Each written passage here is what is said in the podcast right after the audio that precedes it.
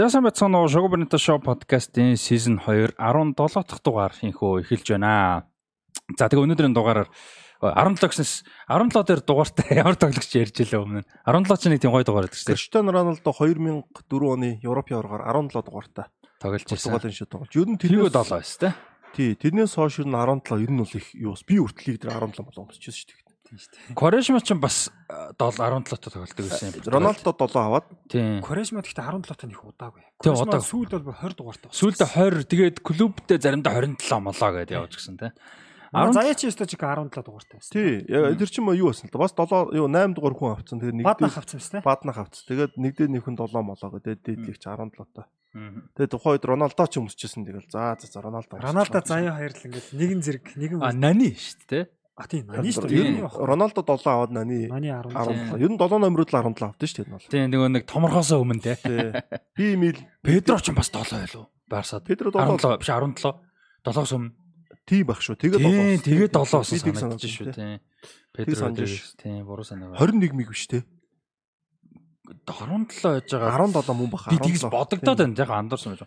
Яг 17 тэр 4 оны Роналдо болс тоо. Яа Тэг харахгүй. яалтчгүй тий. Яалтч. За манай сонсож байгаад э, бас саанд орж байгаа хүмүүсийн хэлээр Сильван Вилтор ч бас нэг 17 тоглолт байсан гэж байна. Арсенал 17 болов. Вилдор ч юу байсан? 11 22. 11 20 байсан за. За тэгвэл тэгээд Гову 17 байгаагүй. Гоуч 18. 18. 18 Сидней гов 18. Төгсөл юм байна. За Яг зүгээр тэр үеийг хүртэл бол 17 тийм алдартай. 16 чинь Бартезис 17 хэм байсан нэр Франц дээр. Гиварш байсан уу? Гү Гевраш чинь 9 9 аа 9 Гиварш 9 байсан. Дюгари 10 20 юу лээ? Дүгээр 21 байхгүй. 21 тий. Трезеге 20 байсан тий. Тийм байна. Нэрээ 17 энэ баг баг юм тий. Яг яалч нь 7 тэгэл 7 явандаа авна гэдэг тоглогч залуудаа 17 авал 7 дугаарынханд нөхөр зодог тайлгаар тэгэл оронд нь аваал тий. 15-нд Тюран. Мм. Франц яг яг 17 дор хоорч ирэхгүй шүүс тий. Тийм байна.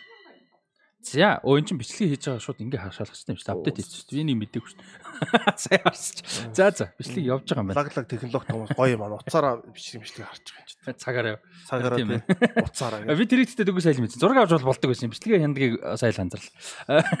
За тэгээд Бронто шоу подкастын маань сизон 2-ын 17 дахь дугаар ингээ инхөө эхлээд явж байна. Тэгээд Титэм спортс бар дээр бид нэ бичлэг хийсээр байгаа. За тэгээд бидний бас техникийн асуудалтай байгааг зарим хүмүүс бас мэдсэн байх. А тухайн асуудал маань бүтэн шийдэгдээгүй байгаа учраас сая болох гэж үзэж явсаар байгаад бичлэгийн цаг маань оройтоод а юу яачлаа. Нөгөө виптэй бичих боломж болчлаа. Тэгээд дахин бичиж байгаа. Тэгээд ард нь баг зэрэг дуу чимээ хүмүүс орол бас ойлгоорой гэж хүсэж байна. Бас баг зэрэг явандаа хүмүүс цуглаад орж магадгүй. Тийм тэгээд аль болох тэрийг контролдох хичээ.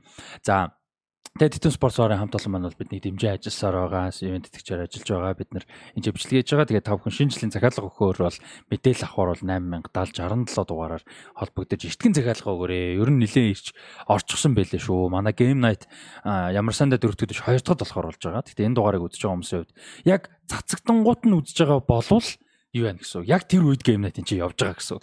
Тэгээ 2 дахь 28 цагаас Game Night болно. Ер нь бол уугийн дөрөвдөд болж исэн. Ийм байгаа шүү. Тэгээд тийм Тэгээ геймнат маань нэлээд амжилттай явж байгаа. Бас 10 хэдэн баг ороо сонирхолтой байгаа. Тийм байна. 3 7 хоног явчих. 3 явсан дөрөвтг нь одоо тийм дөрөвтг нь одоо тийм. Биш үлээ тавтах ч л тийм тэр хавцаа дөрөв тавтах нь. Тавтах нь юм байна шүү. Тийм 10 сарын 7 дөрөвтг нь. За тэгээд э, юу яаж байгаа? 8077 дугаараа тав хүн захиалга өгөх мэдээлэл авах боломжтой байгаа шүү. За тэгээд э, тав хүн бас дэмжиж донешн хийх хүсвэл хас банкны 500 556 29 78 гэсэн дугаартай дансаар донешн хийж дэмжих боломжтой байгаа. Тэгээд шоу бонито шоу подкастны сизон 2 17 дахь дугаар эхлүүлж байна. Нэг юм нөө фантази дээр Премьер Лиг дээр чи их сайн явж гинөө. Би юу Тий. гүү Чам чамтай адилхан нэртэй 3 дэвж ил эхлэн би одоо чамаагаа. Үгүй. Яг би ярьж байгаа шүү дээ. Премьер лиг чи би фэнтези бол чадахгүй юм билээ. Би Champions League-аач яатсан байлээ. Чиний нэр чи ховор шүү дээ. Яг чиний нэртэй 3 дэвж Тийм. ирсэн. Тэгэхээр би чамааг гэж бодохгүй. Аа, гү гү гү. Тий. Манай дэлгүүрээс чи бас нэг юу ятсан шүү дээ. Нэг юу тодруулна гэд. Тийм тий. Тэгсэн чинь энэ одоо энэ 12 сарын сүүлээр ихний юу тодорхой байхгүй. Аа, за за. Тэгэл нэг нөхөр хоёр багтай тэр нэг хоёр яваад байгаа байхгүй. Чинь яасан мундаг. Гэтэ тэгэж болд юм үнийг хоёр багаар болд юм тий. Хэдэн ч огтойж болно шүү дээ. Тэр чинь хэцүү шүү дээ. Олон баг. Менеж хийх нь. За за. Би бол чадахгүй мэлээ 7 хоног болгон тэр менеж. Гэхдээ тэрийг яг хүний хэдэн багтай тэдийг уус шалах юмж боломжгүй шүү дээ. Тийм. Ер нь бол тий. Хідэн сая хүнээс ч одоо. За за за. Аа тэгээд тэгвэл а, юун дээр бас шагналтай байгаа юм шиг хүмүүсээс оролцоорой тий. Юуныхаа заяа спорт шоп гэж лиг байгаа. Премьер лигийн фандас. Яг ихэлцэн л дээ. Яг одоо хүмүүс оруулаад цомд нь л үзэн шүү дээ. Цом нь 28 дугаар дээр өсчлөө байгаа шиг за. А бас дотроо тийм юу байд юм ба тий. За тэгээд э, подкаст эхлүүлээ гэж бодож байна. За эхлүүлэхдээ хэдүүлээ ойрд бас яриаггүй эмгтээчдийн хөлбөмбөгөр бас товчхон мэдээлэл ярих гэж бодож байна. Аа э, Английн эмгтээчдийн хөлбөмбөгийн дээд лиг буюу эмгтээчдийн супер лигийн тэмцээний топ тоглолт болсон. За энэ топ тоглолт бол Арсеналын талбай буюу Emirates цэнгэлтгэд Челси зочиж ирж тогсон том тоглолт болсон. За Челсигийн хувьд бол эмгтээчдийн супер лигийг нэг ч хожигдлогоор бол одоо тэргүүлж исэн Emma Hayes тасаж байгуулагчийн баг. За Emma Hayes нэрээ сонирхолтой энэ үйлрэл дуусгаад юу яхаар болсон? Америк шгшөөгийг эмгтээчүүд эмгтээчүүдийн шоуг тасалжуулахаар болсон баг. Энэ үйлрэл дуусгаад. За ер нь эмгтээчдийн хөлбөмбөгийн хамгийн супер тасалжуулагчтай нэг гэж ярьдаг. За ингээд Йонас Эйдвал Эйдвал те Айдвал гэхгүй байх. Эйдвал тасалжуулагчийн Арсеналын юун дээр бол талбайд Челси ирж тоглоод 3 онооны зөрүүтэй байсан. Тэгээд нэг ч хожигдлогоо тэргүүлж исэн бол Арсенал 4-1-ээр буулгаж авсан. Ер нь бол одоо бүр бут Руссо буулгах. алсан юм шүү. Алесо Русо 2 гоолоор бас 1 гоолын дамжуулт өгсөн. За тэгээд дээрэс нь Бесмид болон Аманда Элестет нар 1-1 гоолыг оруулж 4-1-ээр буулгаж авсан.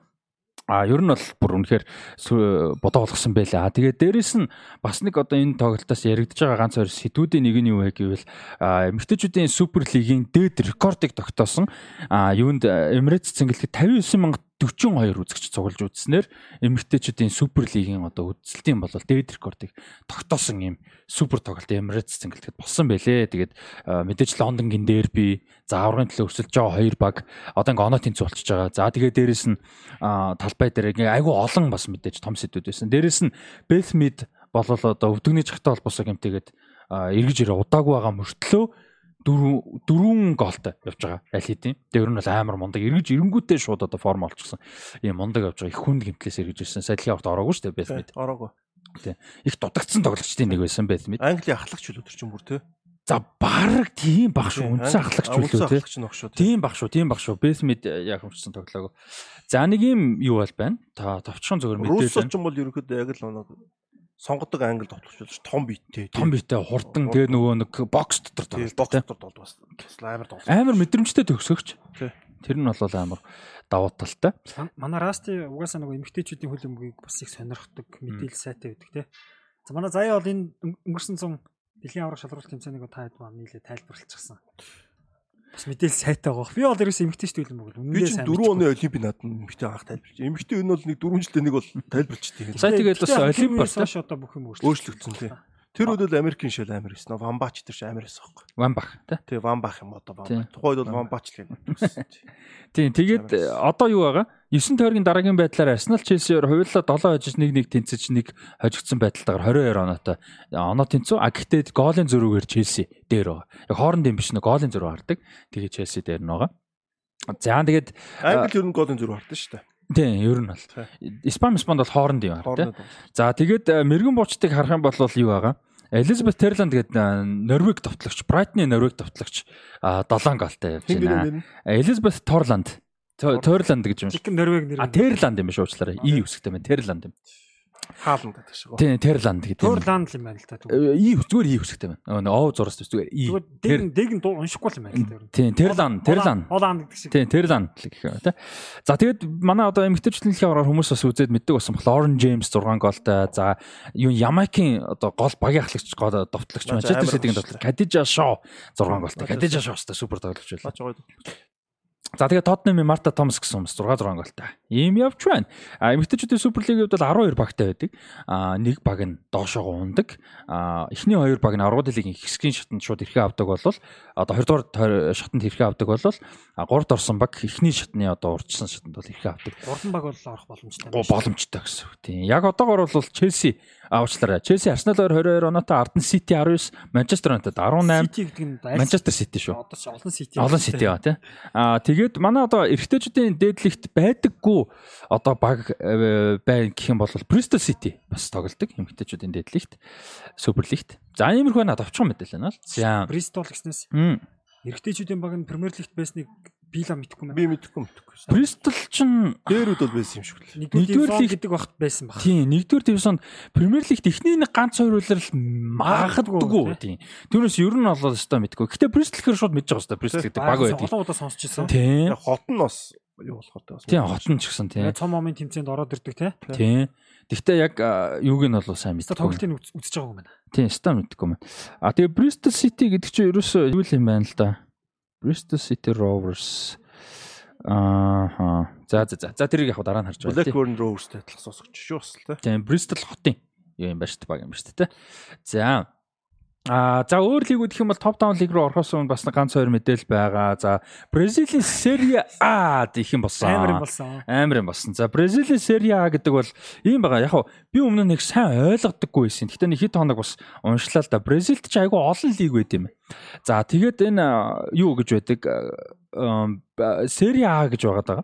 За энийг бол Brasileirao гэж нэрлэдэг.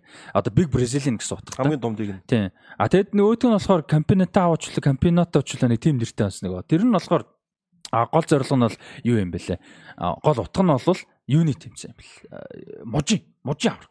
Тэгээ Тэр нь бас айгүй том ач холбогдол өндөрт. Айгүй нэр хүндтэй ач холбогдолтой байдаг.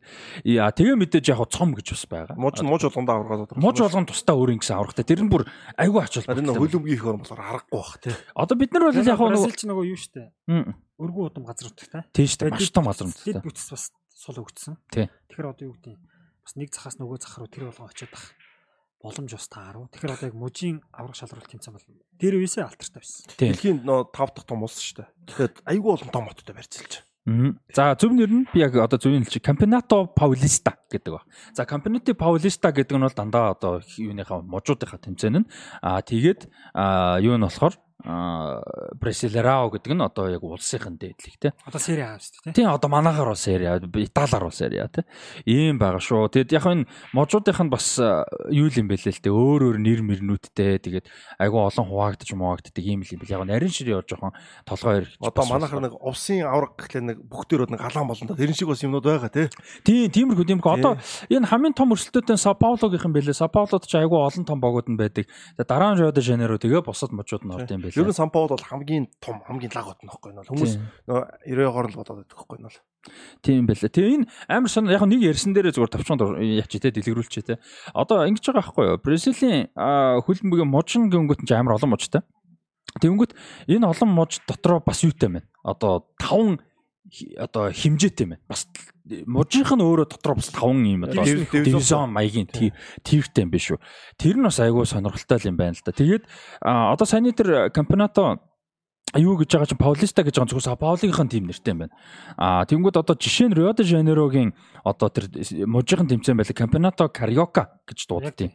Тийм жишээ нь иймэрхүү байд юм бэ шүү. Тэгээд айгүй олон хуваагддаг юм байна. Эдгээр бүгдээр ингэ явах боломжтой. Дөрөв 1 2 3 4 5 одоо хэсгээр бас хуваад юм байна. Одоо хойд нутаг зүүн өмнөд төв баруун гэд энэ төрөйгээд хуваад юм байна. Бас тэдний нь хоорондоо бас дээж дэшөө левел одоо ингэж авч яадаг. Тэгэхээр энэ бол одоо нөө сери агаас гадна бас маш том тэмцээн гэсэн үг. Ер нь бол нэг чико хөл өмгөр амьсгалцсан гаруудын лиг байгаа. Тий, тэгэл яг та хоёрын ойлон гэж хэлж байгаа шалтгаан яг нийлж байгаа байхгүй. Нэг нь маш том улс газар нутгийн хувьд дэд бүтц тааруухан. А тэгээд дээрэс нь энэ том улс төлөмбөгийн хувьд том. За тэгээд A-гийн зүгээр яриа тий. За сая бол Serie A а Бразилийн A-гийн улирал бол дууссан. Жилдээ эхлээ жилдээ багтаж дуусдаг. Ер нь бол 30 20 баг орж байгаа 38 тоглолт бид нарын мэддэг Премьер Лиг ч юм уу тий тэднэртэй адилхан. За тэгээд яг хөө зүгээр тавчгандаа төрүүлсэн бол Палмерас төрүүлсэн. За ингээд Реал Мадридэд энэ 100 ирэх гэж байгаа Эндрик гэж 17 хүртэл хүүхд бол хой- мэрэг 2 жилийн одоо мэрэгжлийн карьерийнхаа 2 дахь жилдээ 2 дахь удаага англи их төрүүлж байгаа. 16 тад өнгөрсөн жил мэрэгжлийн карьераа эхлүүлээд цом авчихсан медаль авчихсан алтан медаль. За энэ жил ингээд төрүүлээд адилхан. Ингээд ерөөсөө мэрэгжлийн 17 наснда 2 удаа 2 удаа лиг төрүүлчихсэн. Ийм Өнгөрсөн жил бас Палмарес төрүүлсэн. бас байл байраас төрүүлсэн. За тэгтээ өнгөрсөн жил бол Эндрик тийм олон тоглолтод оролцоог мэдээж 16 тайсан. Гэхдээ тоглосон хангалттай медаль авах тоглосон. За энэ жил бол гол тоглогчдын нэг байсан. А 64 гол оруулсны 12-ыг нь 6-ны 1-ийг нь Эндрик хийсэн. 17 төгт идэг бол маш том нөлөө шүү дээ, тий. За тэгээ Грэми 2-т орж Атлетико Минеро, Фламенго багууд 3-4-т оноо тэнцэн орсон. За Ботафого, Бочфого гэдэг юм Албарт Ботафого. Тийм. Тэгээ Red Bull байгаа 6-д, Fluminense 7-д. За, Paulo энэ жил их муу тогсон 11-т орсон. Флуминенсе одоо сая Копа Либертадорос төрүүлчгээд Тийм. Сери А-д 7-д орж байгаа. Долоод орчих. А тэгтээ нөгөө Copa Libertadores-тэй төрүүлчихсэн учраас хэсгийн шатны эрхээ шууд харчихж байгаа юм. А тэгээд Libertadores-ийн эрхийн шатыг цомд төрүүлсэн баг шууд бас авдаг юм байна. А өөрөөр хэлбэл 11-т лигтээ 11-т орсон Сао Пауло э, Бразилига цомд төрүүлж байгаа учраас эх жилийн Copa Libertadores-ийн хэсгийн шатанд шууд орно. Тэгэхээр Бразилиас одоо 2024-с 25 оны тийм 24-с 25 оны а, Copa Libertadores тэмцээнд 6 баг шууд орж ийн гэсэн. Эхний дөрөв буюу Palmeiras, Gremio, Atletico Mineiro, Flamengo, дээрээс нь 7-д орсон Copa Libertadores төрүүлсэн Fluminense, а цомдоо төрүүлсэн мөртлөө 11-т орсон Sao Paulo. Ингээд 6 баг шууд хэсгийнхэн шатанд ордог юм байна. Энэ жилийн жишээгээр. Сони тий одоо Тийм бас сонирхолтой. жишээлбэл одоо юу гэдэг нь Fluminense дотоодын лигээс ирэх авч чадахгүй шүү дээ. Тийм. Тэгэхэд одоо Европт бол одоо юу гэдэг нөгөө ихний дөрөвт орсон ч гэдэг юм уу багийнхаа нэг квотыг л.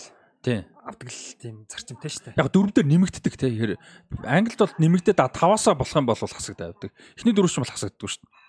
Яг тэр жил нөгөө Челси ч Тоттенхам өмнө орсон шүү дээ нэг. Яг тэр жил бол гэсэн. Тийм, тийм. Нэг тийм нөхцөл гардаг. Одоо ч нөр болчих. Одоо цом нь бол Европт бол нэг хоёр дахь тэмцээн буюу Европа лигт ордог шүү дээ. Энд бол шууд Copa Libertadores ордог. Английн цом бол гэхдээ юу яд шүү дээ. Арууд хэлийг биш шүү дээ. UEFA-гийн цом руу ордог өстэй. Тийм харин тийм Европа лиг рүү. Европ тийм. Одоо Европ Европ тий. А юуны Өмнөд Америкийн одоо CONMEBOL гэж байна Өмнөд Америкийн хөлбөмбөгийн холбооны хоёр дахь одоо ливлийн цом болоод Сүд Американа гэж цом байдаг. За Сүд Американа цомд бол а 6 баг бас шууд хэсгийн шатанд нь орж байгаа юм байна. 7 8 9-т орсон багууд 12 13 14-т орсон баг. За Corinthians Талаас илүү ер нь ТV-х нэмцэд орчих тийм биш үү? тийм ер нь бол тийм Corinthians баг байна одоо алдартай баг гэх юм бол амар добх шүү дээ. Интернационал байна, Атлетико Параненсе байна, Крузеро байна. За энэ багууд бол одоо бүгд Наач тэгэл юу юм байна л та. Бид нар нөгөө Европтойгоо харьцуулж бодоод Тийм. Энд Америкч нөгөө цөөхөн улстай. цөөхөн устай. Тэгэхээр одоо нэг улсаас орох квот нь яхаа. Тэгээ чинь сайн. Бразил, Аргентин хоёр чинь лигүүд нь чанга. Тий. Куб клубуд нь тэгэхээр яалтчгүй болж таарч. Бараг тэр э, лигийн одоо хідэн багууд Либертадорс тэрний тал нь Бразил хэрэгтэй баг. За одоо ингээд бас яг хуу Европын зүгээр контекстаар сони юм шиг боловч агай сонирхолтой л л да. Одоо жишээ нь 20 багаас ингэж байгаа байхгүй юу? А дөрвөн баг нь унана. Дөрвөн баг. За удахгүй унсан багийн талаар яа. 24 юм. 24 унж. Чанга юм тий. Тийм. Дөрөв унаад эхний 14-т орсон баг ямар нэг байдлаар ТV-ийн тэмцээнд болж. Libertadores юм Сүд Американа юм ямар. А тэгээд дараа жилийн үлрэлт ямар ч хүлээх юмгүй одоо унаагүй. А гэхдээ Европын тэмцээгөө хоёрхан баг болж байгаа байхгүй. 15 16. 15 6. Тэр нь da Vasco da Gama тэгээ Bahia гэсэн хоёр. Энэ хоёр ингээд тий ТV-ийн тэмцээн байхгүй гэхдээ унахгүй. Васкач бас явангаа алдсан шүү. За тэгвэл А юу ихлээд яриа. Botafogo-гийн талаар бас нэг тавчхан стори ярьч те. А за энэ ингэсэн байна. За э, өөрөөсөө тэгд додод байд юм байла. За Botafogo баг бол одоо хөлбөмбөгийн түүхэнд хамгийн агуу бодол жобууд нэг хийсэн. За бодол жоб гэдэг тойл дойлдог шүү дээ. Одоо тэргүүлж явж байгаа алдсан боломжийг алдсан гэдэгт утгаар те. За удирлын эхний 19 тоглолт буюу одоо энэ 38 тоглолттой те 20 20 багтай. 19 тоглолтын 15-т нь хоцсон юм байна. За тэгээд э, удирлын эхний хагасад 19 тоглоод 15 хожоод 14 онооны зөрүүдэд тэргүүлж явсан юм. Хол тасархаа. За тэгээд э, удирлын 38 тоглолтын хамгийн сүүлчийн 15 тоглолтын 3-нд нь хоцсон юм. А тэгээд сүүлчийн а 3 тоглолт нь 7 тоглолтод иймэрхүү үйл явдал болсон гэж. Одоо би зүгээр товчонд орно. Сүүлийн 7-т хоригт. За Палмересогийг 4 3 тэгээр хожиж явсан юм байна. Дөрвөн гол алдаад 4-3 Одоо хожигдсан. гол байна. өршөлтөгч Палмерас. Тэгээ одоо төрүүлсэн Палмерс. За энэ тоглолтын дээр Эндрик бас гол хийсэн. Реал Мадрид дээр ирж байгаа. Реалын фэнүүд бас бичлэгүүдийг үзээрэй. За тэгээ Гремиог 3-1-аар хожиж авсан юм байна. За тэгж байгаа 3 гол алдаад 4-3-аар хожигдсан байна. Гремио 2-т орсон. За тэгээд Брагантино багийг хожиж явж байгаад 96 дахь минутанд э, гол алдаж тэнцсэн. Он алдсан. За тэгээд Сантос унах одоо унсан. За 111 жилийн түүхэндээ анхудаа унсан Сантос. Сантостой Сантосыг хожиж явж байгаа 90 дэх минутанд гол алдаад бас он алдсан. За тэгээ хамгийн сүүлчийн тойрогтой а Botafogo баг хамгийн сүүлчийн тойрогтой 97 дахь минутанд одоо гол хийж хожлыг одоо авчирсан гэж найдсан баг нь 97 дахь минутанд гол хийгээд хожлоо гэдгсэн 99 дахь минутанд гол алдаад тэнцсэн. За ингээд одоо иймэрхүү байдлаар оноонуудыг алдснаар 95 оноос хойш бол одоо анх удаага цом авах одоо дээдлих төрүүлэх боломжоо болвол ийхүү алдсан байна. Юуны хувьд бол а Botafogo-гийн хувьд бол аа тэгээ саяны статистик миний ярьсан мэдээлэлүүд болохоор 36 дахь тойргийн байдлаар юм байна. Тэгээ тэрнээс хойш хоёр тоглолт явцсан. Тэгээ одоо бол дууссан байна. Иймэрхүү байгаа юм байна. Botafogo багийн хувьд бол За наа чи одоо буу юм болсон. Мм, Botafogo за. баг гэж нэг Америкийн бизнесмен өдөрт юм ба штэ. Тэр Америк бизнес нас бизнесмен нас Европт бас хэд хэдэн багийн хувьцаа эзэмшдэг юм байна. Мм. Бас нэг нэлээд овоогоор. Хэдүүлээ ярьсан тэрийг дээ. Тэнгүүтээ Ботафого сая одоо ингээд тэргүүлж явж байгаа аварга алдчихлаа, Палмараас тэргүүлчлээ. Ботафого бөөн хэлэн болсон. Бразил хөлбөмбөгийн албаа одоо бүр Бразилийн шүүхтэр явж байгаа. Одоо энэ Палмарас гэдэг баг бол одоо шудраг бус өрсөлдөж одоо ингээд лигийн аварга авсан. Одоо жишээлбэл тэр Палмарас Ботафогогийн тоглолтын дээр шүүгч одоо Ботафого 3 тэгэр хожиж байгаа 4 3-аар хожигдсон гэж шүү дээ. Нэг хамгаалагч нь үндэслэлгүйгээр талбайгаас хөөсөн. За Палмарас бол маш олон багийг одоо авилга өгж хоцсон. Шүүгч нар Палмарасын талд ажилласан.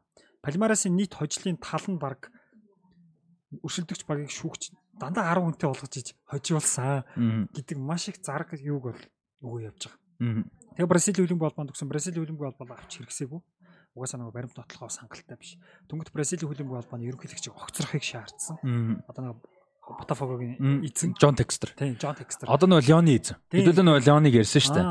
Тэгээ маань чи одоо ингээд одоо Бразилийн бүр шүүхтэр ингээд хууль шүүхээр бол явж байгаа. Нэг юм сониач юм болж байгаа юм байна. Манууч одоо битүү асуудалтай байгаа.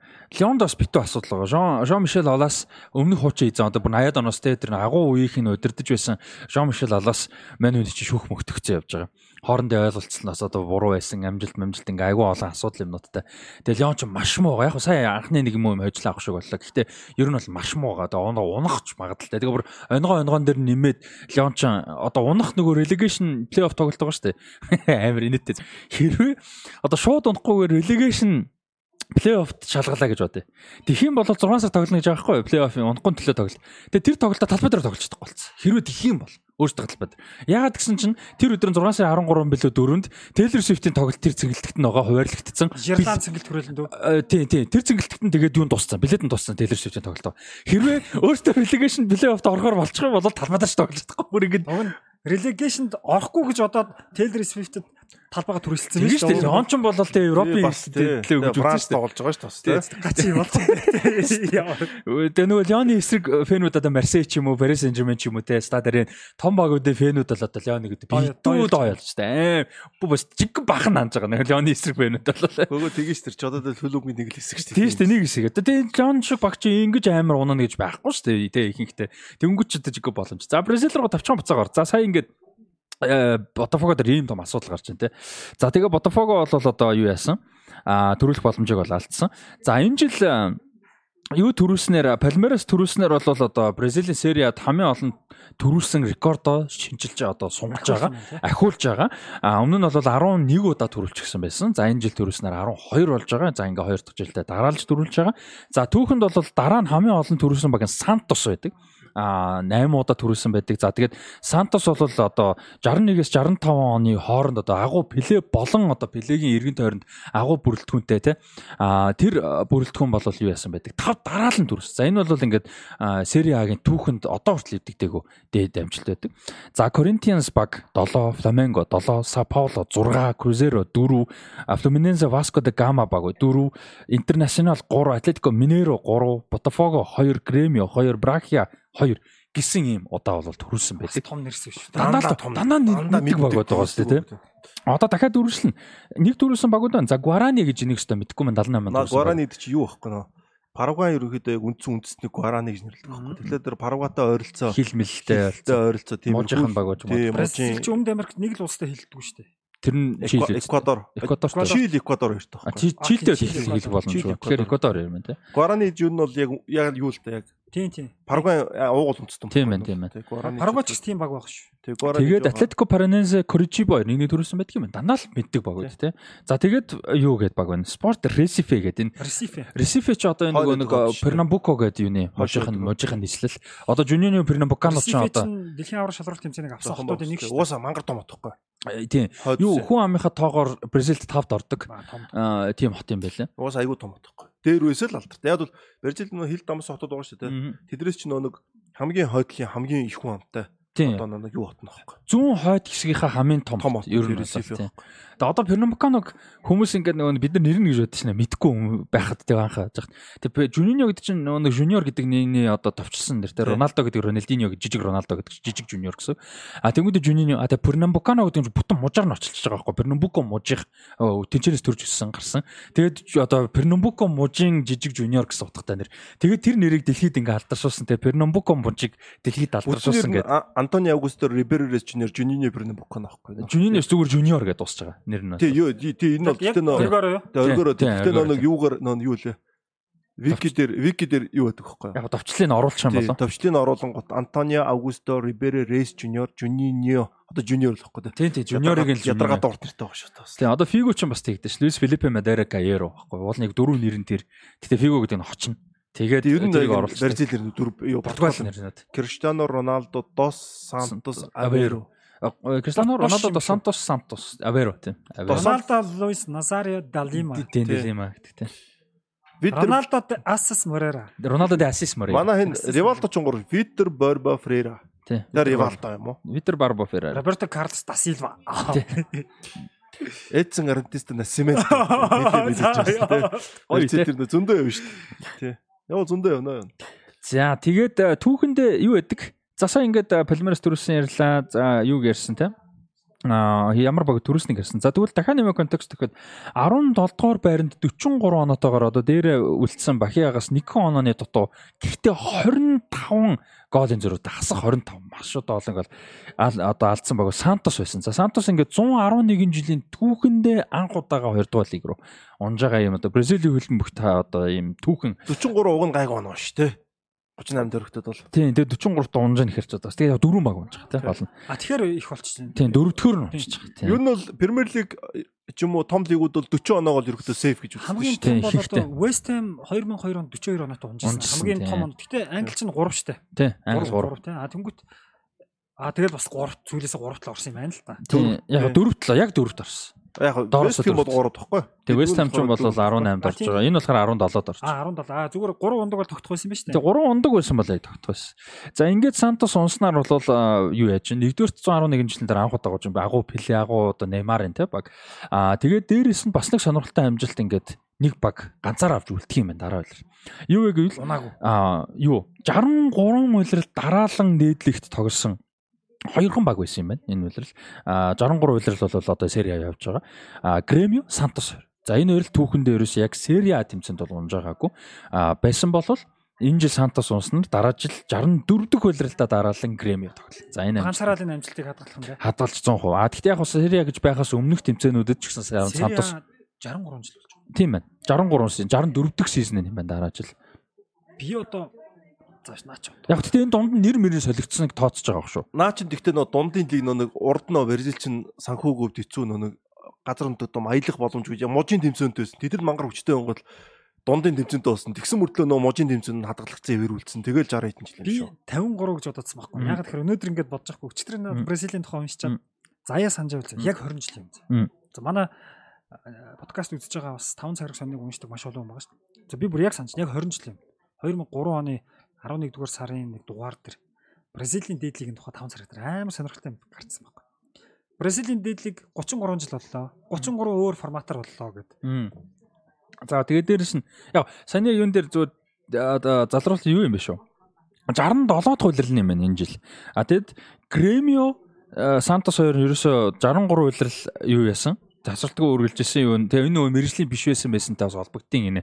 Тэгээ ер нь бол 63 үйлрэл байсан. Тэгээ энэ жил яг албан ёсоор бол 67 дахь үйлрэл нь гэж тооцож бол явдг юм биш үү. Тийм.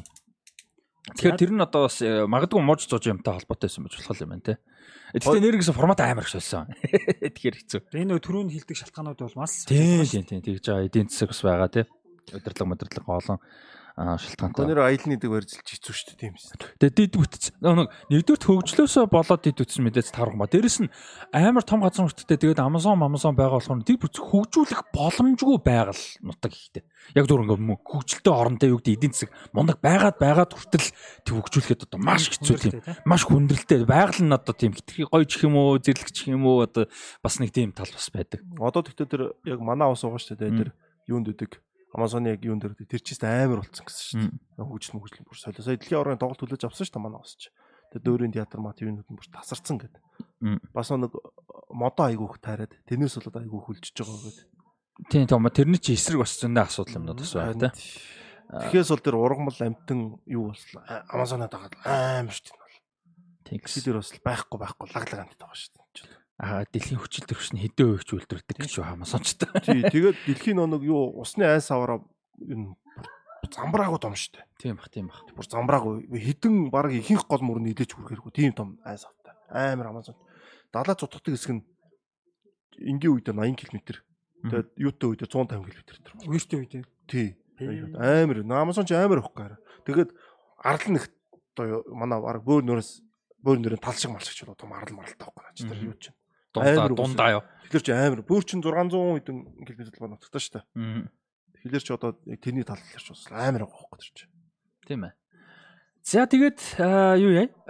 Дараагийн лиг өөр тэмцээнүүд рүү орё гэж бодож байна. За Бразилд ингээд Палмерс төрүүлж байна. Палмерс төрүүлсэн багийн гол ойлгочтой нэг хэн болвол Реал Мадридэд очих нэ. Эндрик. Нэр Эндриктэй нэг ярьцлага гарсан байсан 21 онд Эндрикийг Челси авахар сонирхсан гинэ. Тэгээ ер нь нэлээд яриад ажгүй байсан. Тэгээд Лондонд автагаа аав төлөөлдөг. Тэгээ автагаа очиод бэлтгэл хийгээд Сезар Аспиликвета өөр хоёр Бразил тоглогч байсан. 21 он тий. Тийм. Тэгэхээр Тиаго Сил очсон байсан нөгөө очсон байсан байсан. Тийм. Тиаго Сил өөр нэг нь хингэлээ 3 хүнтэй ингээд тоглогчтой хамт уулзаад багийн эзэн эзэнтэй яриад ингээд боо юм болсон юм байна.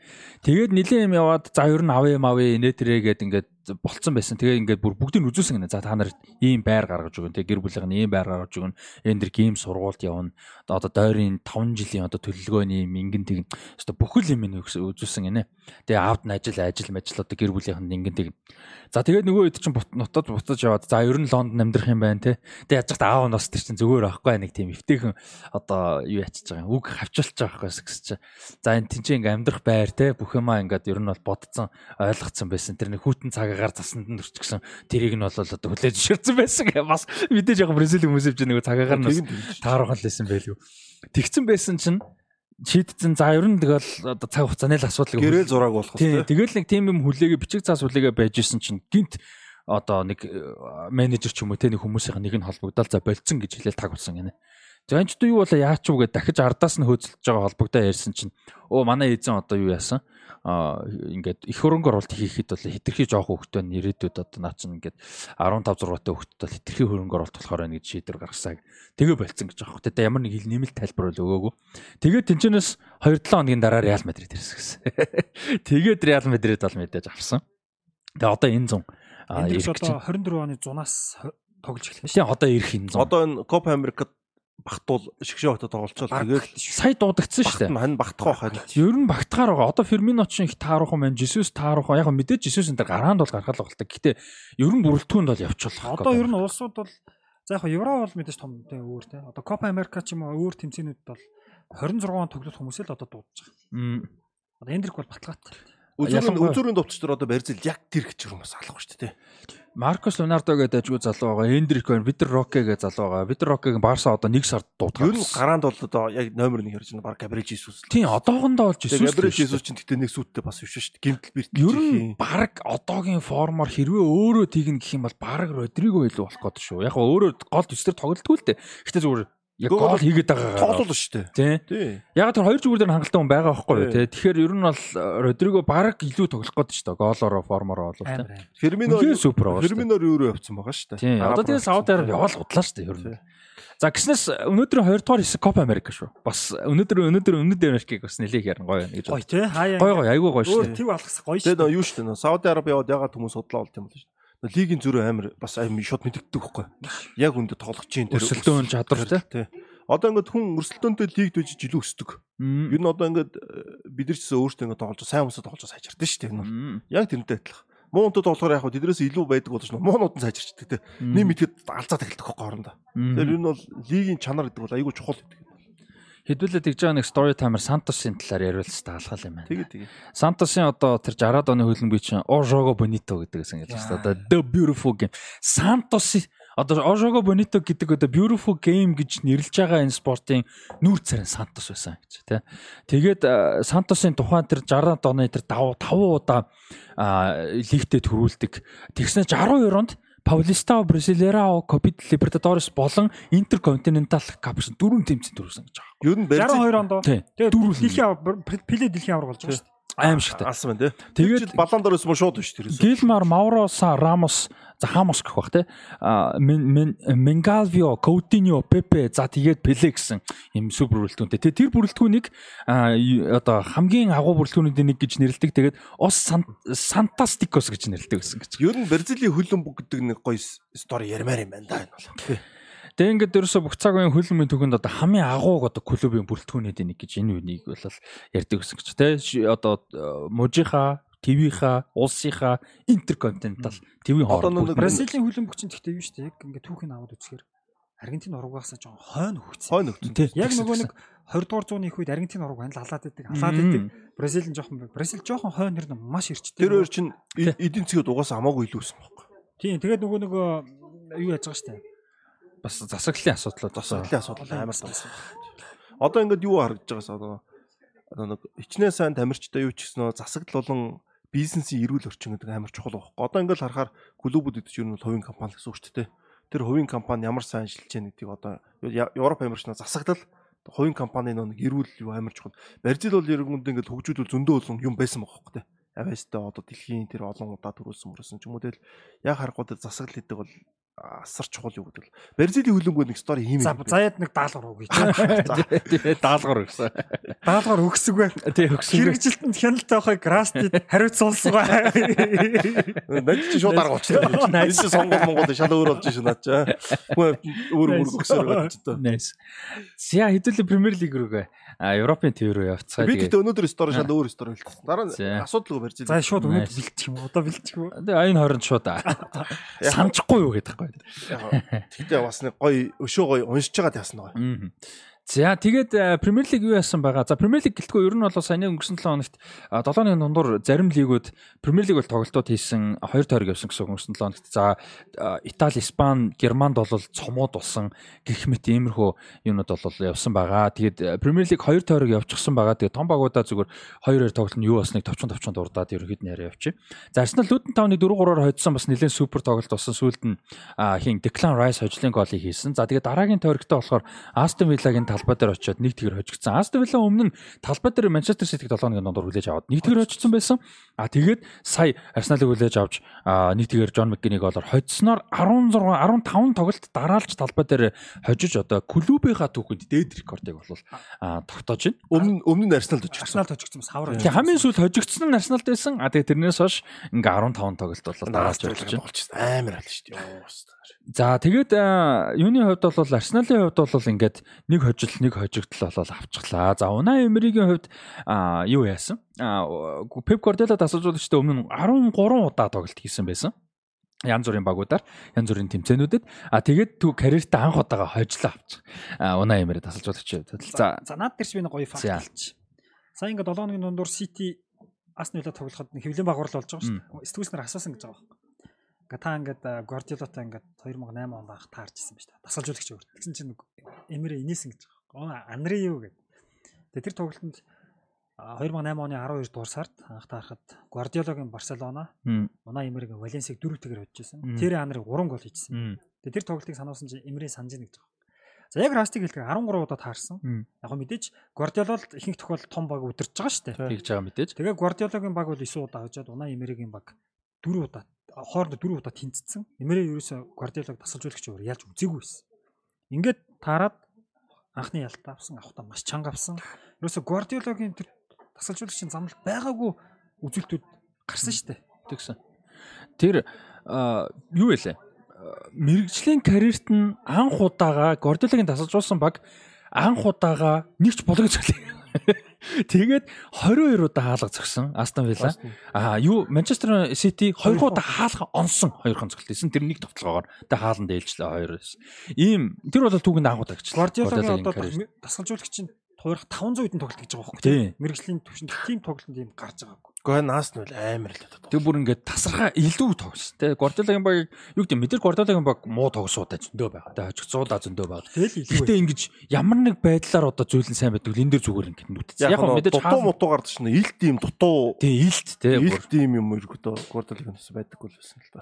За юун дээр болохоор за удахгүй Челси дээр нэг товчхон амирх бах Юнайтед дээр Арсенал Астон Виллагийн тоглолт бол нэлээд хатуу ширүүн тоглолт болсон. За Джон Макгини голоор ерөөдөө хожчихсон.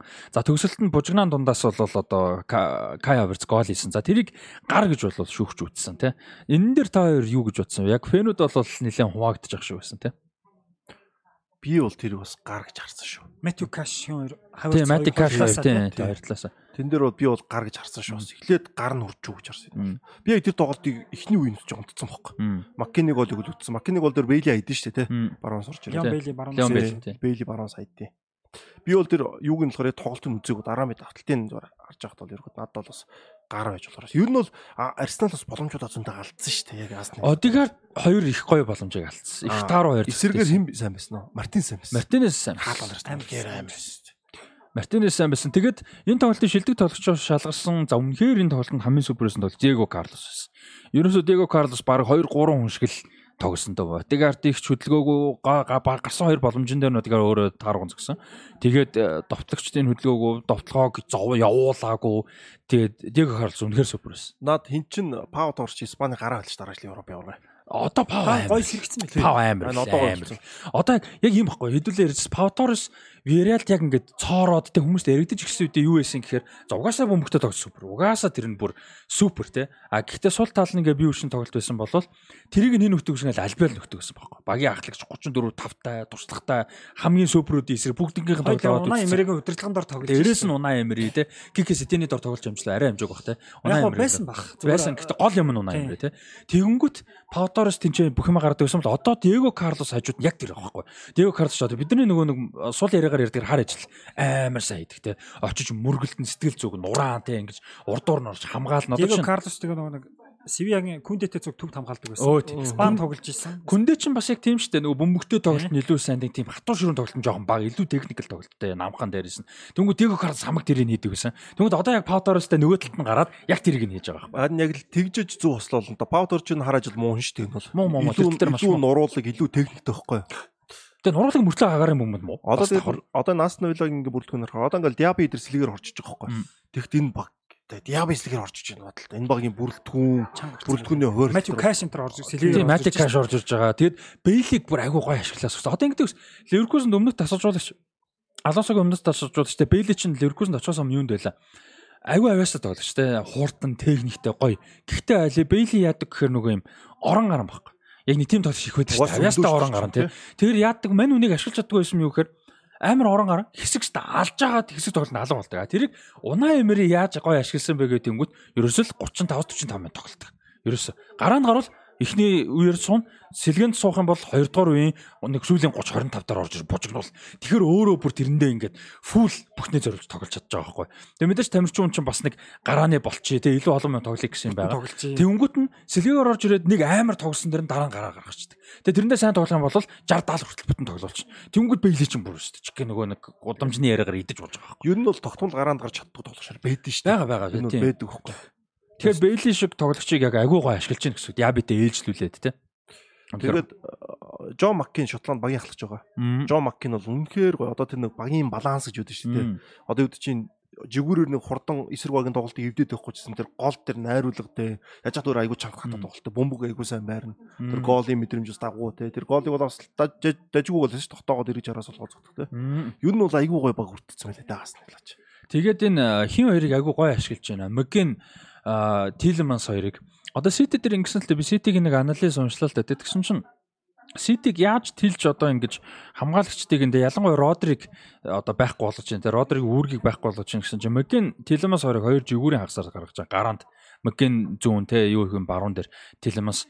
Тэнгүүтээ тэр хоёр ингээд вингер шиг тоглож явж оронгүүтээ довтлогоо болоод ирэнгүүт гол руу нэмэлт яваар жигүүрийн тоглогчгүй рахуу болчтой. Тэгээ ингээ яг жигүүр хоёр хамгаалагч нь уршаагаа орж. Тэгээ ороод ирэнгүүт Мань хоёрын нэг рүү нь Родри салах шаардлага гардаг. Ягаад тэгэхээр тэр чинь голдоо тоглолт сайн те. Голын авил ихтэй. Тэгээд Оли Ваткинс хурдан болохоор ардлын хіднэ Оли Ваткинс авахгүй бол болдоггүй. Тэгээд одоо Бейли ч юм уу те жигүүрийдийг нэмж авахгүй бол. Тэгээ ингээ Родриг ерөөсө 2 3 авахаас өөр аргагүй байдалд оруулаад. А тэгээд Родри мэдээж 2 хүн авахгүй шүү дээ те. Нэгийг нь авч таарна. Тэнгүүд Родриг нөхөхийн тулд бас дахиад Аканжо урагшилдаг ч юм уу те. Эсвэл одоо Бернардо урд мэл Бернардо татдаг ч юм уу. Ийм шаардлагууд гаргаад байна гэж байгаа байхгүй. Одоо өөрөөр хэлбэл Родри муута биш Родриг нэмж ажилуулад дутуу зай гаргуулад тэгэнгүүт нөгөө зайн дээр нь одоо Бейли сул зам дамжуултын нүгт юм уу те одоо хин бэдийн Родригийн сул талыг айгуу сарж. Тэр Канта байсан бол амаргүй штэ хурдан тий. Тэр Родриг үнэхээр ганц нэг юм бол хурдан бол биш те үнэхээр супер тоглогч те тэгэхээр энэ бол Родригийн одоо сул тал гэхээс илүү тактикийн сулыг баг ашиглаж чинь гэх юм бол те нэг тиймэрхүү юм болол анзаарч Родри гэснээс ийм болсон. Родрич нөгөө тургуултай байгаад яг юун дээр бол тоглоогүй штэ Ас ас нь тоглосон те тогсон Астон Вилла дээр тоглосон аа зөв зөв. Тэгээд оруулчих жоох. Сая энэ дээр дээр тоглосон. Лүүтэн дээр юу лээ? Лүүтэн дээр тоглодохгүй байх шүү. би тийг санаад тах юм хин харта би юун дээр байхгүйсэн гэж санаад тах юм Астон А тий Астон Вилла дээр байхгүй байж байгаад юун дээр орж ирсэн баг. Тий тий лүүдэн дээр орж ирсэн тий. одоо нөгөө заяагийн ярьжсэн нэг зүйл одоо Одоо миний саний жишээнд яг уучлаарай нөгөө жишээн дээр болохоор Stones Lewis хоёр голдоо тэр хоёрын татчихж байгаа байхгүй тий жишээ. Одоо хараа одоо ингэж зэ. Заяач гэсэн 100 хэлжсэн. Одоо City бол удирдал одоо юу гэдэг те энэ одоо хэтрик шиг амжилтаа тавтах магадлал бас өөрөө. Яг бол гол хагас хамгаалагчтай явуулсан. Үнэ. Гол нь гүндөө. Тэг гүндон. За тэгээ нөгөө махарас ч юм уу Мм. ингэ явцсан. Одоо ерөөсөө анализчид юу гэж гаргаж байгаа нөхөр City-гийн хагас хамгаалтын шугам биш болчихжээ гэж. Биш болчихжээ. За тэнгүүт сая Асны вилад алуулсан шалтгаан за яг олон шалтгаан байгаа. Тотнамтай нөгөө бүхнээ шавхаа тоглолцсон. Тэгээд 7 хоногийн дундуур тоглолцсон. Яг шалтгаан бол зөндөл байгаа л да. Хамгийн гол юм юу гэхээр энэ тоглолтод хагас хамгаалагч тоглосон гэж. Стоунс бол хамгаалагч гэж. Хамгаалагч нь урагшаа орж тоглолт. А Хулиан Алварес бол довтлогч гэж. За тэгээ нөгөө Рик Льюис илүү. Тэр Тэр Rick 19 настай ч гэлүү. Тий. Ерөөс яг ингээ харангуут энэ гурав бол нэг тийм аим хэцүү гэж байгаа байхгүй. Энд Де Бройн алга байна. Родри алга байна. Гүндон алга шүүх байна. маалах тий. За тэнгуү тараа хагас хамгаалагч нь хэн бэ гэхээр тоглолтгүй хоёр хагас хамгаалагч байна. Нэг нь Ковачич, нэг нь нөгөө Калвин Матеуш Нүнес. Матеуш нүнэш. А тэнгуү бүр тоглолтгүй нэг. Calvin. Калвин Филипс байна гэж байгаа байхгүй. Юусе энэ баг ингээд хагас хамгаалтын баланс алдцсан. Алдцсан. Алдцсан гэж байгаа байхгүй. Одоо энэ дэр жишээ нь та хоёр юу гэж бодсон? Яг мэдээж Calvin Phillips Нүнес энэ төр бол болохгүй байгаа л та. А Гэхдээ юу гэдэг ингээд бүртгэн цуцааны одоо мөнгө цацсны бас давуу тал байж болно шүү дээ. Тэнгүүт төвийн хагас нэгч байхгүй болцсон үед Родри Модер байхгүй. За Stones-ыг болихэд Rico Lewis-ийн оронд ядаж Нүнес ч юм уу, Calvin Phillips-ыг ч юм уу тоглуулна гэж бодохгүй юу? Тоглох ёстой шүү дээ. Ууг нь. Тий. Тийм. Тэр чи одоо тийм учраас байгаа шүү дээ. Эдгээр удирдлын дунд болохгүй гаж гэсэн юу гэдэг за Rico Lewis авьяастай хөвтөж болно те. Stones мундаг тоглож байгаа тэр гол. Гэхдээ л яг карьер нь үндсэн байрал нь төв тоглодог хүмүүс ядаж нөө хэдүүлээ хамгаалтын инстинкт гэдэг шиг төвийн хагалсан инстинкт илүү байна гэж байхгүй юу? Нүнес Calvin Phillips-ийн. Ганд Гордело ч юм бол одоо Калин Филипс угаасаа тоглохгүй юм шүү. Тоглох. Тий сая тэгсэн. Яг үнэхээр уучлаарай. Би бол одоо Calvin-аас уучлалт гуймаар байна тий. Хичээж байгаа Calvin Phillips-ийн буруу бол юуч байхгүй. Гэхдээ ингээд болохгүй байна. Би бол ойрын ирээдүйд тоглоно гэж харахгүй байна. Тийм учраас нэг сард бол одоо баг олоод нөхцөл бүрдэх юм бол яваа амжилт хүсэж гэж угаасаа бүр хилцэн байлээ тий. явсан нэр. Матеуш нүнес бас болохгүй нэ. Уг нь бол яачвал ер нь бол яг тогрох нь пакетал байсан юм да тий. Ер нь бол. Ер нь тоглолтын хев маяг тийм тал. Тэгээ Declan Rice-ыг хахгүй үзсэн шүү дээ. Гэхдээ ер нь бол тийм. Тий, Арсеналтай. Гүндоныг орлох хамгийн гол юм чинь угаасаа Declan Declan Rice, Rice тий. байсан байхгүй. Тэгээд тэр төлөвлөгөө бол бүтээгүй. А тэгээ Матеуш Нүнеш бол ер нь Calvin Phillips араас баг орох байх. Яг гэхээр тасгалжуулагч нь одоо нэг тамирчтайгаа дүнгиж ирсэн тамирчныгаа яг хувцал хөрөөндөө ч юм уу. Тасгалжуулагч нь өөрийн албан өрөөндөө авчираад нэг нүгөө ярьж болно шүү дээ. Тий. А аль болох багийн тоглогч олон нийтийн өмнө хэвлэн байгуурал дээр шүүмжлэхээс зайлсхийдэг. Тий. Гордило намар хэнийг Calvin Phillips-ыг шүмжилсэн тий. биш биш нөгөө хэнийг Матеуш Нүнеш шиг бол А бүр шүүмжилсэн шүү дээ. багтсан шүү дээ. Уу бас шүүмжилсэн шүү дээ. Бас тэглөө. Нэг тоглолтын дээр ч нөө сайн тоглолцсон чинь баг дэлхийн хамгийн шилдэг хасуудын нэг мэг гэдэг гэж ярьсан шүү дээ. дараа нэг хожигдонгууд тэгээд Тэглөө. болохгүй нэг хэлсэн баг. Мгм. Тэгэхээр бол ерөөсөө энэ юу хэлж ийн гэхээр ямар хандлага хэлж ийн гэхээр ерөөсөө л нэг хин бол хиний араас ор- орох магадлал маш өндөр байна л гэсэн. Тэгэхээр одоо энэ дэр нөгөө нэг коочч байхгүй. Байгаа юм тий. Ковачич яг хөө сэлгээр жоохон гардыг. Жоохон гардыг. Тэгээ одоо жишээ нь бас нэг юм хэцүү юм байна л да. Guardiola-гийн энэ жил ингээд хийх гэж оролдож байгаа өнгөрсөн жилийн 20 дугаар агс нүнгээр амжилттай дээ. Тэрнтэй бол хинж марахгүй. Гэхдээ энэ жил бас нэг болохгүй байгаа юм нөгөө юу төвийн хамгаалагчдыг дөрөв төвийн хамгаалагч гаргадаг те. За эсвэл Walker гараад гурван төвийн хамгаалагч те. Тэд нар нь ингээд гол руу орж ирж мэдэг Stones Mons те. Тэгээ энэ юуны сул тал гарч ирэхэд зүүн зүгүүрээр товтлогоо байх баг байхгүй шахуу болцсон энэ жишээл. А дээрэс нь Guardiola-ийн юу байхгүй болчихгүй. Давуу тал байхгүй болчихгүй. Yoshiko Guardiola ямар супер хамгаалагч ирлээ те. Тэнгүүд Маньхүү ерөөсө зүүн зүгүүрээ хамгаалагч эсвэл гурван зүүн дээр ингэж гарч иж тоглож байгаа. Тэнгүүд Маньхүүний бөмбөгтэй тоглолт, урагшаага тууж товтлогоо эхлүүлдэг, шилжүүлдэг. Тэгээ хамгаалтын давуу тал бүгд байхгүй. Guardiola бол одоо зүгээр яг юу гэдэг бид нар мэддэг байгаагүй байсан бол зүгээр дан энэ үлрэлээр дүгнэх юм бол зүгээр л зүгээр л нэг амар тааруухан за энэ тоглогч нэг те юу гэдэг ингээд левел буугаал явах юм байна л гэж бодож байгаа. Яг бид нар ямар авьяастай потенциалыг мэдж байгаа учраас багийн тоглолтоо гаргадаг те. Тэгээ одоо Leipzig ч юм уу те мэдж байгаа учраас гайгүй болохоос ш энэ үлрэл бол бүр ингээд байхгүй болсон байгаа байхгүй. Тэгэхээр одоо Guardiola-гийн зарим нэг юм болохгүй байгаа дээ нөө. Ямар ч энэ үлрэлт бол болж байгаа гэж хэлээд хэцүү л байна. Ер нь тэгээд Пеп Гвардиолагийн юунд таарах тоглож хэцүү. Одоо Рубен Нев шиг санал. Э Рубен Нев шиг нэ. Матеус юм шиг. Рубен Диаш. Рубен Диаш шиг бодлоо. Рубен Диаш амар өндөр үнэтэй ирсэн шүү дээ. Тэгэл ярил жоохон байж байгаа одоо бол яг Ситигийн гарааны яг үнцэн хамгаалж биш болчиход байгаа шүү дээ бас.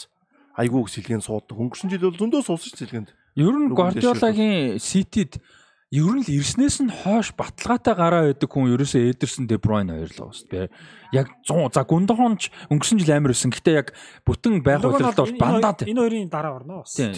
Яг энэ хоёрын бол дараа бол орох л баг. Гэтэ ер нь яг Давид Силва энэ нэлээд тоглосон. Одоо Бернардо Силва жишээл нэг үлрэлд баг бүтэн суусан дээ. Тэгээ тэрнээсээ болоод явна маавна гэдээ бас бүү юм. Тэгсэн Фодныг тэгжсэн, Маресыг сэлгээ. Гвардиола угаасаа нэг философи энэ баг.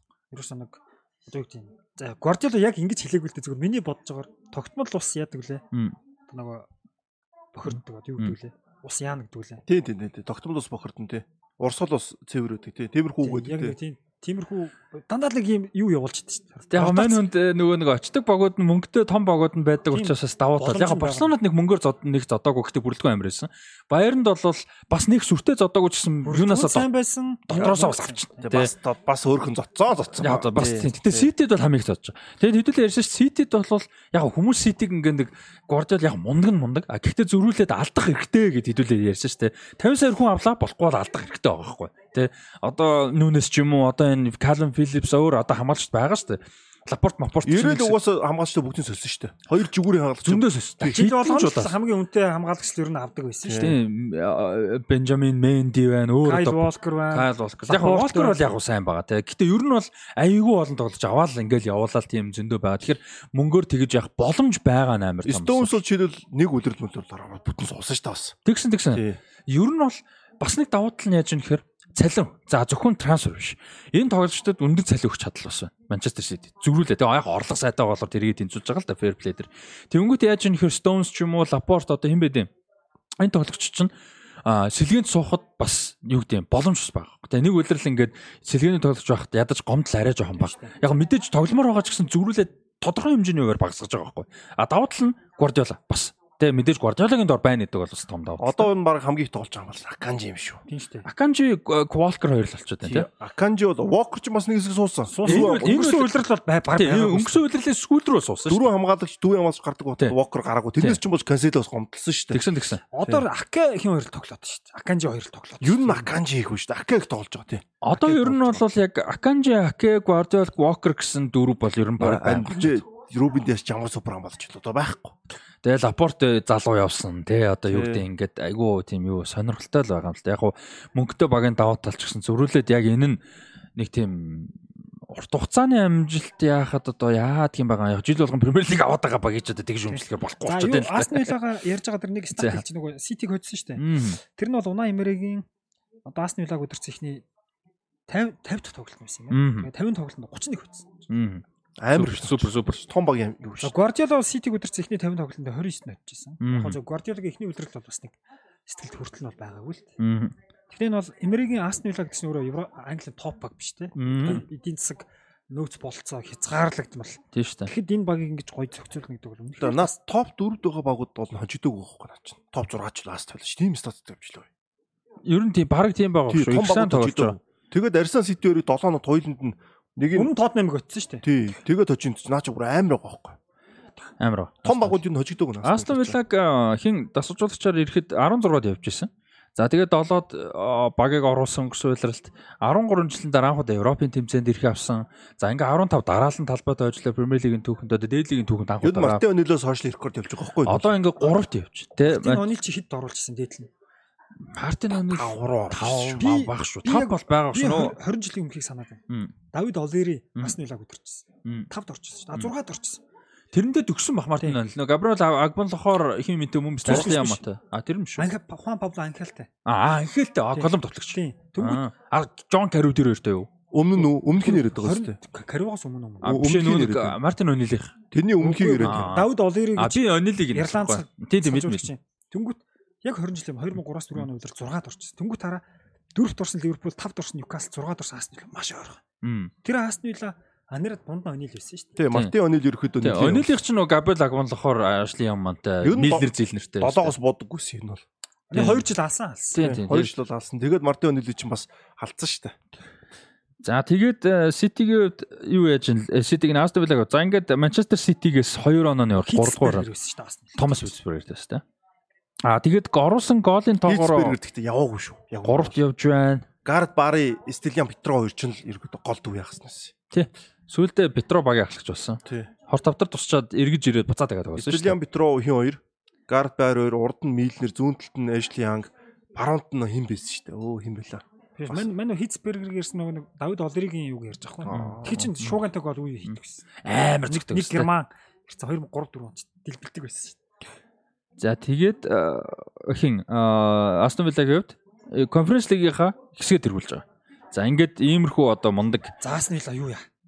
Конференц лиг аав. м, Угаасаа Унаа Эмрэ хасагдаж шатна маш сайн шүү дээ. Европа лигийн хаан штэ. За тэгээд энэ жил аврагуудын лиг хэрэг аав.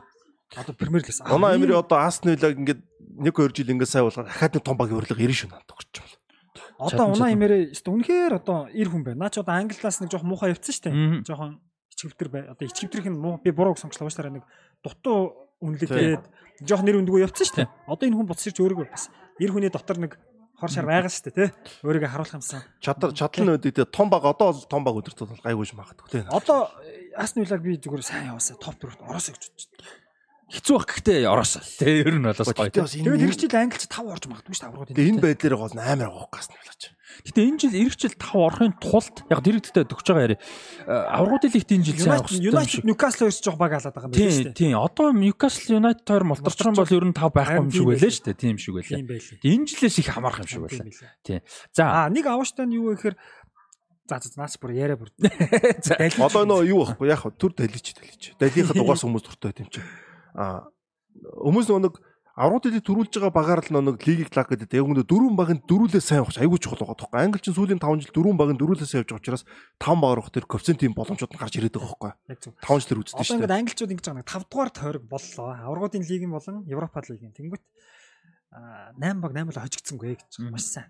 А гихтээ Newcastle United хоёр тэнцээд ер нь эвгүй болчлоо гэж байгаа байхгүй. Хоёулаа хэсгээс мултрах боломжтой. Мултрах тийм айгүй эвгүй Ер нь өндөр юу? баг- Ер нь Хоёулаа нь ер нь нь гараас хамаарахгүй болсон. ханд хамаарахгүй болсон. А тэнгүүд заврагуудын тэнгэл за Европа лигаас сайн мэдээ ирлээ. Дөрвөн баг дөрүлээ хожлооч гэх нэг тиймэрхүү. Англичууд одоо ингээд юугаар хараад байгаа байхгүй. Том зураг. Өнгөрсөн жил Италийн нөгөө багууд ч бодоо олгосон шүү дээ. Бүрэн Италийн 7 баг маг дэшээ явж байгаа тийм. Тэгсэн шүү дээ. тийм. Тэгээ тэр чинь нөгөө 5 жилийнхаа нэг жилдэн л байгаа байхгүй. ээ. Тэгэхээр нөгөө чансаанд нь бас яг нөлөөлж байгаа ч бүр амар том нөлөө байхгүй. За тэгээд Манчестер United Chelsea гэсэн том тоглолт болсон. Scott McTominay хоёр гол тийм. Би андорог бол Челсиг хоцсон болвол дараа нь талбай дээр Бормутыг үлээж аваад дөрөв тийг болоо за яг сүүлийнх нь бол вар шалгаад цуцлаад гурав тийг ярьцаатай хожигдсон. На Борнмут асаажуулачаас хойсон шал өөр болсон шүү дээ. Яг яг уу ихэнд их муу ихэлсэн шүү дээ. Андоны Юу асуужуулж болохгүй шүү дээ. Эвээ олохгүй Бараг байсан. Ер нь халагдвал халагдчих гад нэг тиймэрхүү байсан. Тэгээд ер нь бол Иролаг мэддэг хүмүүс бол бүгдээрээ зүгээрээ байлгах хэрэгтэй мундаг засуулж яг гэжсэн. Одоо яг гарч эхэлж байна. Тий, Иролаг тасалжуулагч яг одоо яг үндсэн Ер гол юм нь бол ер нь бол ирээл нэг хідний ихний тоглолт тоглолтоо алаад байгаа хүмүүс бол нь бас амар удлаа байдэн шүү дээ. Ер нь бол тэр чинь ингээд баг ундаг. Эхлээд угаасаа тэр чинь яг бол алсан юм хийж байгаа хүмүүс чинь тэр үр дүнг бол дараагийн юунд тавьдаг байхгүй. Тэгээ Бормутыг сүүлийн 6 тоглолт тойрог хожигдолгүй Аа явж. нөчдөг бай. Дөрөв хожигдож хоёр авши хожиж хоёр тэнцсэн байдалд. Үнэхээр сүп. Одоо ерөөсө формын хувьд бол Астон Вилла Ливерпул хоёртой адилхан. Сүүлийн 5 тойрогт. Ийм байдалтай На Борнмут. Борнмут Юнайтед талбайд нь очиж байгаа байхгүй. Тэгээ энэ тоглолтыг үзсэн үү? Ер нь үтсэн. Энэ зүгээр бүр илүү тоглож байна. Яг хөө мэдээж э, нөгөө нэг 2 гол усны дараагаас бол яг хөө Юнайтед илүү бөмбөг эзэмшээл ингэж байгаа юм л та. Бормот өсөр тоглож байгаа илүү хийж тоглож байгаа. Гэхдээ бүр нэг тийм характер үүдэн шүү дээ. Нэг тийм Тий. багтай нэг яг хөө хэдүүлээ Брайтныг нэг хэсэг ярьж байсан шүү дээ. Том баг шиг тоглоод нэ. Энэ бол яг тэгээс тогс. Бормот тэр Соланка Моланка ч ингээ форм орцсон бүр ингээ өөртөө Солонка яг энэ дундаж баг юм бол үнэхээр сайн товтлогч юм тий. Амар Наач нэг юм болоод. За Юнайтедтэй холбоотой нэг юм ярьчих л да. Юнайтед Ньюкасл хожигдоод Мм. алуулсан шүү дээ. Дөнгөтэй 7 хоногийн дундуур Челсиг хожоод, дөнгөтэй Борнмут хожигдоод, Мм. Челсигээ талбайд нь очиж байгаа шүү дээ бүр тий. Челсигээ. Олд Олтраа хоёр дараалал талбайд А байдаг. тийм үү тий. За тэнгуүтийн юу болсон бэ гэхээр шүү дээ. Одоо ингээ Манчестер Юнайтед энэ удирдах талбай дээр 6 дахь хожигдсон гэж. За тэнгуүт агуу Фергюсоныг явснаас хойш Нөө яг яг яг. за чи ярьж. Зүг зүг зүг. Би зүгээр яг би зүгээр гоё ярьчих. Агуу Фергюсоныг явснаас хойш Манчестер Юнайтед Олд Траффордод ялагдсан гутамшигтай 10 ялагдлыг чагсаагаад тэрний 5-д нь Борнмут орсон бэл. Борнмут ялгсан саяны ялагдлаа орчихно. Бормот 5 ялсан. За тэгээд ингэж чинь. 5 ялсан Тий. Юнайтедийг үү? Тийм үү. Гэхдээ юунд биш биш. Э, Нөө нэг юу раст уушлаараа. Одоо ингэж байгаа юм. Одоо Премьер Лигт 20 баг байгаа шүү дээ. Энэ 20 багаас Юнайтедыг өмнөх одоо 18 баг нь бүгд Юнайтедыг талбай дээр нь хожиж үтсэн юм байна. Жишээлбэл Арсенал бол 1902 онд Юнайтедыг одоо одоо тухайд цэнгэлт нь юу байсан мэдэхгүй зүгээр тэрийг заяа магадгүй ярих бах одоо. Яг яг Олд Траффорд мэдээж биш байсан. Мм. Тэр одоо талбай дээр нь хожижсэн ч гэдэг юм уу тийм. Ньютон хийдэн талбай байгаа шүү дээ. тийм Ньютон хийтэн. А тэнгууд Юнайтедыг одоо энэ Премьер Лигийн Юнайтедаас бус 19 багаас ганц хожоог нь Борнмут байжгаад яг талбай дээр нь ингээд Хожиж. одоогийн Премьер Лигийн бусад 19 баг нь бүгд Юнайтедыг талбай дээр хоцсон гэдэг Хоцсон гэдэг түүх. бичсэн юм байна. Тэгэхээр Борнмутын одоо бараг л анх удаа л Юнайтедыг талбай дээр хоцсон. Талбай дээр наах нэг. Гэхдээ талбай дээр чинь хожиж байсан, тийсэн. тийм. Тэр бол байгаа. Тэр бол байгаа. Яг талбай дээр нь Тийм. гэвэл тийм байна. За тэгээд ингээд 6 дахь хожигдсон. За тэнгүүт Манчестер Юнайтед ч энэ удирдал ерөөсөө ингээд 23 тоглолцсон байгаа юм байна. Мм. 11 хожоод 11 хожигдоод ганцхан тэнцэн Галацрайтай 3-3. Мм. Тэгээд ч одоо юу гэсэн үг вэ? Том баг ингээ хожил хожигдол нь тэнцүү яваад байна гэсэн. Премьер Лигт 6 16 тойрогоос юу 6-ад явж байгаа. 9 хожиж 7 тэнц биш хожигдсан. 18 гол оруулж 21 гол алдсан Юу байна. н тэнцэхгүй байгаа даа тий. тэнцэхгүй байгаа. За тэгээд нөгөө э, айгуу тийм одоо юу гэдгийг тааруухан чим шиг яваад байгаа мөртлөө Манчестер Сити дөрөвт байж байгаа Манчестер Ситигээс 6 онооны ард. 6хан гэдэг чинь бас том оноо. Яг дөрөвдүгээр аврагд лигийн банаас дөрөв гэдэг бол ийм муу гэж байх харагдаад байгаа багт бол ойрхон байгаа байхгүй юу. Тийм. А тэгээд э, юу яж А Сэр Алекс Фергюсон 21 жил Манчестер Юнайтед клубыг удирдахдаа Премьер Лигийн хүрээнд талбайдаа 34 хожигдсан байт юм байна. Премьер Лигийн хүрээнд талбайдаа 21 жилийн хугацаанд 34 хожигдсан байдаг бол Сэр Алекс Фергюсныг зодог тайснаас хойших за энэ ч одоо 13 11 10 удирлуу 11 удирлуу тий. Энэ хугацаанд 30 11-т хүлрэлт. 11 дэх хүлрэлтээ 35 таа хожигдчихсан сая талбай дээр.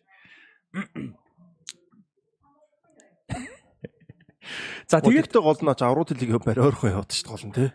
тий хайгуу харин тэр амар сонирн байгаа шүү дээ. Ямар санд тэр Яг Челси шиг нөө тэнцээд байхгүй л байна л Тэгээ наа чи яг ингэж байгаа байхгүй нөгөө олон хожигдсон ч гэсэн хожоод Хожоод. Тэнгүүд нөгөө дээр нөгөө Сити энэ тэнцээд нь шүү дээ. Тийм бас оноо. Сити чи сая баахан тэнцлээ шүү дээ. Тэгсэн хожигдчихлоо бас тий. Сити За, А за тэгээ Юнайтед бас талбайгаас гадна нэг ийм юм юмнууд болж байгаа маань. Сая Челсиг хождгийн өмнө юунд хожигдлоо? Сануулаарай. Яг Челсиг өмнө хожигдсон. Ньюкасл аа тийм. За Ньюкасл хожигдсны дараа бол хэвлэлүүдээр бол мэдээлэл тарж ирсэн юм байна л да. Цуургалж гэх юм уу одоо. Яасан гэхээр багийн бүрэлдэхүүн бол хоёр хуваагдсан байна тий. Тал нь Эрик Тенагийн тал тал нь бол одоо тасалжуулагчаас солихтой уур амьсгал юм бүрдэхгүй ийм байл. А тэгээ дээрэс нь эзэдийн асуудал битээ одоо хүртэл байгаа. Хэр эдгээр Jim Ratcliffe гэж хүн орж ирж байгаа боловч 25% нь орж ирээ зөвхөн спортын хариуцна гэдэг өөрөө асуудалтай юм аа. Тэгээ эдэн тэр бумтан гаруудын хооронд ийм тэр бол тий. За ингээд ийм юмнуудын асуудлууд нь тоглогчдод бол ингээ хуваагдсан байгаа тийм тий. Ийм асуудал байна гэсэн мэдээлэл гарч цуурхаж ирсэн. За тэгээ энэтэй холбогдлолтойгоор бол одоо Манчестер Юнайтед клуб а маш олон хэвлэлийн байгууллагуудыг бандсан юм байна. Дөрөв. Тийм. А тэр бүр юуныхаа Манчестер хотынхоо нэг сонин а тэгээд Sky өөрийг лээ цэжсэн үү? Тэгээ явцсан 4 5 юм том одоо юуг бол ач холбогдолтой гэх юм одоо заавал том бол биш. Одоо хэвлүүдийг бол бандсан юм байна. Тэгээ нэг нь ялангуяа тэр бүр Манчестер хотынхоо ерөөсөө Юнайтедийн талын л баг сэтгүүл юм байл л да сонь. Локал сэтгүүл шүү дээ. Тэгээ локал бүр жижигхэн тийм. А тэгээд э, баг худалчуун Donald Trump-д хайжууд овсон байдаг юу. Тэгээ баг худалчуун тийм гэсэн баг шүү. Тэгээд тэрийг хүртэл бандсан тийм. Тэр нь тэгээд ер нь бол тэрэн дээр бас сэтгүүлчт нь хоёр хуваагдаад байгаа байхгүй. Нэг нь бол ингээ ихтгэлгүй байгааг харуулж байна. Тэгээ ингээ асуудалтай гэдгээ бараг л хүлэн зөвшөөрч чинь уу да гэсэн. А нөгөө хэд нь болохоор одоо ингээд эерэг мэдээлэл гаргах гаргахын тулд те ингээд одоо сөрөг мэдээллийг хаахын тулд ингэж байна дотооддоо шийдэл шийдвэрлэхийн тулд тэгсэн байна гэсэн юм бол яригдаж байна лээ. Одоо хэвлэлийн юг Ер нь бол асуудалтай учраас л бантж байгаа шүү Тийм шүү дээ. Тэгээд ч тухайн нэг дөрвөн хэвлэлийг одоо хэвлэлийн сэтгүүлчийг Челси дэх тоглолтын өмнө хэвлэн багвар дарахыг бол хориглоод. тий. Тэгээ нэг юм арга хэмжээ авсан. Ер Энэ бас баг бол нэлээд доошч байгаа юм шинжтэй. Наа ч одоо нөө манад олд юм болохоор л аа тгий шүү ингийн шүү гэл яг тэрнтэй л адилхан байгаа дээ. Тэгээ одоо удирдлага ерөөсөө зохион байгуулалт удирдлага талаас ялч Манчестер Юнайтед асуудалтай байгаад байна. Тэнхаг яг Тэнхаг дээр одоо ч гэсэн бас ийм юм ярьж л байлаа л дээ. Аякс мундаг байсан те тэгээд аа бас яг бүр хоосон бол мэдээж байгаа бол биш. А гэхдээ юу гэдэг Ирод за Ируулагч хаашаа. За энэ Эмери те. Эмериг ч юм уу, Анж Постокогло ч юм уу энэ дэг ингээд харангуут юу гэдэг айгу хэцүү нөхцөл байдал дээр ирээд уур амьсгалыг шууд өөрчилж чадж байна. Тоглолтын хевмэгийг өөрчилж чадж байна. За яг цом авах ч юм уу те тэр бол жоохон өөр хэмжээ. Гэтэ ингээд уур амьсгал фэнүүд дэмжихтэй ингээд нэг юм нэгдсэн. Аанч аанч бол амар шүү дээ. яг мэдээч юу гэдэг анжиг ингээд олон хожицсан байж хожигдоод ахаар л хүмүүс э, дойолж байгаа болохоос ш яг одоо юу гэдэг улирал анж ирээд одоо тавд явж байна. Тэ энэ муу амжилт ерөөсөө биш байхгүй. хосод Тотнамын бүрэлдэхүүн чи ерөөхдөө бас эвгүй болсон байсан шүү дээ. тийм ямар байла Кен явсан те. Тэгэхэд энэ бүрэлдэхүүн одоо тавд явж байгаа бол муу ерөөсөө биш. Зүгээр яг олон дараалж хожичоод сүулт нь олон дараалж хожигдсон учраас л тэгж ярьж байгаа. Тэгээд анж уур амьсгалыг яаж ин те унаа эмри яаж ин. За артетаг ч тодорхой хэмжээнд ярьж болно. Ямар хон таарах. Ер нь дэд бас тоглолтоос нэг итгэж болохоор нэг марагдсан шүү. Тийм. Тэгээд багийнхаа нөгөө нэг фэнүүдийг нэгтгэх нь гэдэг чинь амар том. Одоо энэ Астон Вилла чинь талбайдаа энэ олон мондод тоглож байгаа чинь фэнүүд нь үнэхээр нэг Пенүүд аа. нэг болцсон байгаа хөө уур амьсгал бүр ингээд тэгээ сэтгэл зүрх нэг болцсон. Өмнөөс нь нөгөө нэг юу гэдэг чтэй bleed for you гэдэг чтэй. Өмнөөс нь ингээд урд дуур нь ороход биелэн ийм галзуу уур амьсгал Тотнам ч гэсэн тийм байгаа. Тэг ямар амар гоё юм те. Тэнгөт одоо тэгэхэр хэмжээний хугацаа өнгөрчөөд байгаа юм биш үү гэсэн бас нэг юм яригдах юм бас байлээ. Одоо манай United уучлаар асуугаар United фэнүүд маань бас юу гэж бодож нэрээ бас сэтгэлээ балцар. Ер нь Тинхагийн халах тухай тийм яриа гарцсан бэл. А тэгтээ энийг хойшлох нэг шалтгаан байгаа гэж байгаа. Энэ юу вэ гэхээр одоо нөгөө Red Cliff орж ирэх гэдэг нь шүү дээ. Тэр болтол том шийдвэр гаргахгүй гэх. Тэгэхээр одоо Radcliffe спортын захирлаар хүн томилох уугүй. Тэгээ сайн нөгөө нэг Richard Arnold Marnold ч болоод бас удирдлагууд донд бас нэг хэдийн хүмүүс солигдсон байгаа шүү дээ. А, Хин блэ шинэ хүн том захирлаар нь бас нэг төр зур орцсон ба. Тэнгүүт Jim Radcliffe тэр үнийг солих юм уугүй мó? Солих хэрэг нь байгаа мó уугүй мó? Ер нь Jim Radcliffe энийг томилго хэрэгтэй. Солих ирэх мэрхийн өөх бах уу? Тэр одоо 25 Тэгээ тэр нь яг зөвхөн спорт ах биш байхгүй хамгийн гол нь. Яг зүгээр бүр том захирал нөхгүй одоо нөгөө нэг chairman. Тэгэхээр тэрийг нь яахаа ингээд амар юм нэг юм сони юмнууд. Ер нь тэр chairman-ээс солихгүй угаас өөрчлөгдөхгүй шүү дээ. Гэхдээ сайхан солигдсон. Тэгэхээр одоо 11 дугаар сар зөлгсөн. Тийм 11 сард сая солигдсон шүү дээ. Тэгээ commercial талын хариуцчихсан тушаал агсан. Тэгэхээр одоо яг яадаг юм байгаа. Спортын цаг одоо спортын директоргүй байгаа санагдах юм одоо би. ингээд тушаал мушаал агсан гэхээс илүү бүр соош нэг Мм. байхгүй. Тэр хүн чинь бол тухайн байгууллагын тэр нэг хор мор соёл исэн болсон юмыг одоо үл харгалзан те. Тэр дотор нь хүмүүс чинь нэг ядаргаа байдаг шүү дээ. А энийг ингэчүүл тэгэн тэгүүл тэгчний заавал болгоомжлоод шинэ хүн чинь шал өөр соёл одоо шал өөр юм Зүгээр ингэсэн бах уу? Нөгөө нэг удахгүй шинэ хүн ирэх нь тодорхой болохоор нэг хүнийг түр дэвшүүлээл хариуцуулсан байлгүй дээ. Аа. Одоо тийм байж болно. Гэтэ яг э, мэдээлэл гарсан мэдээллийн дагуу бол мань хүн төр хугацааны гэдэг ойлголт бас байгаагүй тийм.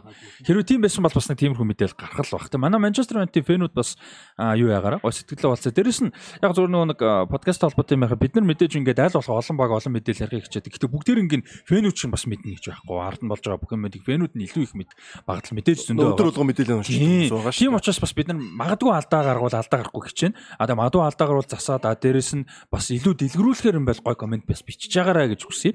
Тэр нь бас бид нар ч гэсэн бусдад ч гэсэн гой хэрэгтэй байдаг. За Челсиг товчхон ярих гэж бодож чинь за Юнайтиг ярьлаа. За Челси бол Юнайтед талбай дээр очиж 2-1-ээр хайцаатай хожигдсон хүмүүс чинь бас нэг мим хийцэн байсан. Нэг нөхөр ингээд зогсож байгаа байхгүй. Тэгээ ингээл гарууд ирээл тэр нөхөр ингээд алгадаал байгаа байхгүй. Нэг нөхөр зогссон. Олон хүмүүс аахаад ордог шиг аа, ойчилсан. Нэг юм шок тэгэл ингээд алгадаал байгаа. Тэгээд тэгсэн чинь алгадуулаад байгаа Манчестер Юнайтед байгаа байхгүй гэл бүгдэнд нь хожигдоод байна гэсэн үг шүү дээ. Алгадуулж алгадуулсан хамгийн сүүлд нэг Челси ирээд зогсож өөдөөс нь савж ирээд зохио оноос. А тэр нэг тийм шок тийм Тий, тэгээ Челситэйгээ шүү гэл. Аашлаа. Челсигийн өмнө цогсон чинийг хөтлөж байгаа байхгүй. Тэгвэл Челси цогж ирэх тийм нэг Тэгээ Челситэйгээ шүү гэл хүмүүс тэгээс Юнайтед удиралт ингээд Челситэй баян тоглолтог бол төрүүлсэн байгаа маа гэл тоглоом Одоо бүр амар амар тоглоом явчихсан. Юнайтед нөгөө ингээд ингээд форм жоохон докторгүй болж тойж можоод. Тэгсэн чинь хүмүүс ингээд Юнайтед айгүй муу байна гэж үгүй дэжгүй шүү дээ. Яасан гүт ийм байж тэгээд байгаа байхгүй. Чи Ньюкасл хожигдоод Челсиг хожоод сайн ингээ хожигдчих гэсэн. Үу Челситэй л тоглосон байж тээ ч гэсэн. Харин дигдэг бол. За Челси ч сая хэсэг ууг нэг жоохон уучраа болж байгаа юм шиг. Тэгээд ингэсэн. Тэр 7 хоногийн дундуур Челси их муу тоглосон байхгүй. Тэгсэн чинь Челси муу тоглосон тул тал Юнайтед сайн тоглож харагдсан шүү дээ. Үнэ хийцүү те. Яг н Челси Юнайтед фэнүүд бол сүүлийн хэдэн жил яалч гэж байгаа хэцүү. Сүүлийн 2 жил ялангуяа одоо энэ үйлрэл. Аа тийм. За хэдүүл Арсеналын зөндөл 2 5 оноос л хэцүү явлаа шүү дээ шүү дээ. Тэгээд тий ер нь тий. Тэгээд Челсиг Юнайтед талбай дээр хожигдсан бол дараа нөө юун дээр очисон. Аа Goodison Park-т очиод Everton 2-1 харьцаатай хожигдсан. За нэгдүгürt за Челсиг эхлэрч Everton дараа нь яриа. За Челси ингээд сүүлийн 5 тавигт 3 хожигдож, нэг тэнцэж, нэг хожигдсан хоцсон байдалтайгаар 12 дугаар байранд явж байна. За тэгээд Челси бол одоо нэлээд мэдээж асуудлуудтай байна. За тэгээд энэ оны нэг сонирхолтой статистик байна л да. Премьер лигийн хүрээнд 2023 онд тогсон нийт тоглолтууд тоглолтуудаар нь хүснэгт гаргасан байна. Яг л одоо лигийн календарын жилээр календарын жилээр тийм. За тэгсэн Манчестер Сити 38, за ихэнх нь 38, зарим нь 37, ганц баг 39 тоглосон, Челси 39 тоглосон байна. Бус нь 37, 38. За Манчестер Сити нэгт А 86 он авсан байна. Дундаж 2.2 он. За хоёрт юу байгаа? Та хоёроос Ливерпул хөө? мини гейм А, Астон Вилла. За энэ ч юу гэж бодож байна? Хоёрт нь 23 он яг календарын жилийн одоо чагсалтаас Вилла биш үү? Астон Вилла. 78 онот. За тэгээ гуравт нь Арсенал байна. 77 онот. А тэгээд дөрөвт нь Манчестер уучлаарай Ливерпул 76 оноотой Ливерпул ч юу яарсан юм чи. Өдөрлийн өнгөрсөн үлрэл тий нөө 1 2 сар ч юм яарсан юм чи. Тийм. Тэгээ сүүл рүү гайгуулсан шүү дээ. За тэгээ Манчестер Юнайтед байна 5-д. Аа 70 онот. За тэгээ Ньюкасл, Брайтон, Тоттенхэм, Брентфорд, Вест Хэм, Фулхэм, Wolves, Эвертон, Борнмут, Кристал Палас, Ноттингем Форест хамгийн сүүлд нь Челси. Челси нэг тоглолтоос нэг оноо авч ил гэсэн стат байсан шүү. 39 тоглолтоос 39 он авсан. Энэ бол календарын жилд. Дундаж оноо 1. Ноттингем Форест хажууд нь нэг тоглолтод 1 100-ны 2 оноо. Ийм л байна Челсиг бодвол одоо бухимдалтай. Яг гоо энэ жил United Chelsea-ээр асуудалтай гэж ярьж байгаа боловч United хажууд нь бол одоо бүр хамаагүй өөр л байна. Аргагүй City 3 тэнцэд нэг өчтө 3 оноо авч United чи 2 өчтө 2 өчөж байгаа юм чи. 3 оноо л авчиж байгаа юм чи. За ингээд Челсигийн хувьд бол иймэрхүү асуудлуудтай байна. Тэгээд Челсигийн фэнүүдэд бол хэцүү байгаа байх. Одоо Почетиног хаалгцсан байлээ те хүмүүс л. Тэгэхээр Почетиног бол ер нь хаалах хэрэгтэй юм. Тэг гол нь Почетиног халаад яг юу хэрэгжлээ. Одоо United Chelsea өрт би нэг юм яг Chelsea-гийн тэгтээ зарцуулсан мөнгө сүүлийн үед зарцуулсан мөнгө илүүлдэг. Гэхдээ зүгээр адилхан асуудал нь адилхан санагдаад байгаа байхгүй. Тэнэг Почетиноор хуйлаа сайн тасаж улагч, хуйлаа потенциалтай тасаж улагч, өмнө нь тодорхой хэмжээний юмаа үзүүлсэн. Хоёулаа амар их мөнгө зарцуулсан бүрэлдэхүүн. Тэгсэн мөртлөө хоёулаа хасар тоглогч асар ихтэй. Тэгээ 8 хийх шаардлага асар ихтэй. Ийм хоёр бүрэлдэхүүн байгаа байхгүй. Надад бол яг асуудал нь адилхан. А тэнгүүд Тэнгагийг халлаа гэд Юнайтед тэр болохгүй байгаа юмыг шинжлэхгүй засахгүй Почтиног халлаа гэд засахгүй санагдаад байгаа надаа. Тэрэн дээр юу гэж. Би бол зүгээр Почетиног шүү дээ ингээд өмөрдөг байсан шүү дээ. Ер нь ер нь Почетино дуртай шүү дээ. Аргентин гэдэг ер нь ч сүүл Тоттенхамыг өдөрцөн. А тэгтээ би сая Юнайтед Челсигийн тоглолтыг би бүр хит хит үзлээ. 7 хоног дундуур. Нэг юм бичих гээд бүр хит хит. Тэгсэн. Би тэгэл ерөөсөө за болио гэсэн. Яг дүүл шүү дээ. Build up-гийн хойноос бөмбөг авдаж Челси ерөөсөө тэгж чадахгүй л энэ тоглолт. Хойноос бөмбөг гаргаад шахуулна. Хаалцноо сайнцна Антониод алдаал өгчин. Тягаас л бөмбөг аваад хөлөөл тэр нь яваад аюултай тоглоо. Челси бүр ийм элементарны юмыг хийхгүй ш тэр хүн. Тэгэхээр би одоо бүр хэнийг үзээ гутраад Почетиног үзээд би одоо бодож. Энэ хүнийг л болиул. Энэ хүн болохгүй гэдэг нь амар ойлгомжтой болчихлоо. Одоо энэ 8-нуудаас Почтиногийн хийсэн 8 баг байхгүй шүү дээ.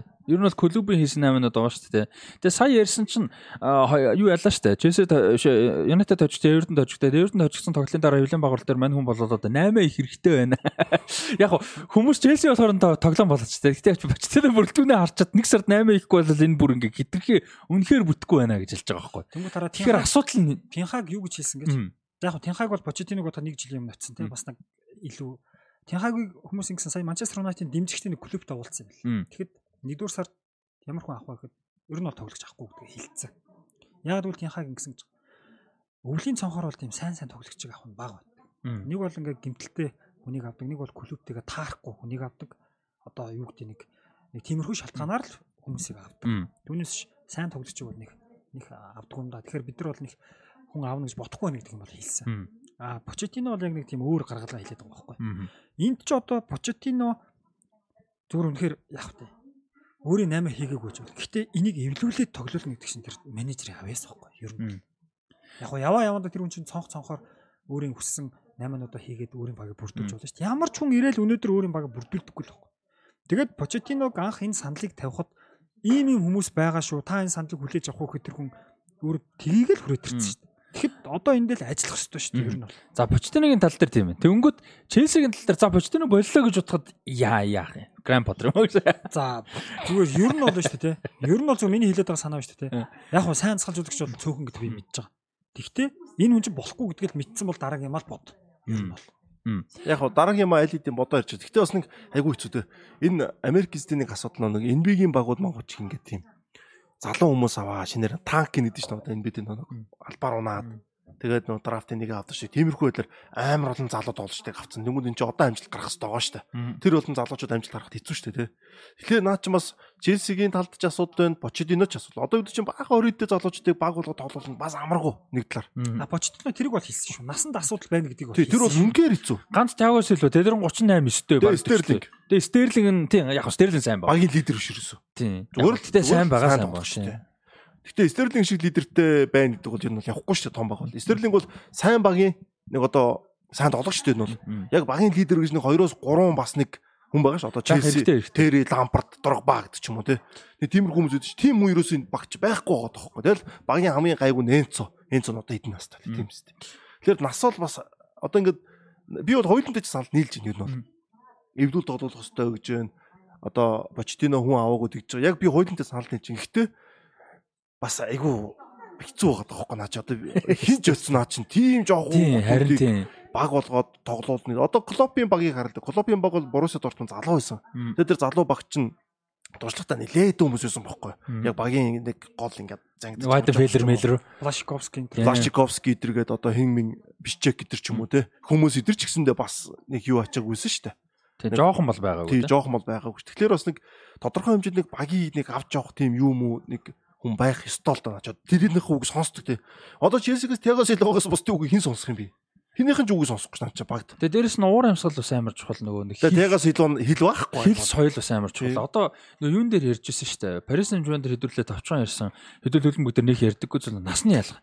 Одоо ч 38 9 хүний хандлага амьдралын юу шал өөр. Одоо бүр шал 21 өөр болсон байгаа. Тийм ядж хагаад одоо бүр тэр 21 2-тэй тийм чи залуучуудын амьдралд юун дуртай дургу те юу гэдэг яриа юун дээр нийлэх үү нийлэхгүй шал өөр байгаа хгүй талбайгаас гадна те хийж байгаа юмдын хандлага над яг плейс юун дээр ярьжсэн Paris Saint-Germain ярьжсэн шүү дээ. Хакими хин интер Дембеле одоо яг сүүл Дембеле те. Мбаппе интер яагаад амар гоо нийлдэг гэж хамт PlayStation тоглолдог те. Хамт сонсдог уран бүтээлчт нь нэг те. Paris нэг артист ирэнгүү хамт очиод үтцдэг Тэнгүүд нөгөө Cavani Messi идэрчдэггүй шал. Тэгээ хажууд нь одоо муугаар хэлээд хөгшин гарууд байгаа байхгүй юу? Хажууд нь те. 36 7 молоотой те. Нэг тийм амраа боддог ч юм уу. Тэнгүүд гэр бүл мүлгээ те. Тэгээ бодлоо. Тэнгүүд за 38-тай болон 22-тай хоёр хүн биш үү? Тэр өөрөө чи дунд хүмүүс нь ингээд нөө холболт текст холбох байхгүй байхгүй. стерлинг л байгаа байхгүй Одоо ингээд Стерлинг одоо яг тийм насны өнгөлөр юусаа байхгүй болж байхгүй байхгүй байхгүй яалч тэр амар Тий, тэр амар чухал гэдэг баг. Тэгээ дээрэс нь олон соёлын хүмүүс. Одоо бүрэлдэхүүний босгоно гэдэг чинь бас тодорхой хэмжээний кор босгох хэрэгтэй тий. Тэнгүү тийм байхгүй байхгүй амар олон усаас олон өөр соёлын хүмүүс. Тэгээ бүгдээрээ ядаж А яг нэг багт бол байж болохгүй гэсэн үг биш зүгтээ ядаж нэг улсад тоглоод утсан байсан бол хамаагүй. Бүгд ихэнх нь анхудаага ангилд ирж байгаа хүмүүс байгаа байхгүй. Тэгэхээр тэр чинь тий тэгэхээр чин тэр чинь ингээд олон улсад байж болохгүй да биш тэр хүмүүс чинь нэг улсад тасна хилэн тасна цагаагаар тасна. Сая яг гоё. Тэд нар чинь бас болохгүй. Одоо ингээд нанжид ч гэсэн сайн мэдэж шнэ. Одоо лигийн баг ч юм ингээд юунууд ингээд баг гэдэг чухлаар ингээд эдэрхий олон залууч толгоор амар замбрааг ууд штэ. Ингэдэг. Дуулуургуу тий. залуу багт давуу тал байдаг. Юу ихэрч нэг шийдэх юм бол алдаг. Ирч хүч нь байгаа штэ. А нэг унах юм бол эвгүй. Ер нь бас нэг тийм амар эвгүй байхгүй. За клопын баг бол магадгүй нэг тийм ирч хүчээрээ ч явж исэн байж магадгүй тэр. Ирж үжээс гадна клуб өөрөө залуу юм баггүй. Өөрөө яг тэд залуу байсан амар залуу байсан. шиг ингээд ордог. Яг нэг хэрэгтэй нэг хэд ахмад хүн орж ирэл зүгээр тэр хүн талбай дээр гэхээс илүү талбайн гадна хувцас руу хэлэх ярих юм хүртэл өөр өгдөг. Одоо сая сүүлийн хэдэн жилийн Ливерпулийн Милнер амар чухал байсан шүү дээ. Яг тэр шиг байхгүй. Ливерпул ч одоо Хендерсон, Мендерсон гэдэг нэг юу юм. Лидерүүдтэй тий. лидерүүд нь тэднийхээ үгийг сонсдог. Тэд нар ингээд эрэхт нь ядаж нэг Ливерпул очи ийм утгатай шүү гэж хот модоо танилцуулаа тий. Ож Жерард Мерад чинь даваа тал тэр ихгүй. Яагаад Жерард хүмүүс айртай тийм дээ. Тэр амар чухал байхгүй. Одоо Манчестер Юнайтедас тийм юм байна уу? Байхгүй. Одоо яг ямар санда Эвенс энэ жил тоглож байгаа шүү дээ. Тэр магвар зогоор уг нь тийм байх ёстой байхгүй тэгээ өөрөөсөө болоод Магвар ч өөрөө баахан юу атсан. тий паникч. Тэгээс баг одоо юу гэж том багууд Магвар ч одоо сошиал нүдүрөө даахгүй яа юм чи. Тэр Магуайр сая 11 сарын шилдэг тоглож байсан А, байна багт одоо юу чинь ялангуяа юм том багууд бол 3 4 ч юм уу биш юм агт 2 3 заавал тийм тоглож одоо Сити мэдийг харлаа. Ди Бройн шиг хүмүүс тий. Заавал оо энд нь итгэж болох тий. Нэг очоод нэг за нэг Челсид одоо хинд итгэх юм. Челсид одоо нэг хүн босоод Тегас илүү хэлэхэд тэр хүний босод дэмжихгүй л явахгүй байхгүй. Одоо тэр чинь өө тим шүү гэл 2 3 нь босоод бад ингэ шүү ингэ чи өөр. Тэгэхээр яг бүрэлдэхүүн босгоход нөгөө дараагийн лидер бас бэлтгэж дээ. Одоо Ливерпул дээр жишээ нь Александр Арнолд Монолд тэгээд Робертсон ч юм уу дараагийн яг, лидер нус байхгүй тий. Ван Дайк одоо бол ойлгомжтой шүү Александр Арнолд дараагийн үндсэн капитан. Угаас Ван Дайкийг байсны дараа ойлгомжтой. Гэдэг ч юм уу процесс одоо Реал Мадрид ч гэсэн мундаг бэлдсэн тийм үү. Тэнгүүт одоо юун Барса марсаж бэлддэж шүү дээ энэ бол. Испани хойгод бол угаасаа бэлтэн. тий. Я Барса яг одоо жоо хэцүү байгаа. Барса бэлтсэн бэлтсэн. Тэгтээ арай гайгүй. Дөрөв капитан бас хэнийг бодоход гайгүй. Одоо Робертог бас өөр Роберто бол угаасаа харахгүй нэг. Роберто удахгүй юмгот 10 хоо Деонг ингээд яг айтайхан Педри нь Испан байхгүй гэдэг утгаар л байлаа шүү. Тэгээ тэгтээ Каталон байхгүй гэдэг. Тэгээ гэтээ ер нь бол бэлдэж. Тэгэхээр аа, сайн багууд бол яг лидерүүдэд дараа нь бэлдэж яадаг тогтсон лидертэй байдаг. Тэгээ Сити тэрийг ярьсан сая. Тотнам хүртэлтэй гейн олон жил явж байгаа болоход Сон Хэмийн лидер байгаа байхгүй. Сон бол одоо ингээд энэ зун капитан болоход амар гоё байхгүй. Хүмүүс хүлээж авч байгаа хүн Багийн байгаа- тоглогчдын хүртэл хүлэн зөвшөөрсөн байгаа. Сон- Сайн сүүлийн тоглолт болтор алдчихил Амар, амар. Йоо. шүү дээ. Тэгээ Сон Хэмийн бол яг лидер хүн байхгүй. Тий. Тэг- олон жил болцсон хүлээн зөвшөөрсөн тий. Соны чи үед одоо юу чинь яг эдгэрхэд даруухан гэж харах болгоос тон чин тоглолтоор л лидер хоёр дахь нөө тийм ямар нэгэн тийм муу юу байхгүй байхгүй одоо тийм нэг Эрэг хандлагатай хүн. амар Нэр хэрэг цэвэр байхгүй тийм нэр цэвэр. Тэгээс бол яг манай соны нэг сул тал нь эдгэрхүү даруухан байхгүй. Гэтэ тэр чинь одоо гайгүй байгаа. Нөгөө багийн ахлагч болоод ирэх хүн чинь нэг яг одоо нөгөө багийн нэг нэг багийн Ромеро очиод нэг хүнтэй ирэлтгэж сон очиж урдуур нь болиулах шаардлагатай болсон байхгүй. Тэгээ багийн ахлагч тэгэнгүүт байна чинь нэг тийм шаардлага гараад юм бол байна яг шүү дээ. төрөлхийн лидер байсан шүү дээ. Германд очиод нөө хил байхгүй баларцсан л бас нэг энэ тоглолт. Очиод ярих гэж чи хил байхгүй герман хараар. Тэгээс бол энэ төрөлхийн лидер ч угаасаа мэддэг Энд ч байхгүй. угаасаа амар харизма таахгүй. Ер нь чимээгүй байсан ч хүн сүрдэн тий. Тий. Энэ бол яг үнэн байхгүй яг. Жерард Мера чинь тийм шүү дээ. Түр чимээгүй ингээл зүгээр ингээд Жерард байна ихтэл олон юм хилээд байх шаардлага байхгүй тий. Тим лидерүүд бол байна. За Челсигээс Челси дээр нэмэгдэж Тийм байгаа. учраас нөө Сэрэлэс Фергюсон чинь тэр Кантана шиг, Ройкин шиг, Рүүни шиг хүмүүсийг заавал багт ойлгодогсон байхгүй. Мм. Тийм харизматай зүгээр байж хатал ерөөсө тэр баг нэг ингээд ахгүй тий. Тэгээ өөрөө тэдрэг атах тэгээ яаж ч тэднэртэйгээ тэгээ дандаа мууд дууснаа бас тэгээ. Үгүй тийм хүмүүстэй ч уусаа ч муутна. Тэд нар хин бол юм штэ угаасаа. Тий. Ройкин Кантана эдэртэй ч угаасаа Кантон бол хэнийг бол хүндэлдэг шүү. Тий, тий. Гэтэ бас таарахгүй байсаа байсан. Байна. Одоо тэр хим эн чи хэцүү штэ. Ямар Стив Брюс байна. Стив. Брайан за Брайан Робсон бол жинл байна. Асуудалгүй. Стив Брюс Стив чанга. Брюс ч юм уу чанга гар штэ. Япстам энэ төр гээл аа. Тий. Стив Брюс ч угаасаа амар мамарч төгшөлцөө өнөө тасалжуулдаг багтаа чи юм далийн амартай. Би боддогс. Би ч өөрөө далийн амартай юм чи. Мөргүүлж исэн хөлөө мэд болж.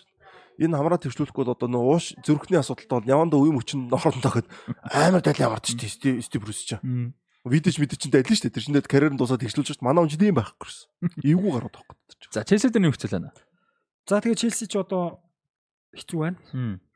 За тэгээд Эвертон форм олсон. За ялангуяа юунаас хойш бол хожигдоогүй их сайн явж байгаа. 10 Яг гоо би Челсид энэ ганц юм чи sorry. Челси хэрвээ одоо ингээд хүмүүс авахаар байсан бол яг үндэ бол тэг багийн лидер байсан бол Declan Rice шиг авах хэрэгтэй байхгүй энэ бол. Яг тийм хүн бухимад хэрэгтэй байхгүй. Тий, Declan Rice шиг ч юм уу одоо өөр хин бит энэ. Одоо яг Англиас ч өөр тэгчгэр би бол Rice шууд бууж ин хэрвээ авахаар байсан бол. Одоо Arsenal Declan Rice-ыг аваад шал өөр шаал ор штэ. Бүр алж штэ. Тий, алж штэ. Чин Райстерт бухимад зориулах хэрэгтэй байхгүй. тий, тоглолт моголт ч юм уу тиймэрхүү одоо mind sign те бүх юмараа тийм Тэгээ оронд Кайседог авсан штэ. Кайседо Лавиа дэрэг авч байгаа штэ. Кассет бол үнэндээ бүр сү- сү- сүг болцсон байна. Гэтэ одоо хинээс гарч байгаа дээ. Одоо хэнийг харах юм бол өө яана. Тотнамд байгаа төв ягс. Бисумаа юу? Бисумагаас харж байгаа харж байгаа. Яг тоглогч нь байгаа байхгүй. Яг тоглолт чадах юм бол Кайседо чадна шүү дээ. Бисумаач алж шүү дээ. Бисумаа сайн байгаа. Саар марч одоо. Сенегал тоглогчтой ч. Папесар ч алж шүү дээ. За тэгээ Эвертон сайн ба. Эвертон 10 оноо хасууснаас хойш ингээд э, мундаг хожилтой явж Ньюкаслыг 3 тийг ярцаатай болгож авсан. За дараа нь Ньюкаслын өмнө нэг хоцсон шүү дээ. Ньюкаслын өмнө хоцсон Ньюкаслыг талбай дээр 3 тийг. За тэгээ Челсиг 2 тийг. 3 дараалж очоод 3 дараалж хожоо 9 Гол оноо гол алдیں۔ Яг үст. Гол алдаг. Тэгээд бүр үнэхээр гоё байна. Тэгээд яг фэнүүд нь одоо нөгөө нэг 10 оноо хасуулсан гэд чанга Жинхэнэ байсан нэг талтаа гарцсан байлээ шүү дээ. Одоо бүгд л тийм ер нь ер нь 10 оноо асуусан бол хитрхи чанга юу байсан гэдэг юм хандлал бол ер нь нэлээд байгаад Ер байгаа. нь бол одоо юу гэдэг зүгээр яг хуу оноо асуул нэгдэг сайн зүйл биш л дээ. Гэтэ ямар ч юм дөгөө эрг сөрөг тал байдаг те. Одоо оноо асуулах юм нэг дотны хүн байхгүй болох ч юм уу тэр тиймэрхүү юмч бас хүмүүсийг нэгтгэдэг тий. Нэгтгэх нь Зарим нь бол мотивац өгнө. зарим нь бол яг хаа даахгүй тэр чигтээ байгаа тохиолдол бол байгаа. Тэгэхээр Ньюкаслын дээр бол айгүй гоё сэрцсэн. Эвертон. Тий. За Ньюкасл бол харин Эвертонд хожигдоод дараагийн тойрогт бол юу Тотнем 4-1-ээр хожигдсон. Гэмт хүртлийн асуудал бол дуусахгүй наа. Дээрэс нь нэг одоо харагдаад байдаггүй юм Эвертон дээр юу харагдсан гэвэл Эвертонгийн 3-0-аар хоцсон тоглолтын 2 гол дээр Триппер ерөөс алдагс. Ер нь Триппер л гол өгсөн гэхэд нэг буруудахгүй. Тэгээ Трипперээс гараад байдаггүй тийм юм. Тэгээд энэ дэр зүгээр хүмүүс юу гэж гэсэн чинь яг нэгдүгээр угаасаа тийм уруу шийдвэрсэн гэхдээ Триппер тэгдэггүй тоглож болохоор ядралт их байна. Тэгээ нөгөө энэ жилийн нөгөө нэг Аврал лиг дээр Трипперээс айгүй муу тоглосон. Трипер угаасаа муу тоглож байгаа. Өчтөр нөгөө Гэхдээ нэг хэсэг бол амар байсан юм. өнгөрсөн үйлрэл бол амар байсан. Сая энэ үйлрэл ч сайн байсан Яг байна. Трипперийн нэг давуу тал нь товтлон дээр амар ихгүй.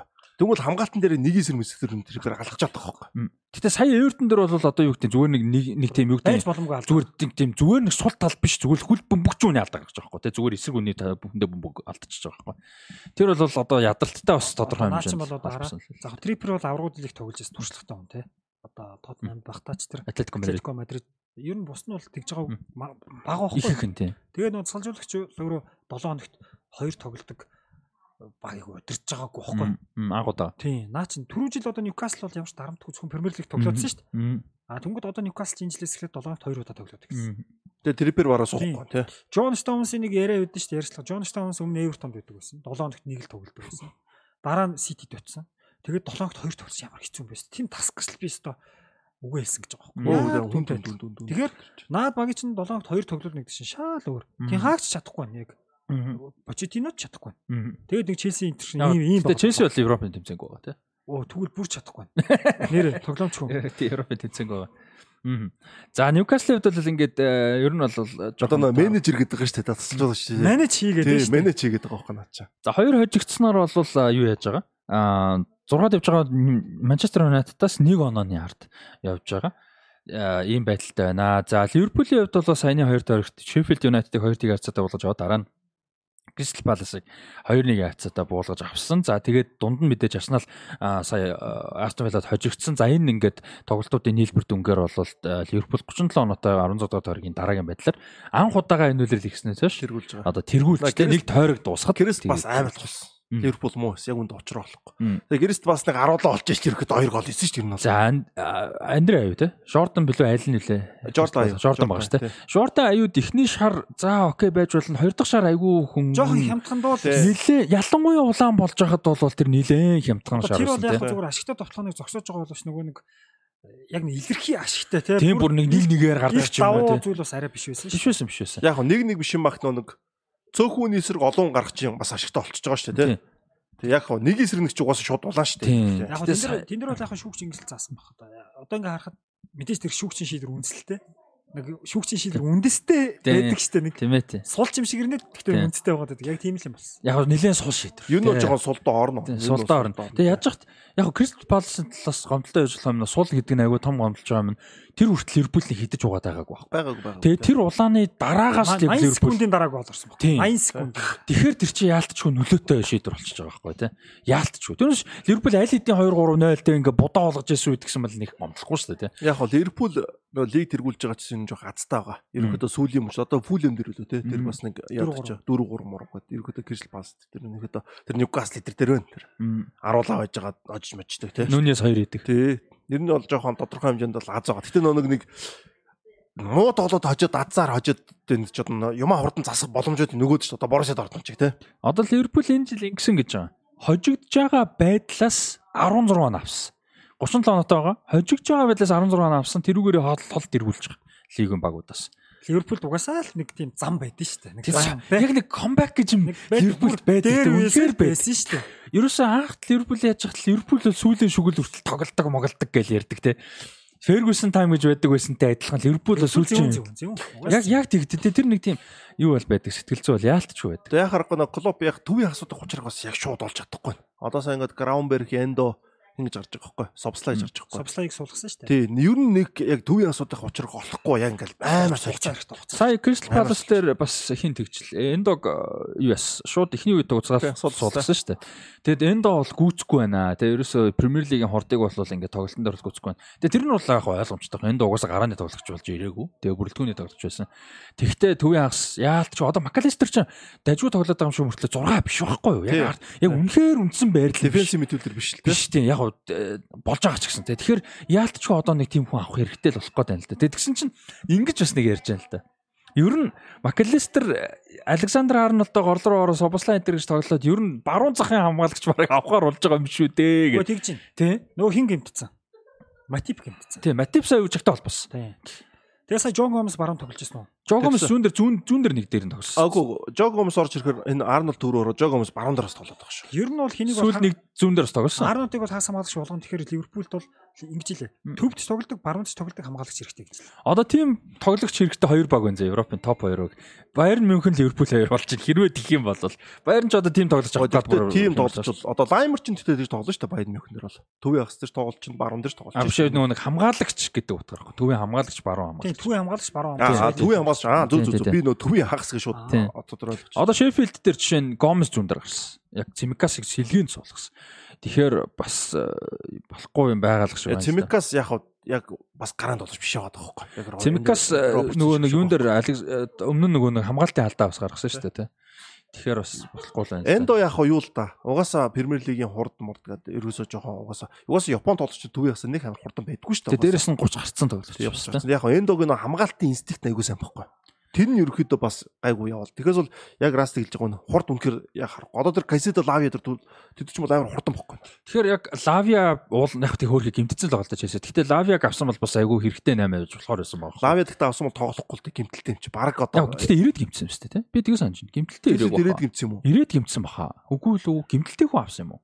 За гимтэл Тодорхой хэмжээд байсан санагдаад байгаа юм би. Гимтэлтэй хүн аавна гэж байхгүй гол. Тийм тийм. Ирээд гимтсэн санагдаж байна. Би ирээд гимтсэн санаад шүү. Ирээд удаагүй гимтсэн байна. ёсны тоглолт хийгээгүй байгаа шүү. Тийм. Ямар ч ирээд удаагүй гимтсэн баг. Тийм. Энд бол яг харахгүй тэгэд бүрэлдэхүүн болж. Тэгэхээр Макалистер л баг 6 дараа тоглох гэдэг байхгүй дефенсив мидфилдер. Тийм л дээ. Аз тоглогчтой нэг давуу тал давуу нэг сул тал байдаг шүү. Юу гэхээр жоо удаан тасдаг. А нэг тасчих юм бол Тийм тийм. Нь Лазо Тийм. тэгэн тэг. удаан тоглолт. Угаасаа Тийм. соёлын шал өөр шүү Тийм. Удаан тоглох нь бол бүр том юм шүү дээ. Аз гэсээс хасаа би одоо л тоглож байгаа юм бол ихтэй дараа нь яриа заяа. Ярих үед. Nice. Масабе бол тэгтээ үнэхээр амар хас. Амар амар. За тэгээд э, юуны хувьд бол Ливерпулийн хувьд бол иймэрхүү байна. Тэгээд өөр э, сонирхолтой тоглолтууд мэдээж хэдэд болсон байгаа. Тэгээд хэдүүлээ зөвхөн Премьер Лиг яриа дуусчихад бас э, цаг нэлээд явцсан байна. Тэгээд дараагийн лиг рүү оръё гэж бодож байна. За Тотнамыг товчхон ярьчих. За Тоттенхэмийг ярьчих. За Тотнам бол 5 тоглолт дараач хожиг байсан. Сититэй ганц тэнцсэн. Тэгээд дөрөв хожигдсан байсан. За өөрчн бол Ньюкаслыг идэж уулаа. Угаасаа хамаагүй илүү тоглосон. Аач амар тоглолт. Соныг бол 8 дугаар сараас хойш анхудаа зүүн гаргаад Мгм. Ричарлисныг урд гаргасан. За Сон бол зүүн жигрөөс ихний 2 голыг гаргаж өгсөн. бүтээч өгсөн тий. За Ричарлисон 2 гол хийсэн. За энэ бол Тотнамын хувьд бол ерөөсөө баг төгс гэмээр тоглолт байсан. Удоги гол хийсэн, сон өөрөө ч гол хийсэн. А тэгээ 2021 оны хэдэн сараас гэж вэ? 8 гэсэн үү? 9 гэсэн үү? Сараас хойш анх удаага Harry Kane-с өөр тоглогч тургуулын цогцолт гүйцэтгэж хийсэн. Юм болж байгаа юм билэ. Тэгэхээр Harry Kane бол дандаа тоглодог байгаа байхгүй. бас Амар ихний үеийн үзэл унтсан. Одоо энэ шинэ тоглолтын дээр ихний үзэл үзэл унтдаг болчих. Наад Destiny удооги гэдэг би ахаа тайлбарлал хүмүүс нь удоожи гэдэг байхгүй. Англи тайлбарлагч нар удоожиг нь хамаагүй байхгүй. Тэр чинь англиараа л хэлж штэ. Юу нь бол удооги угаасаа тэр юун дээр нь бэлээ. Доги гэдэгтэй адилхан дуудана гэдэг. Удооги Destiny удооги энэ Анж Постецоглу яг энэ юу гэж байна? Энэ Guardiola өдөртэй адилхан жигүүрийн хамгаалагч довтлохонд айгүй тэмчилээд байна. Ялангуяа над удооги Педро. Педро Поро хоёр бол жигүүрээр ерөөсөө нөө довтлогчид авах орч байна. Түрүү дамжуулаад хоёр нөхөрт боломж гарах юм бол уршаа удаагийн зөвхөн энэ тоглолт биш байхгүй. Өмнөх тоглолтууд гэсэн Destiny удаагийн гол айгүй олон гоё боломжууд гарсан. Хамгаалагч учраас нөө гол оруулж чадахгүйсэн. Саяныхтар бол яг гол оруулсан л удаагийн. Тэгээд Соныгоо зөндөө тоглосон хамаагүй дээр юм байна. Илүү олон бүбэгтэй харьцах юм байна. Илүү тэр байранда тоглоо сурцсан юм байна. Сая бас нэг тийм сонирхолтой юу бас орлого хэлж тэ. Бренон Джонсон, Кулусевски сон 3 гуруулаа гараад тэгээ урдаар Ришарлисонтэй. Бренон Тэр бас- Джонсон- Кулишевский төв тоглож байгаа. Тий. Тэр бас бас сонирхолтой. тоглосон шүү дээ. Атактар тоглосон шүү дээ. Бас Одоо сонирхолтой. Тотнам ингэнэ гэж нөгөө Ливерпул сайн нөгөө төвд хамгаалдаг, баруунд хамгаалдаг нь Ливерпулд хэрэгтэй гэдэг бол одоо Тотнамд өвөл төвд довтолдог, зүүнд довтолдог хэрэгтэй. Яг л сонтой. Ээлжлэх. А Ричарлисонд итгэхгүй байна. Сонтой ингээд А Ричардсон угаасаа яг үндсэн юу байрал нь бол үзүүрийн товтлогч хийх юм байна. Одоо ер нь бол. Тэгээс өөр байрал бол Ричардсон одоо удлаа байна. Энэ бол Эвертон дөртөө зүүн тоглолт өгсөн шүү дээ. Барселоны шийд ч гэсэн баг Ричардсон баг одоо 8-1 гэж тэг үндсэн товтлогчоор одоо ингээд бид нар яриг болсон. Тэгээ би ингээд Бренэн Джонсын тоглолтын хэлээр айгүй гоё тоглогч. Энэ жил чимээгүй өнгөрцөн гоё 8 байсан. Тий. 50 саяар ирсэн. Тий, Бренэн Джонс айгүй гоё. Хаанаас ирсэн? Лидс дээ. 50 сая. Үгүй, үгүй. 40 сая. Nottingham Forest өнгөрсөн үеэрний шилдэг тоглогчтой. Тий. Аа тий. Нот ингээ Лидсээс Nottingham зээлэр тоглоо шүү дээ. Би тийг санаа. Лидсээс ирсэн. Ямар ч Лидсээс авсан байхгүй юу? Тэгээд Nottingham тэгвэл зээлэр Nottingham тоглосон. нөгөө түрүүжил дээшээ гарч байгаа баахан хамтан Тий. цуглуулгахдаа цуглуулсан бах та. Айгүй гоё тоглож. Тэгээд харсан чинь нөхөр Уэлс юм байна. Уэлсийн шийд чинь тэгсэн чинь юу юм бэ? Одоо бид нар ингээд юуны Европын нөхцөл тол төр Уэлс чи их гоё орж байгаа юм. Урдаа Бренэн Джонсон, а Дэвид Джеймс, Хари Уилсон гэдэг. Dan James. Даниэл а Даниэл Джеймс Юнайтед байсан. Даниэл Джеймс энэ гурав байгаа юм. Тэгэхээр энэ Уэлс ч бас айгүй эвгүй бүрэлдэхүүнтэй байна. Бренэн Джонсон ч айгүй тоглож шүү. Ямар ч ухаар. Би Lincoln Lincoln дэсэн тэгвэл андуурсан юм биш үү? Nottingham л юм байна. Мөн юм байна. Угаасаа Nottingham юм биш үү? Лицэс биш юм байна биш юм байна. Би би миний буруу юм шиг. Sorry. Тэгээ угаасаа Nottingham Academy юм байна. Би дунд нь Нотнем да Брендон Джонсон нөө Гибс White хэлүү. Энэ хоёр чинь нийлээд божигнуулдаг шүү Тийм, Gibbs White одоо юунд амар сайн байгаа шүү дээ. Nottinghamд. Тэ? Гибс White чи Wolverhampton-оос өлөрлөгдөд айгүй өндөр үнэтэй авсан шүү дээ. Мм. Тэг би гайхаад нь ч одоо юун тоглож авч байгаа гэсэн чи айгүй сайн тоглож байлаа. Гоё тоглолчлээ. Brandon Johnson гоё үлээ, гоё үлээ. Сто гоё л. Зүүн дэш тоглолч нь баруун дэш тоглолч нь. Тэгээ хурдан, тэгээ гол нь өндөр. Метр 800 цогтөг. Тэгээд ардаас нөгөө нэг back post гэдэг шүү дээ. Давуулсан бөмбөгийг орж иж мөргөж зөргөхөд бас амар том давуу талтай. Одоо тэгээд над нөө төвийн асууданд Биссама Сар хоёр чинь ямар ч гоё тийм юу back Бисумаса юуны Backup. үдээс нэг хүн шиг тоглолоо. Ньюкаслын. Тэр Ситигийн эсрэг бас хамгийн хог тогсон шүү. Тэгээ Ситиг эсрэг угаасаа хагасууд нэг хог тоглох үе байдаг шүү дээ угаасаа тэр нь л байхгүй. Энэ бол өдөр гайгүй. Одоо нэг э, юу л байна л да. э, Tottenham бол энэ жилийн давуу тал нөгөө нэг э, юу байгаа. Өнгөрсөн жилийн Newcastle гэдэг шиг Европын тэмцээн байна. Тэгэхээр одоо энэ дээрээ л ажиллаад Европын тэмцээний ирэх авч чадах юм бол төвийн хагас дээр тэгээд дээрэс нь урдалт хүн нэмэхгүй бол одоо энэ дэр жигрүүтэрийн Брайан Хил тоглож जैन те голд одоо Оливер Скип мэп бол бас яг хоёр тэмцээн дараа жил хэрвээ тог хэрвээ авах юм бол явахгүй. тийм юу юм бэ лээ? Скип бол яах вэ? Гэхдээ Аанж бол нэг шийдвэр байна. Хойбергийг бол ер нь бүр ингээд одоо юу гэх юм бүр хүлээж авахгүй ч юм тийм билүү. Аргагүй ирэхэд хүн байхгүй. Ингээд Хойбергийг дандаа 2 дугаар үед ч юм уу гаргаад байгаа шүү. За мань хүн бол скипийг бол бүр Хойбергийн хойно тавьсан. Хойберг чи юм байгаа тоххой. Яг нөө хурд гэдэг тоххой. Хурд утаа яах нөө найруулга гэдэг айгүй байгаа тоххой. Тэнгүүл нөө Аанжин багч урагшаа айгүй гоё шагш тоглолт. Хурд айгүй чухал. Тэд нар төвдөр Хойбергийн хурдан тутаад тоглож шилжилтийн хурд. Тий. Одоо нөө Биссума Сар хоёр чинь шилжилтийн хурд мард соёлоод байл. Одоо энэ ч нэг э, тэгтээ тоглогч нэмэхгүй бол болохгүй л хата зүм тий. Тэгээ Европын ирэх ялангуяа авчих юм бол тий. Тэгээ Викарио гэж айгүй гоё 8 хийчлээ. Ер нь Брендан Джонсон Викарио хоёр айгүй гоё 8 болсон. Педро Поро энэ төр яг нөгөө нэг багууд нэг эргэлзээдсэн тоглогчтой байхгүй? Одоо энэ нөгөө нэг энэ ч яг нөгөө нэг тоглогч дээр одоо итгэл төрүүлж байгаа үйлдэлүүд тахгүй нэг хүн бид нар ч ярьдаг штэ. За ингээд Нидерландын ч юм уу те Францын лигт Эли Вахи гэдэг шиг ийм торч ингээд сайн тоглож байна. Гэхдээ том хэмжээнд очоод начин чадахгүй үгүй юу гэж зарим нь эргэлзэн зарим нь Энцо Энцог авж байгаа шиг ингээл мөнгөөр зодоо авчна гэдэг ч юм уу. Тэнгүүт Викарио Педро Поро одоо энэ Удогийн ч гэсэн адилхан те Брендан Джонсон энэ эдийг бол айгүй гоё итгэл найдар төрүүлээ авчиж байгаа байхгүй. Авьяастай одоо Викарио чи Сери А-гийн сүүлийн 2 3 жилийн хамгийн сайн хаалгачтай Эм подгийн халагчтай бүр. Тэгээ Эмполи. Тэгээ мань үний чинь нөгөө Стеснийг орлуулах уугүй юу гэж бүр Ювентус хүртэл авна гэж ярьжсэн хоёр хаалгач нэг байсан. Тэгээ Педро Поро баруун дээр үнэхээр сүм байсан. Одоо Удинезэд Удогийн бодоо олгож исэн тий. Ингээд айгүй гоё юм 8 минут хийчихэж байгаа юм л та тий. Тэгээ нөө дасгалжуулагч гэдэг нөө багийг айгүй тоглолчтой айгүй гоё нөө зөвхөн өөрийнх нь чаддаг юм ягаад айгүй гоё хөдөлж чаддаг. Яг Аанч тийм байна л да. Тэгээд Лососо энтер гимплээс ирээд хин чин Сон чин багийн лидер байна. Бас уур амьсгал гоё байна тий. Одоо Тоттенхэм яг нэг үзүүртэд нэг үнэхээр сайн тоглож авахгүй болохгүй. Тэг ялч нэг страйкер бол хэрэгтэй л юм л. Ричарлисонд итгэхгүй зүн үү? Бонифас Виктор. Бонифас байж болж байна. Яа бас аа. Янзын дотлагчтай Виктор Бонифас бол. Тэгээ Санте Санти Хименес байж болно. Одоо ийм сайн байгаа юм чинь Тоттенхэм дээр угаасаа эзэн харчлаа штэ. Ер нь ихтгэлтэй хүн болоод. Хямдхан юу гэх юм а Санти Хименес байж болж байна. Хинээс бол хямдхан ирнэ Бонифасаас э, юунд алж байгаа шүү дээ. Нидерланд лигт. Супер байгаа. Байж болохоор байна. Довтлогч гэвэл. Гэтэ Ришарлс нэг явуулах хэрэг гаргалах л та тий. Одоо яа Тэгээ өндөр үнээр авах уу? Авах байхгүй шүү дээ. Өндөр дээр байх уу наач одоо нэг өндөр үнээр авцсан тэгээ одоо тэгээд хүн авах юм байхгүй? Тий. Бас хэцүү болж байна тий. Тэгээ Тэгэхээр Ричарлисон хөгжүүлэл гэж үзэж тийм Мм. юм. Сайн тоглох гэл. За тэгээд Премьер Лиг дэг товчондоо юм Өө тэгээд аа. sorry энэний л зогчод Аа. байна. Тотнам дээр Анжиг бас нэг магтах шалтгаан төвийн хамгаалагчгүй байхад одоо тэр олон хожил авахгүй нэг байгаа шүү дээ. Тэр чинь ер төвийн хамгаалагчгүй байсан шүү дээ. тэгсэн тэгсэн. Төвд нь Эмерсон Роял энэ Бен Дэвис хоёр тоглосон шүү дээ. тоглоод байгаа байхгүй. Тэгсэн, юу? тэгсэн. Одоо энэ Дэвис бол яг хөө сүүлийн төвөө хамгаалж болцсон л. Тийм, яг хөтө тийм. гуравтад л тоглож ирсэн яг дөрөвдөд бол ер нь бол Одоо бүр сүүлдээ дөрөв тоглолдог Болчихсон. болчихсон. хүчээр л болчихно л да. Тэнгүүл Ромеро ирснээр нөгөө баг нь гуравтаа тоглохгүй яг Тий. тэгээд тэгээд тэгээ дөрвийн зүүн чадахгүй шүү дээ одоо. одоо 400 бол одоо удаан болчихж байгаа. Тэнгүүл хин Ромеро ирснээр төвийн хамгаалт нь хамаагүй өөр болчихсон юм да. Тэгээд хожиж мөжих тийм тоглолт нь шал өөр Ядчих Ромеро нэг 10 тоглолтод нэг удаа солирч чад улаан улаан. өчигдөр тэр нэг Вилсон дээр яргалаа те. Гэтэ яалчгүй тэр нэг шүүм ирэхээсээ илүү тоглож байгаа нь давуу тал л та. Тэр чинь угаасаа тоглож. юм шүү дээ. Гэхдээ гэтэ тэр характераараа тоглож гол давуу тал юм Хаста шүү юм байна. дээ. Ромерогийн. Дайчин хүн биш дээ. Бас сул тал байдаг. Одоо тэр өдөөги те. Мм. Өдөөги чи балиар дайчин ирнэ. Яг өөрөө хянж чадахгүй байхгүй бас ингээд би хэд хэдэн үзэж байгаа. Ромеро бас тэгээд. Эн чин дайчин хүн мэдээж юу байдаг Тэгэхээр ихтэй хизээдийн тоглож дайсарлаа шүү дээ. Байж ч гэсэн тэр чин чухал тоглолтод би дайчин гээд хүний хөлтөөр ингээд юу- ямар ч хэрэггүй үед гიშгээд улаан авч болохгүй өстэй. Бэт тийм. Яг Гэтэ тийм тоглож байдаг шүү дээ. Ромеро өстрөө зү Вилсон их харагчл шүү дээ. Тэгээд өөрөө ингээд баг гинт ухаан ороод те. Одоо сон өмнөрд ороод гинт ухаан ороо шүүгч бол дээр харж үзэж байгаа байхгүй. Нэг удаагийн ч бол юу ч бодохгүй дайрж орд юм байлээ шүү дээ. Хүнийг араас юутэйтэй хадаад явдаг хүн байлээ шүү дээ. Тийм хүмүүс бол том багтал хүмүүс суддаг шүү. Тийм. Өөрийгөө засахгүй бол бодоод би нөө найзтайгаа ярьж байсан юм.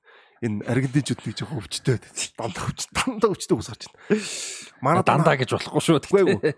Энэ Үе үе гарч ирнэ те. Үгүй ээ, ер нь бол ингээд айгүй их байдаг байхгүй гол нь. Их байдаг байхгүй юу? Ер нь бол Яг sample size нэрээ. шигшээ шигшээ болгон дээр нь байна. Дасгалжуулагчдын дунд нь байна, тэ. Хамгийн супер бол Халуунцтай ард юм л те. хамгийн юу вэ? Тэ битээр бүр амар болон гаргалгаа ирсэн байхгүй. Тэгсэн чинь ийм гаргалгаа. Нөө нэг манайх чи нэг нийгэм солигдоод айгүй олон нийгэм айгүй хурдан намчих нүүдэлчин байж байгаа л коммунизм орол тэгэл арч тэгэл нийгэм солигдож хүмүүсийн ингээд нөө нэг зарим нэгэд коммунизмд үлдчихэж байгаа шүү дээ бүх юм. Тэгээд нөгөө амар зүрх Вилсонтэй үлдчихэж байгаа. тархилгыг үлдсэн үсэндөө байна шүү дээ. Тэгээд зөрүү гарч байгаа шүү дээ. Орчин үеэж хүлээж чадахгүй тэрнээс болоод стресс тийм үү, нерв тийм үү зөрүү гарч байгаа те. Яг үндэ айгүй олон тийч бас архинд орсон шүү дээ. Тэр чинь бол бас нөө юугаад нийгмийн шилжилттэй хийж чадахгүй. Тэнтэй адилхан Аргентин ч амар шилжилттэй зуусахгүй юу нь бол. Олон хувьсгал гарсан те. Амар олон ховсгол босвол гараа. Тэгээд тэр нөхдүүдийн дунд чинь тэр юу байгаад байгаа хөөхгүй нэг тийм ховсгалч ч юм уу нэг тийм жоохон тийм тийм балаатай юу гарч ирээд байгаа хөөхгүй. Балаа хийж гэнэ хийж болохгүй балаа хийж болохгүй. Гэтэ энэ бол тиймэрхүү айгу. Одоо бодлоо шигшээгийн дасгалжуулагч руугаа уцацдаг би тоглож Аргентинд тоглож л харсан. Шигшээ багтаа тоглохгүй гэж дасгалжуулагчтай баг дэлхийн авар болгоноор нэг тоглож гарч ирчих штэ. Баниго багийн лидер хүлэн чүрдэггүй ч юм уу те. Би бол 2002 оноос л үтсэн 98 онд ч юм уу тиймэрхүү асуудлууд утсан гэдэг ортег яахад тэр вандер сарыг зүгээр хат мөргөж байгаа юм. Мм. Маргалдан гутлаа ч вандер сарыг мөргөөд унгаагаа тэгээд Аргентин чинь тэр дэлхийн авараас мулдарч байгаа шиг л. Тийм амар чухал чухал моментууд тэр дэлхийн аваар. Мм. Нидерландын додогч руу Өшгөлдөг. зогттой. А тэр буруу л да. Тийм юм парид Яг тэр нөгөө юу л юм да. Одоо яг нийгэм шилжилт хувьсгал мэдээж бол байгаа л баг. Гэхдээ нөгөө уг хүмүүс нөгөө жоохон сэтгэл хөөрөлхтэй. харин хэн чадахгүй. Харин тийм л Манай гэж- барилзалчууд ч бол ерөөхдөө нэг шоуд гараа нэг дампуурчдаг шүү дээ. Нэг карьер болчихдог. Аргентин дээр яг тийм нэг яг үн нанждгаа хэллээ. Би балаараа тэгээ буруу хэлсэн нөө тийм. Хөөрлөө хэн чадахгүй. сэтгэл хөдлөл Сэтгэл хөдлөө хэн чадахгүй. Тэрнээсээ болоод айгүй болон юу гарчаад байдаг. Одоо тэр дэлхийн авар болгон дээр нэг тийм харагддаг байхгүй. Одоо Мартинсон алтан бэлээ авч чаддаг. Яаж байгаа юм бэ тэр одоо тий. Тэгэхээр тэр мөрийг бол нэг буруу гэж бол нэг яах. Гэхдээ бороо хэсэл одоо Аргентин үнээс гарах юм байгаад байгаа байхгүй миний харж байгаа хараад. За за энэ нөрөө дус ямар ч зүр тийж найзтайгаа тийж ярьснаа ярьчлаа. За тэгээд дараагийн тойрогт юу байгаа? А гол онцлог тоглолт бол а, Бүтэнсаны шүүн 12:30-аас Ливерпулийн талбай дээр Манчестер Юнайтед ирж тоглох тоглолт байгаа. Дараагийн тойргийн хамгийн том тоглолт бол За Юнайтед ч одоо ингээд хэцүү юмд орж шүү дээ. Үтсэний 12 Одоо Баернтай үзэх гээд байгаа байхгүй юу? Мм. Тэгээ Ливерпул гэхээр одоо за бараг л тийм хаг байх уу байхгүй юу? Тэгээд дараа нь West Ham-тай тоглоод Aston Villa-тай тоглоно. Ер нь нэлээд за West Ham л яг ер нь жоохон таар байгаа. Жоохон байтгаа таар байгаа. Сая Fulham юу алуулсан. 5 тэгээр хоцсон. Fulham нэр үнэхээр гоё байлаа шүү. Маркос Силва энэ үйлрэл ер нь чимээгүйхэн бас доогуур үнэлэгдэж явж байгаа дасалжуулагчтай нэг байгаа шүү. Тийм. 10-т явж байгаа шүү West ч. Ham унаа орон гар мэт. Уг нь гайгүй ивчсэн шүү дээ. Нойс евро. Мойс байгаа. Ер нь яг гэхдээ ер нь нэг хэсэг гайгүй явж байгаа нэг дими оноонууд л алдчихад байгаа. Түүнээс яг муу бол биш Муу байгаа. биш шүү Тий. дээ. Одоо харалтаа юуны 16 тойргийн дараагийн байдлаар 9 дөрөөр өрөнд явж байгаа. Бас 60 муу буу аягүй сайн байгаа. 60 буу амар амар. 60 тоо өмнө- Хм? За. 7 тоглолт дараалж эсрэг багийн талбайд гол хийсэн. Боо нөө. Тийм баг шүү. Тийм баг шүү. Тийм Амар баг шүү. стат байл шүү дээ. Кудус айгуу гоё. Айгуу гоё 8 болсон. Пакета сайн байгаа. Гүтүсийг том баг авахсан бохгүй. Жигүр хэрэгтэй тий. Яг авах. Итгэхгүй том багууд яг ингэж эргэлзэж эргэлзэж байгаа. Эргэлзээд байгаа байхгүй. Эргэлзээд байгаа. Эргэлж эргэжл авах. Эргэжл бол авах. Сая дэлхийн ороор аягүй сайн тоглосон гүтүс. Пабло Форнас гоё байгаа. Ward Prowse сайн байгаа. Яг хөө сая 5 0 л Гэхдээ ер нь удирлын дагуу Тотнамыг өтсөн шүү тийм дээ. яг West тийм муу бол биш. суур тураас л хоёр бол яг зөв багтаа байгаа. Ер нь бол яг зөв багтаал тоглож байгаа. За тэгээд дараагийн лиг рүү оръё. Хэдүүлээ одоо бүр цаг 40 минут Премьер лиг болон өмнөд Америк товчоо явлаа. За товчхон гэжтэй тий. За Испанд э, del Rey 2 дугаар э, шатны тоглолтууд явсан байгаа. Аа тэгээд э, хэд хэдэн нэлээд олон тоглолт болсон юм чи бүр нөө доод лигээс явж байгаа багууд тоглоод том багууд бол ихэнх нь хожлуудаа авсан. Deportivo La Coruña Tenerife-д хожигдсан байлээ. Тэгээд тэгсээс Канара ярлаа баг шүү дээ Тенерифч одоо. Тийм, Канарын арлуудын багт очсон. За бусад бол том багууд ихэнхдээ очсон. За одоо юу яаж байгаа? 32 дугаар э, одоо 32 багийн э, шатны су- суглаа удахгүй болно.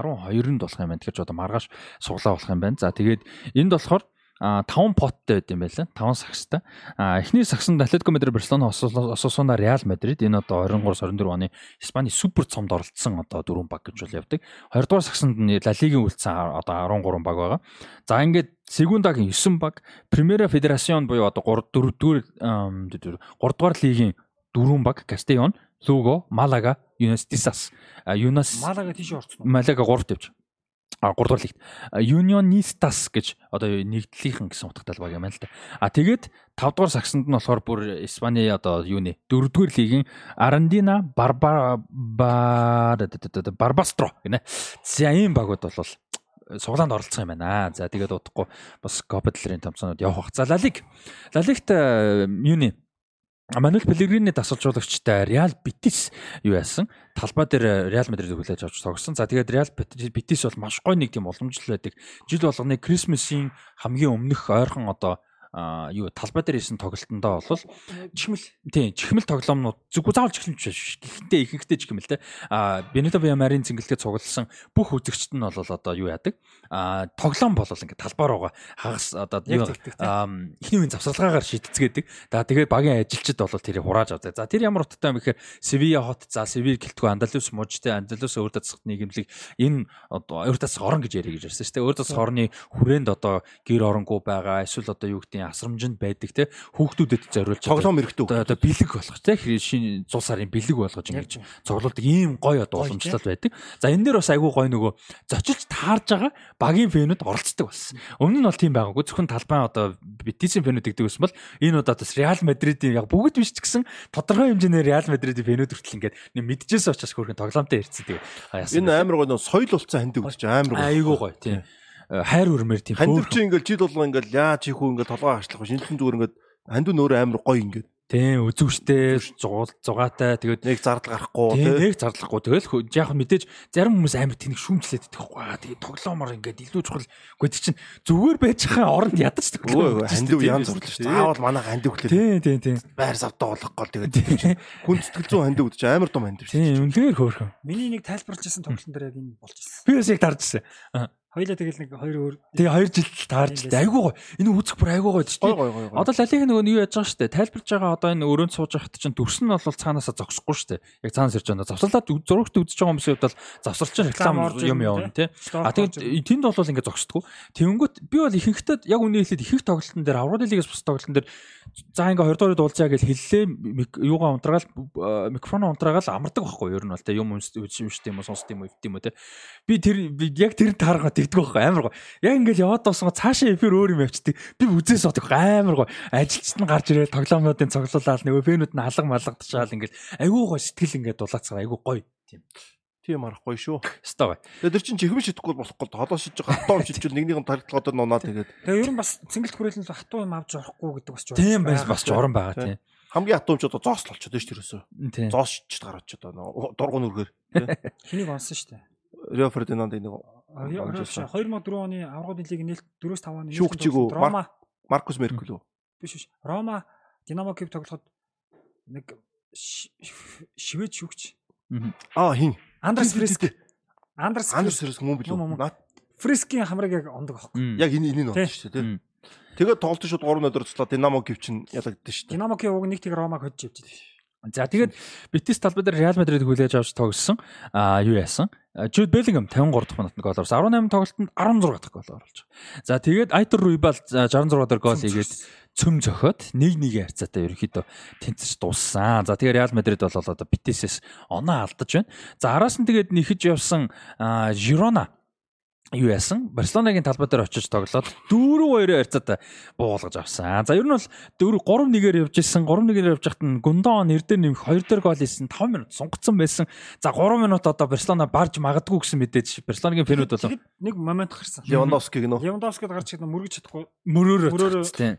Ингээ тэр бол Левандовскигийн хийдэг. Левандовски бол зүгээр easy нүдэн ханаад бараг хийдэг шахууг бол. Аа тэрийг бол алдсан. За тэгээд тэрэн дээр зөрүүж явж байгаа эрдэр нэг тав дээр одоо нөгөө мөн мөнх ус ууцсан Стоанич гарч ирж нэмж хийгээд аа 4-2-оор болгож Кристиан авсан. Стуане юу. Барса бол яг хөө сүүлд нөгөө тэнцвэрлэх гээл зүтгэл хамгаалт хайцсан байсан л. Тий, тэрэн дээр нь нэмж хийсэн. Бүлэнжингийн тавиад өгцөн. За Реал бол юу яасан? Реал Битис Реал Мадрид хин ч хож болох байсан. Мм. 1-1 болсны дараа шүү дээ бужигнсан шүү дээ. 90 минутанд Битис боломж алдсан. Зөрүүлээ шүүгчийн мэдлийн цагт Реал боломж алдсан. Наач амар тоглолт болсон. За Белхэмийн гол бол бүр амар гол. Мм. Цээжин дээр тогтоогоод буулгаад цогч. Мм. Яг Зидан нэг цээжин дээр тогтоогоод нэг зэвүүн буулгадаг те яг тиймэрхүү.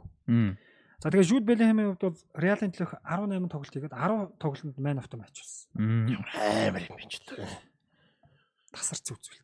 Одоо нөө багийн Супер. лидергээд нэг иймэрхүү хүмүүс авах хэрэгтэй. Тэгээ Ман Юнайтер характерууд амар байлаа. Сая юун дээр Реал Мадрид чинь юун дээр хосол уг гол хийсэн юм бэ? Аврагуудын лиг дээр хийлүү яалаа. Би нэг зураг байлаа л дээ өмнөх тойргийн тойргуудын нэгнийхэн зураг байлаа. Тэгсэн чинь нэг хосолуу чинь нэг тоглолтын дээр юу яасан юм байна л да. Амар олон голын боломж алдсан юм байна л да. Тэгээд хосолуу дээр бөмбөг очиж мочхоор ингээл нөр фэнүүд нь шүгэлдэж мүгэлдээд байсан юм. Реалын фэнүүд. Тэгээд тэгж тэгж байгаа сүүлд нь гол хийгээд хосолуу. Тэгсэн чинь хосолуу чинь ингээл амар сэтгэл хөдлөлтөй байгаа шүү дээ мэдээж те. Ингээл алдаж алдаж алдаж байгаа хийж байгаа. Довтлогч хүн ялангуяа. Тэгээ ингээд нөгөө багийнхнараа голын байр тэмдэглэж явах Беллингем тийч ганцаараа очоод хосөлөг ганцаараа ингээд ингээ фэнүүд рүү түлхсэн юм. Реалага фэнүүд рүү очиж баяраа тэмдэглэлтэй ингээд тэгээ фэнүүд мануудтай ингэж босгож босгоо. Тэгээ фэнүүд нь хосөлөг баярыг хосөлөж тийч тааш. Тэгээ ингээ зүгээр яг энэчнээс харж байгаа нь лидер те. Амар амар лидер те эн чин өөр улсад очсон үндсэн хил. Яг Испани Аа жоох хөөхтөө. Тэ тэ залуухан хосөлөч өөрөөс нь баг 10 дах те.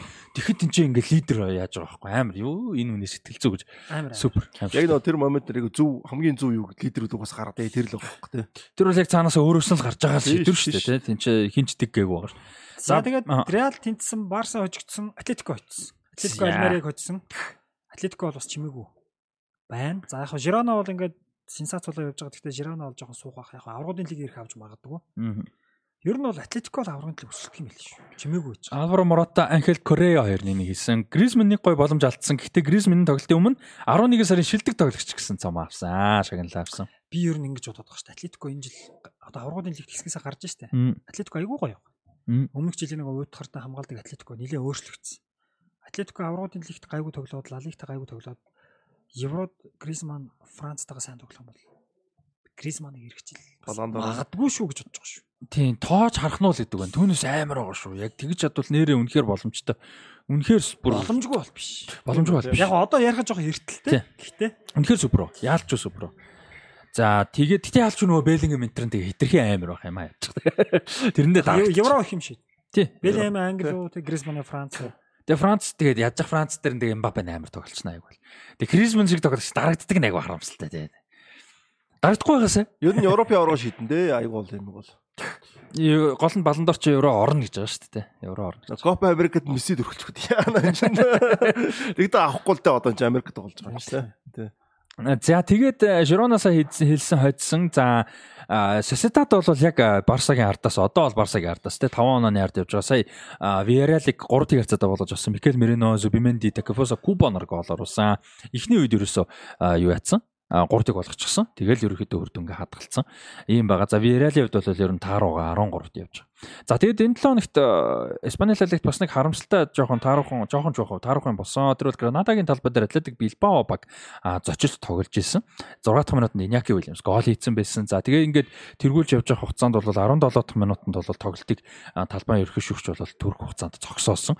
За энэ үед бол одоо Гранада багийн талбай дээр Гранада багийн цэнгэлтгэд байсан Гранадагийн фэм бол одоо ухаан алдаж бас унсан юм юм бол болсон. За тэгээд эмчийн тусалцаа яаралтай тусалцаа үзүүлсэн боловч харамсалтайгаар бол зүрхний шигдээсээр бол тухайн дэмжигч дэмжигч бол одоо нас урсан юм харамсалтай үйл явдал бол болсон.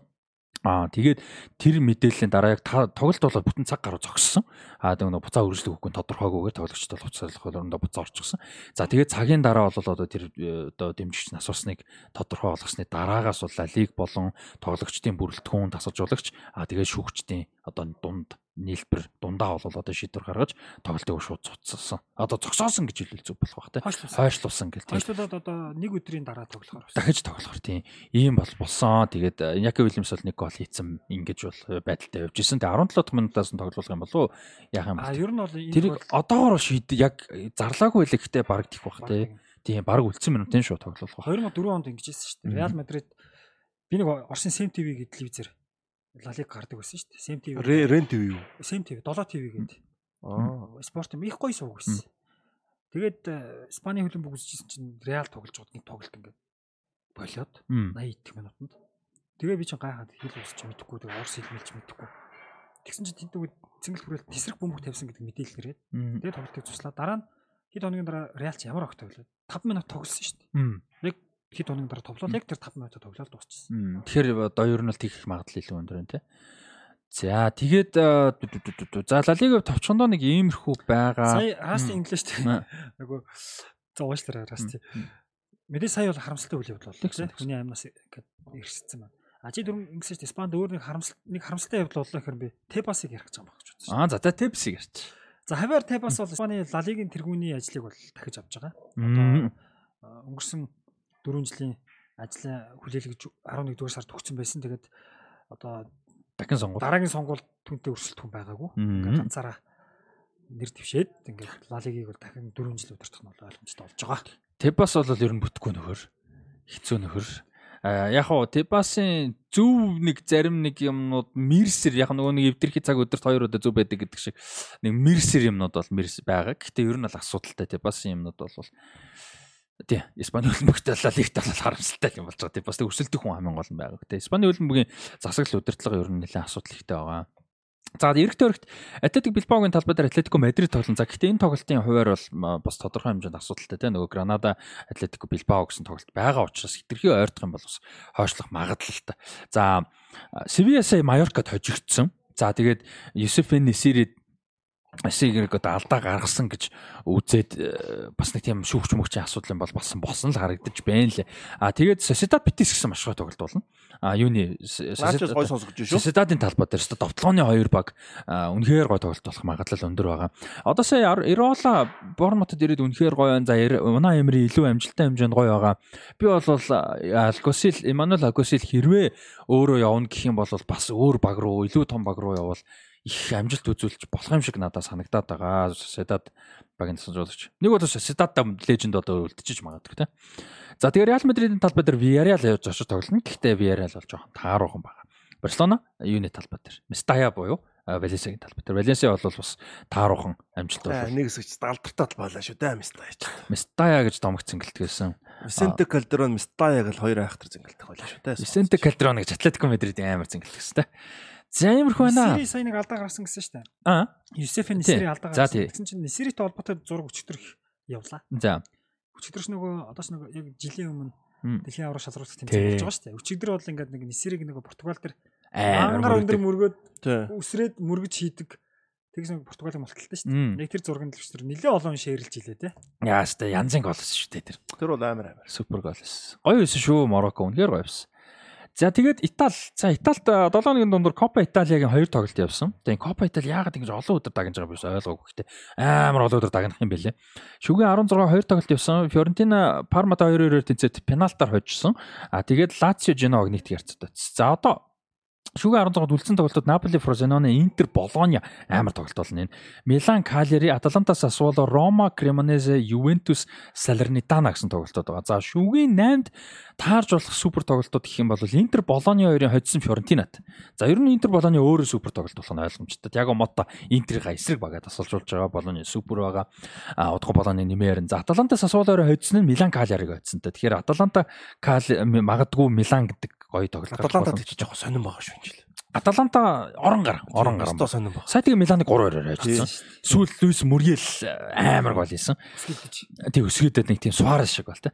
За тэгээ Лацио юу хоёр таарах боломж байна. Рома хоёр таарах боломж байна. За Ромын дээр. Наача амар дерби болно. Лацио гарцсан байгаа. Рома Кремонензетэй байна. Ма мо хоёрын дерби. Мамо тийм Мамо ээ тийм Маурицио Маурини хоёр таарах боломж байгаа. Энэ бол уур амьсгал чанга болно. За Ювентус Салернитанаг хожчих юм бол Наполи Фрозеноныг хожчих юм бол хоорондоо таарах бас боломж ус байх. За иймэрхүү байдалтай сери А байгаа. Тэгээд би өдөр зүгөө дагнаад ямар сони юм бэ гэдэг нь 12 сарын 5 6-ыг тогсноо, 19 21 тогсноо, 1 сарын 23 4-нд тоглолтууд ингээ явах юм байна. Ганцхан шүгийн 16-гийн тоглолтууд ийм олон өдөр. Цуглаал явуулах нь шүү. Тийм, цуглаал явуулаад байх юм байна. Тэгээд 5 сарын 15-нд Ромын Олимпийн цэнгэлтэд шигшээ тоглолт явагдана. Сал стадио олимпикод болдог доо. Тийм, ер нь бол. За тэгээд сери А-гийн тоглолтууд руу орцгоё. Наполи, Ювентус хоёр. За цомын шүгийн 8-д бол таарах магадaltaй байгаа энэ хоёр бол хоорондоо тагсан.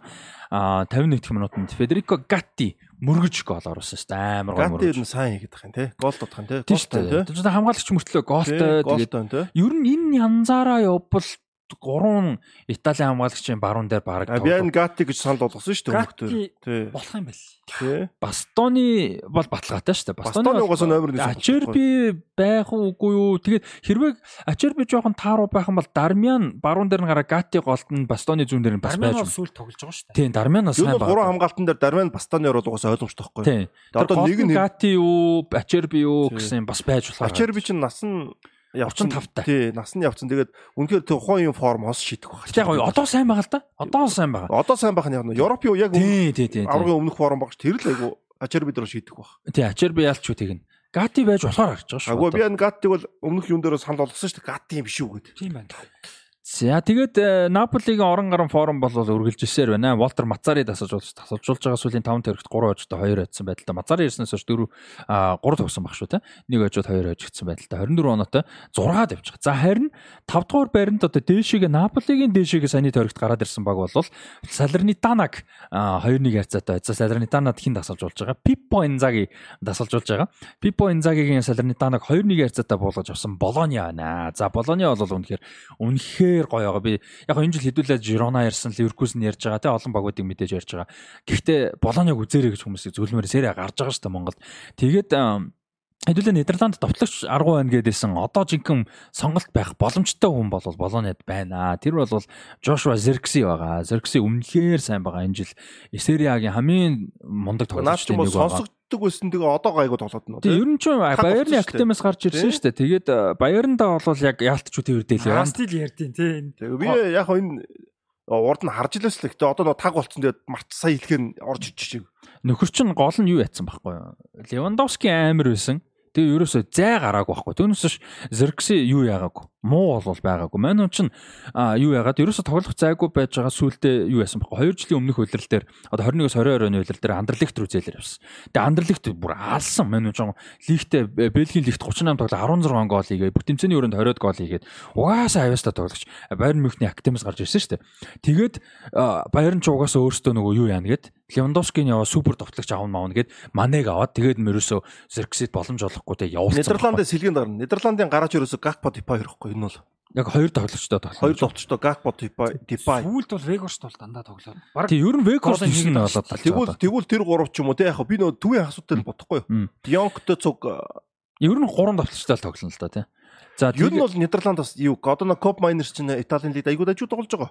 Тэгээд э, 22 оны 100 юунд Болониад жинхэлж очсон Зерксээ. Тэгээ өнгөрсөн үйлрэлт бол Болония унангаа алдаад бас нэг тийм асуудлуудтай байсан шүү дээ. Тэгээ энэ жил Мотагийн дор яг нэг бүтэн үйлрэл яг нэг гарт нь ороод гоё байгаа. Тэгээ бүх тэмцээний өрөөнд 16 тоглолтод 8 голтой явж байгаа Жошуа Зерксээ.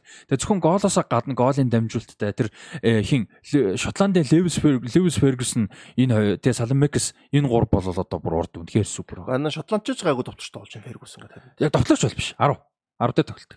Тий, гэхдээ Шотландч хоёр товчтой юм чи ер нь бол цуг гарна гэсэн үг л дээ. Маккин чинь ачаа. Ер нь бол 10 бол Маккин ичиж байгаа. Ер нь бол. Тэгэхээр нөө Дайкста ч юм уу, Чи Адамста ч юм уу те. Гэтэ Фергюсон яг урд арай тоглохгүй баха. Мань хүн яг тийм. Тэгвэл яг Маккиныг жоохон хойш татчих. Тийм, Маккин 8, тэгээд мань хүн 10 болоо. Тийм, хэрэг тэрөө тоглолт. Гэтэ 8 дээр хүмүүс байгаад байгаа хөөхгүй.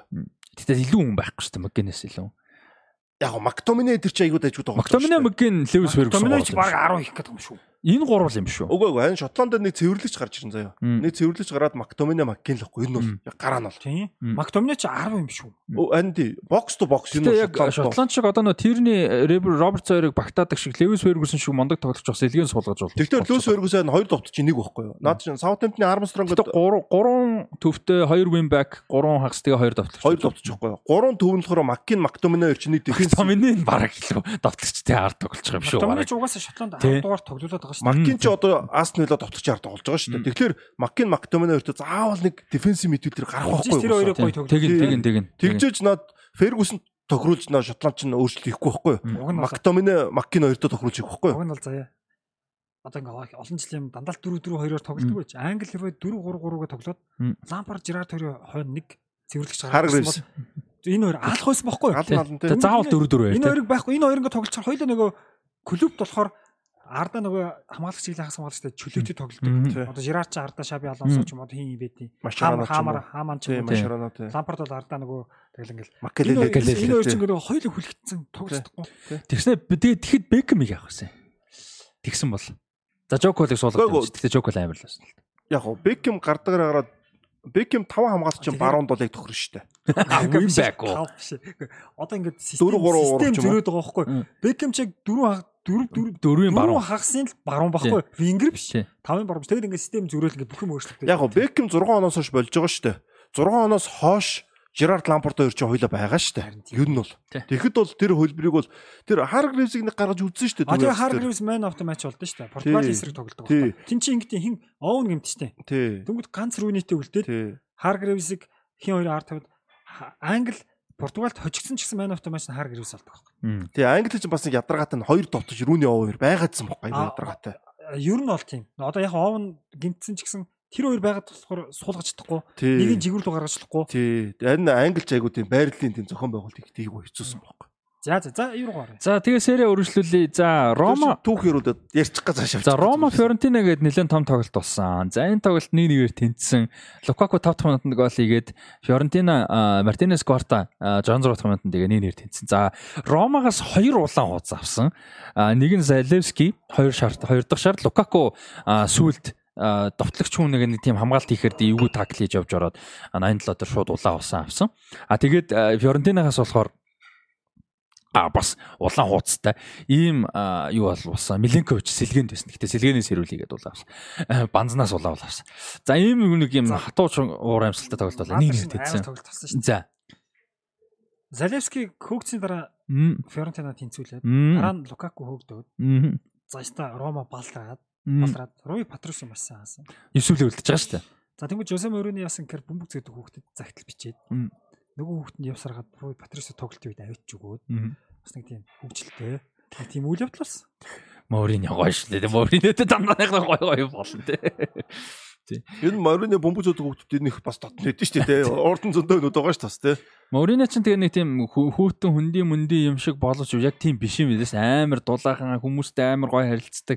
Яг нэг дотн хүмүүстэйг айгүй яадаг. Тэгээ тэр нөгөө нэг Мориногийн байсан багууд United хүртэлтэй нөгөө академийн хүүхдүүд залуучуудын тоглогчд бол Моринод амар хайртай байдаг. Мань хүн байн очиж орж гардаггүй ч гэсэн таарал туулганд айгүй харилцаа сайтай байдаг. Тэ ингээд тийм айгүй гоё юу идэм бэлээ хүлээж авдаг юм байна Мориныг. Одоо Морино гэснээс нэг жоохон дэлгэцсэн. Нэг сайт нэр гоё бичсэн байлээ. Мориноос нэг 5 жилийн өмнө 18 онд яг үдид нэг Манчестер Юнайтедаас халагдсан шүү дээ. Тэгсэн чинь удахгүй Мориногийн халагдсны 5 жилийн яваалан ч гэх.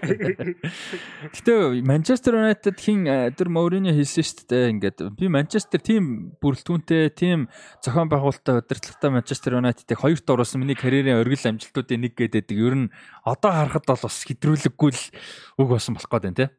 Тэгээд ер нь United дээр айгүй олон хүмүүс шүмжсэн. Роналдо, Криштиано Роналдо буу яриад буу одоо явхад бас боо юм болсон тий.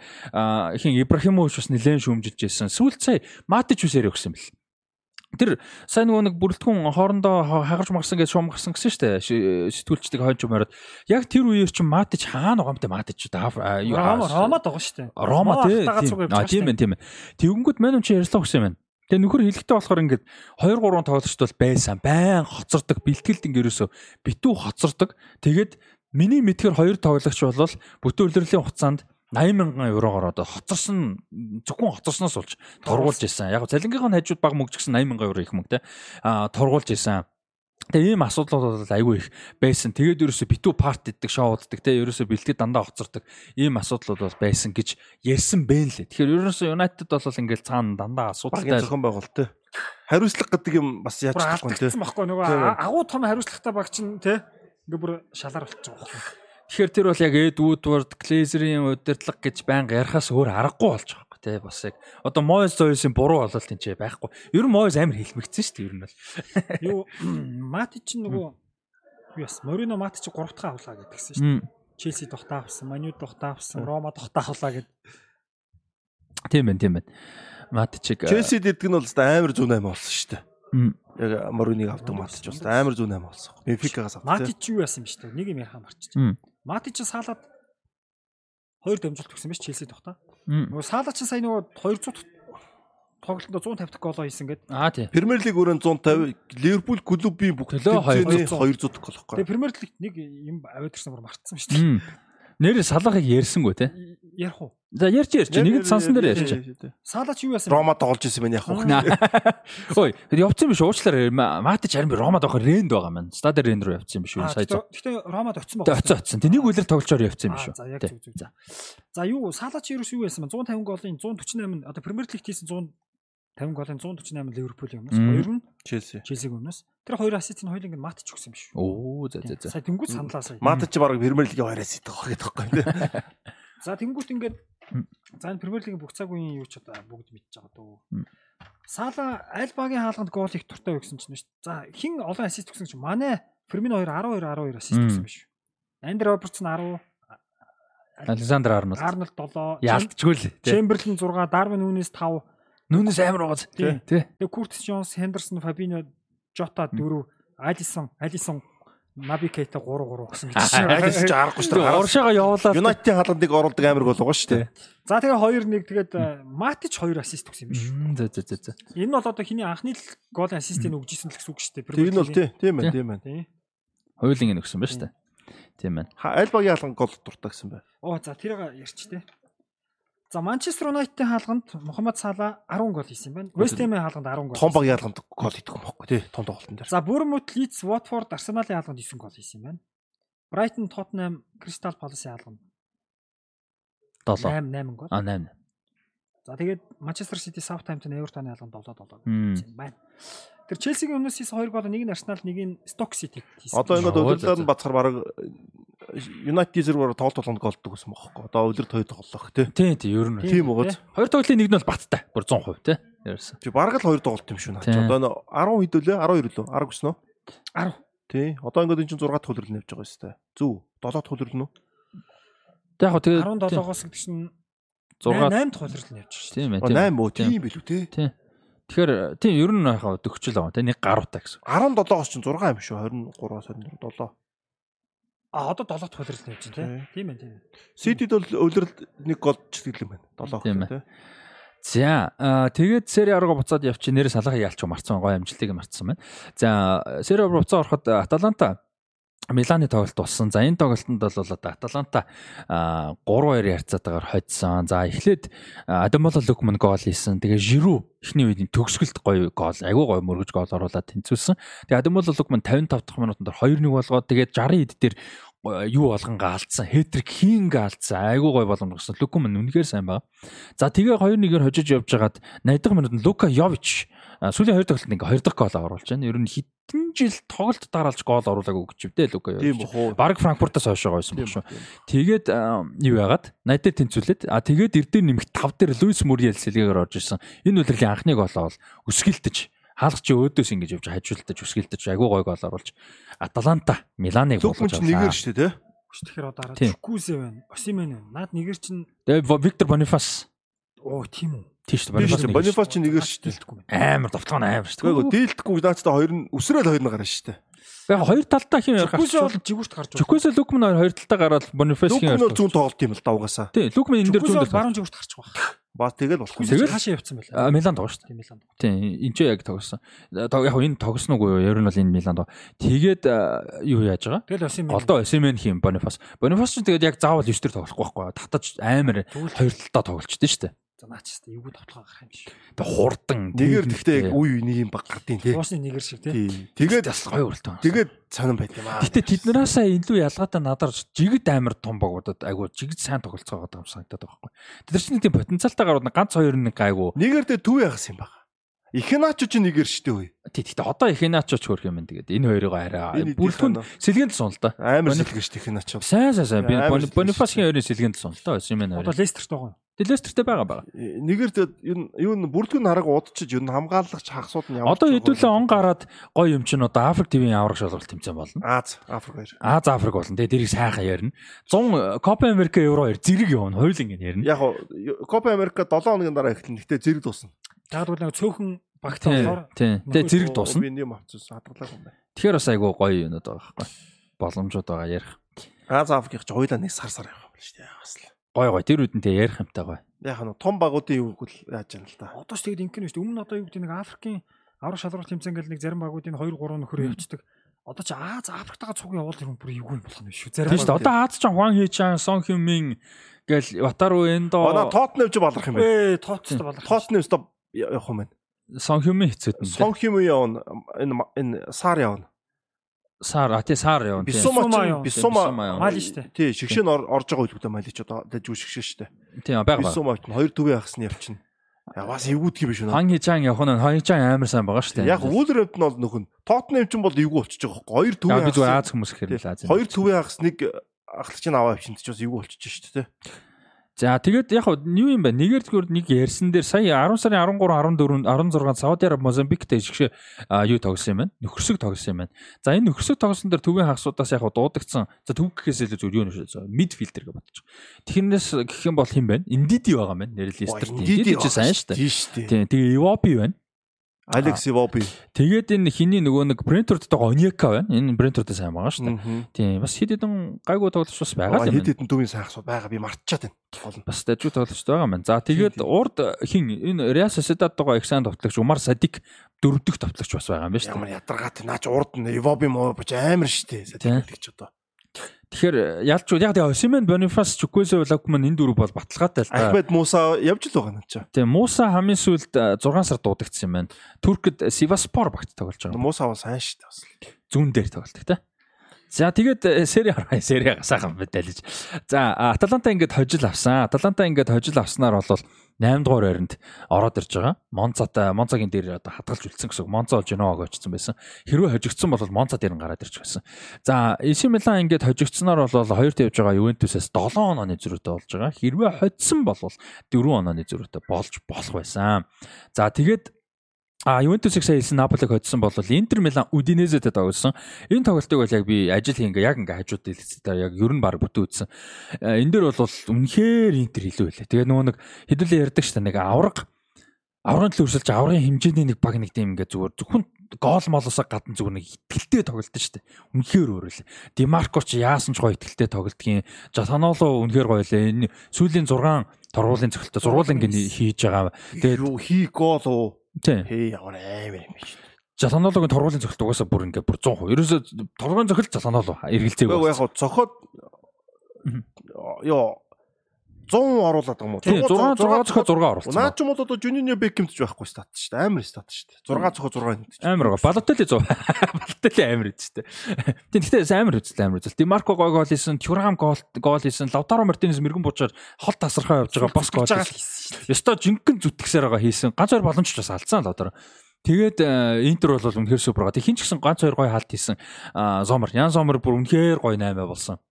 Интер энэ жил бүр үнэхээр гоё. Тэгээд бас гоё байгаагаас гадна энэ хид хідэн бас а, юунууд байгаа. Аа гоё одоо тоглогчтой. Одоо энэ хин гээд одоо нэг нь хин гэж унш Бисак гэж уншиж байгаа юм шиг Бисик. А тий Бисик гэж унш. Энэ их айгу гоё тоглогч билээ. Бисик гэд энэ гурван юуны а, хамгаалагчийн баруун дээр тоглосон. хаанах гэдэг юм би арчи би бас энэ тоглож чинь их олон хараагүй тоглогчлоор зээж шууд мэдгүй. Дарваны байран дээр тоглосон мэт энэ бол тий. тий Дарманы байран дээр ер нь бол тоглосон. Их сайн тоглосон. Энэ бол гой тоглож бол одоо довтлоонд их оролцдог, мөрөгдөг гой тоглож. Одоо Интерсэн Сосидаттай нэгээ үзэн штэ. Тэгнь. Одоо Интер сосед хоёлаа гарах нь тодорхой болчихсон. А Бисек чи юу юм бэ шүү? За герман хамгаалагч юм биш үү? Оо, германд хэрэгтэй хүн байна. Ян Аврел Бисек гэх герман хамгаалагч 2000 онд төрсэн 2000 аа тэгээ 2023 Тоглоонд ордог бол баруун зүрх хамгаалттай тавьчих нөхөр шүү дээ. Тэгвэл Германы. Яг юу метр 96 тийм том юм бэл. Метр 96. Амар юм биш таа. Метр 96-г Тэгвэл тэгвэл ба- жигүүрд гарахгүй юм байна. Тийм энэ гурвын баруун дээр л тог- тоглолт юм. Тэгээ Германы угаасаа юу юм бэ? Хүүхдийн академи 16, 18, 19 20 21-ийн 20 гэж байхгүй 19 21 бүгдээрнийхэн шгшэд нь тоглосон юм байна. Миний үндсэн шгшэд вэ? А? Миний чи өндөр хэд вэ? Томо миний юу? Миний 86 л баха. Гэтэ 90 гарцсан жигүүр хэцүү шүү дээ. Хэцүү те. Нөө миний аа Бэлги нөө шал өөр миний орж ирж та. Тэгээ энэ бисек гой хамгаалагч байлээ. Тэг гой хамгаалагч байлээ. За гарч ч одоо энэ бөөр нөө шүү дээ 96 Dan Burn тийм Burn 96 100 96. хамгаалагч. Аварга. Хин чин Матео Барсад байсан Матео чи 91 байг лөө. Зүүн зүгээр хамгаалагч. Тэгтээ ч яг төвдөлт Матео ихэнхдээ түүх. Тийм ихэнхдээ төвдөр тоглоо. Яг өмнө нь зүүн байсан. Барсад ихэнхдээ төвдөө тоглосон. Яг хэцүү гэхдээ 90 мэрээс. Валенсиас ирдэг лөө те. Тийм Валенсиагаас ирээд спортинг руу. Тийм спортинг. Тийм сайн тоглосон. Аварга авсан. Тийм. Тэр чинь фри кик гол мол хийсэн шүү дээ Копа дэлрээд бас. За Интер бол үнэхээр супер байлаа шүү. Тэг үзээрээ. Гоё ч тоглоо. Үзүүштэй. дүү хамгаалагч 96 байдгүй шүү дээ. Энэ яг нэг нэг хүлэгт бол. Мхитариан Жолоноло Барела гэж тогсон. Мхитариан ч сая юу вэ нөгөө Арсеналт нэг анх амар зоржсон Мхитариан шүү дээ. Тэр шиг тоглож шүү. Гурав Боруссия дуу. Тийм уучлаарай. Борус яхаа Арсенал нэгсэн. Боруссия. Боруссид байсан шүү. 3 4 хүний дундуурч зүгээр ингээл нэг хуурж явж ороод баруун зүнгүү амар амар Наа дамжуулдаг. Мехитран ч яаж яах нөө төв төв тоглоод одоо бүр айгүй сурчлаа тий. Төвд үнэхээр гоё төв болцсон байл Мхитариан бүр үнэхээр гоё байлаа. Гэтэ яг хаа юунд дох тоглож чи хардл байсан л та. Боруссия тэрэн шигээл баг. Гэтэ арай нэг жоохон өөр. Тэгээд угаасаа нэг авьяастай тоглогчтой амар мэдрэмжтэй. Тэгээд тэр нь алга болоогүй байхгүй яг мэдээж хурд дуунж байгаа тий. Өсдөг чадвар тодорхой хэмжээр унж байгаа. Гэтэ тэр авьяас одоо тэр хиний Тюрамын гоолын дамжуулт энэ тэр өмнөн world class нөгөө нэг Модрич бас гардаг Фабригас тий. Тэднээсээс л яг л гардаг тийм дамжуулт өгж байгаа байхгүй амар гоё. Яг байнга тэхгүй ч гэсэн яг л класс мэдгэж л байлаа. Тэгэд юу бол гоё байлаа шүү. Интер Милан бол гоё байлаа. За тэгээд Интер ингээд 38 оноотой тэргүүлж байгаа бол Ювентус 36 оноотой хоёрт явж байгаа. Араас нь AC Милан, Рома, Болония, Наполи, Фиорентина, Аталанта гэсэн баг. Явж гин. За Лациог хүмүүс гайхчихж магадгүй 10 дугаар оронд явж байгаа. За Сасуоло энэ жил харин 9 жинхэнэ муу байгаа. 14-т явж байгаа. Уг нь эхний 10-т бол явж байдаг баг. За Сери А дээр нэмэх зүйл байна уу? Баггүй. За дараа тойрогт Сери А дээр бол юу байгаа? Болони Рома байгаа. За Болони бол үнэхээр сайн байгаа. Тэгээд талбай дээр Роматай гэхээр энэ бол нэлээд сонирхолтой тоглолт болох нь ойлгомжтой.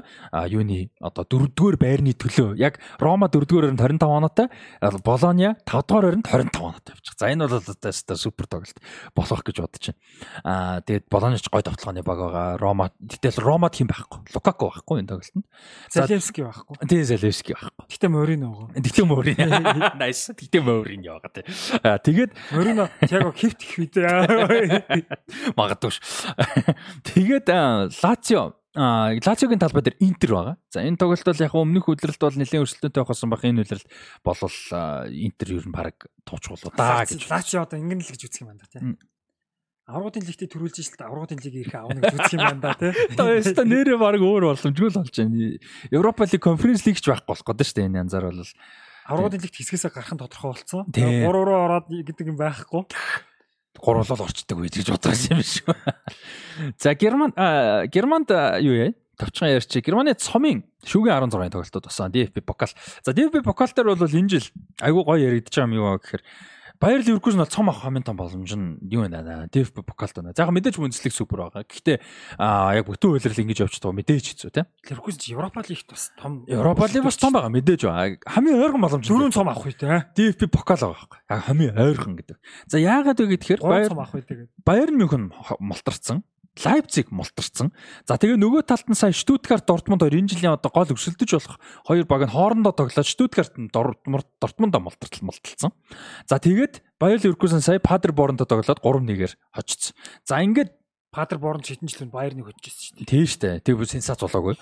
За тэгээд сая э, шүгийн дөрөв 8-ын суглаанд Штутгарт хатарсан. За одоо ерөөсө ганц үсэл Хожсон л авраг юм байна шүү дээ. Тий, ягаад тэр нөгөө та Терта Берлин Кайзерлаутер нь Сарбрукен нөгөө Мюнхнийг болтордог, а молтолдог. Тэр чин Сарбрукен ч сая юу юутай таараа. Сарбрукен ч Саарландын баг үгүй. Саар мууж юм аг. Сар тий. Саар. Айнтрахт Франкфуртыг молтолцсон. Францтай хэлдэг. Нүсний отохгүй. Саар гэдэг нөгөө Саарланд гэдэг тустай байж байгаа шгшээ баг нь хүртэл тустай байсан юм билээ шүү дээ. Саар мууж. Зарланд, Зарланд гэх юм уу, тий заар. Зарбрукен. Зарбрукен ч сая Мюнхнийг молтолчаад сенсац тарьсан шүү дээ. Тэгээд Айнтрахт Франкфуртыг молтолцсон. Тэгээ одоо юутай? а Мюнхен Гладбахтай. За тэгэнгүүтээ Сент Паули юутай? Фортуна Дюссельдорф. Тэгэнгүүт хамгийн том хоёр одоо Фортунтай байгаа том гэж хэлж бол хоёр баг нь Ливеркузен Штутгарт байхгүй. Тэр хоёр хоорондоо. Тэгэхээр ялчгүй нэрийн хоцсон нь бол DFB покал өрөх маш том Тэр боломж. заар чин тусдаа улс мус болны томорд чинь нөө амар нүүрстэй байхгүй юу? Тэгээ томроод байгаа байхгүй юу? Тийм шүү. За ингээд одоо өмнө тустай улс олно гэх аа. За нэг ийм том тоглолтууд бол болсон байна. Дортмунд ингээд одоо ганц цом өрөх боломж бол алдсан одоо найраг болсон.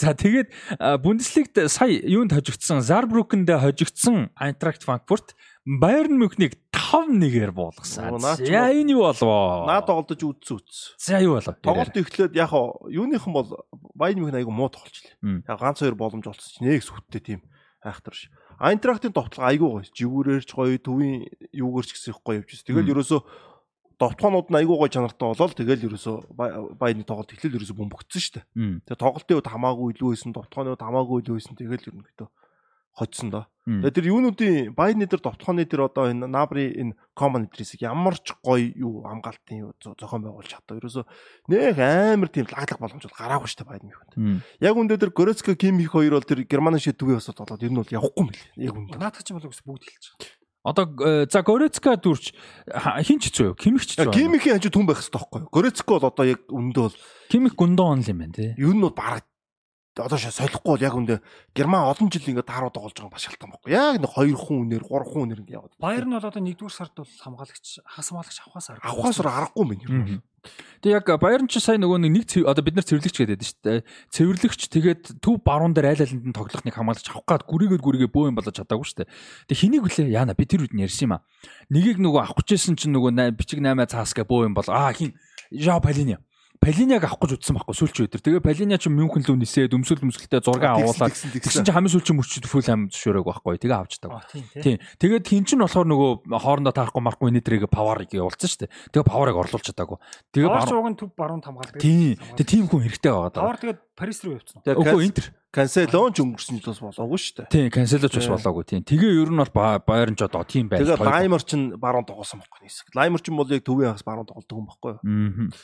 Ер нь бол төвийн хагас зайшгүй авч шаардлагатай л. Палиныг авчвал Палины ер нь бас дайжгүй шүү.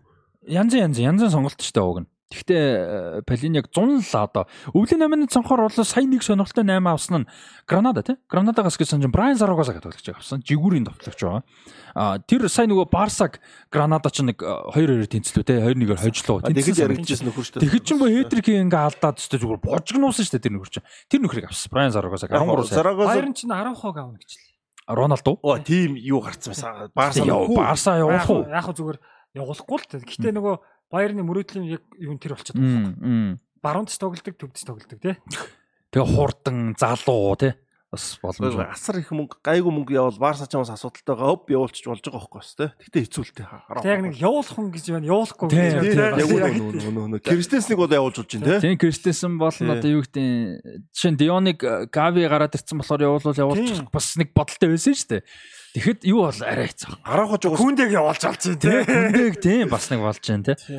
гараахаж амар. л. 12 ялч багийн лидерүүдийн нэг болцсон болохоор болохгүй. За нэг юм болсон. Баярн дээр би зүгээр нэг бодож явдаг байсан. Тэгс чинь за яг энийг тэгээд манай үзэгчний маань бас ихэнх нь юу гэдэг нэг тийм ач холбогдолгүй юм ярьлаа гэж бодож магадгүй. Би ингээ ярих гэж бодоол байдаг байсан. Энийг багууд ч одоо юу айгуу чухал байхгүй. Тоглолтын давтамж гэж юм айгуу чухал. Одоо жишээлбэл Манчестер Юнайтед Ньюкаслд нөгөө алуулсан шүү дээ. Алуулангууд 3 хоногийн дараа Челситэй тоглоход яасан бэ гэхээр Мактоманы ярьслага өгсөн байсан. Мм.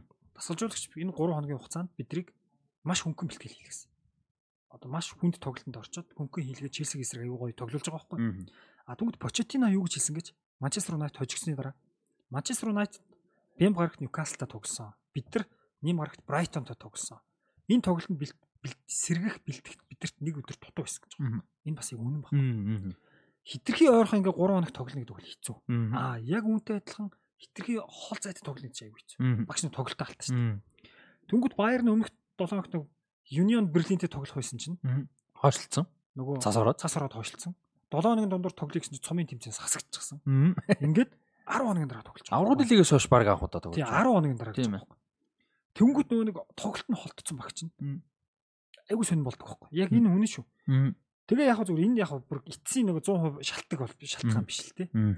Тэгээ би тэр Баерныг үзэж байгаа тэр нь жоохон ийм болчуудаа гэж би зүгээр бас жоохон нөлөөлчүүдэй гэж бодож исэн чинь Горецка тоглолтын дараа ярьслах ус. Германы ZDF гэж телевиз төгсөн ярьслаханда Ни- амар удаан хугацааны дараа ингээд тоглохгүй байгаа тоглох нэг сонирн байсан гэж гэсэн байна. Мгм.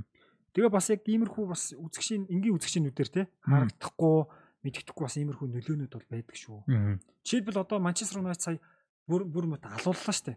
Тэр юу гэхээр 7 хоногт 2 тоглолт Ньюкаслтер хамаагүй маш шахвал дараа нь Нью- Челси дээр шахаал тэгэл юучгүй орж байгаа байхгүй тэр. Аврагын лидер өмнө тоглолцсон. тий. Дандаа ач холбогдолтой тоглолтоо. Тэгээд ингээл юмнасаа гарч. За тэнгууд одоо ингэ чинь Томас Мюллер ярьсан гэсэн байна. Багийнхныгаа одоо ингэ цав нэгээр хожигдлоо тий. Одоо ингэ урагшаа харъя. Одоо сая ингэ хожигдсон хожигдлоо.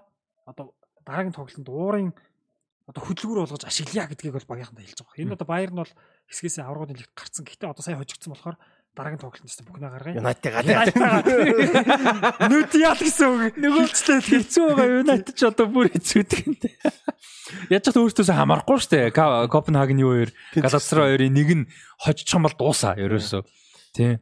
Тэр Яг хоёр гэхдээ Европа лиг рүү ирэх авч тэр болно. хоёр тэнцэх хэвээр. Тийм. Тэр хоёр тэнцээд өөртөө хожих юм бол Европа лиг ирэх авна. Тэр хоёр тэнцээд Юнайтед Байерныг хожих юм бол Аврагын лигээс. Тэр хоёр тэнцээд Юнайтед оноо авчихдаггүй болохоор муулт штэ. бүр бүр бүр бүр байхгүй юучгүй.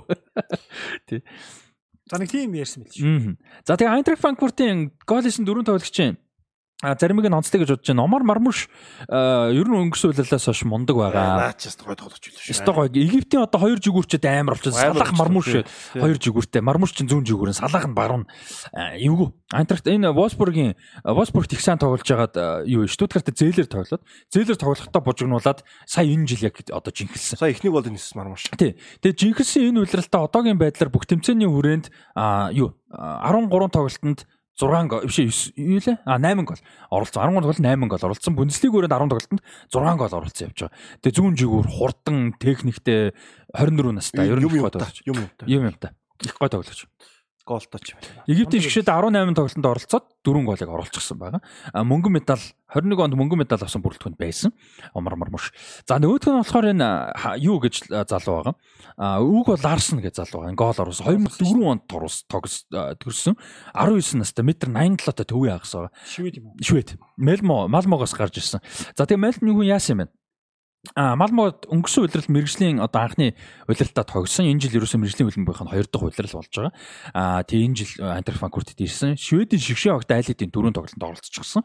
Төв ягс. За тэгээ мань хүний хувьд бол уг бол Арсан 21 онд Челсид бас юу хийсэн юм бэ? Трайл хийсэн юм байна.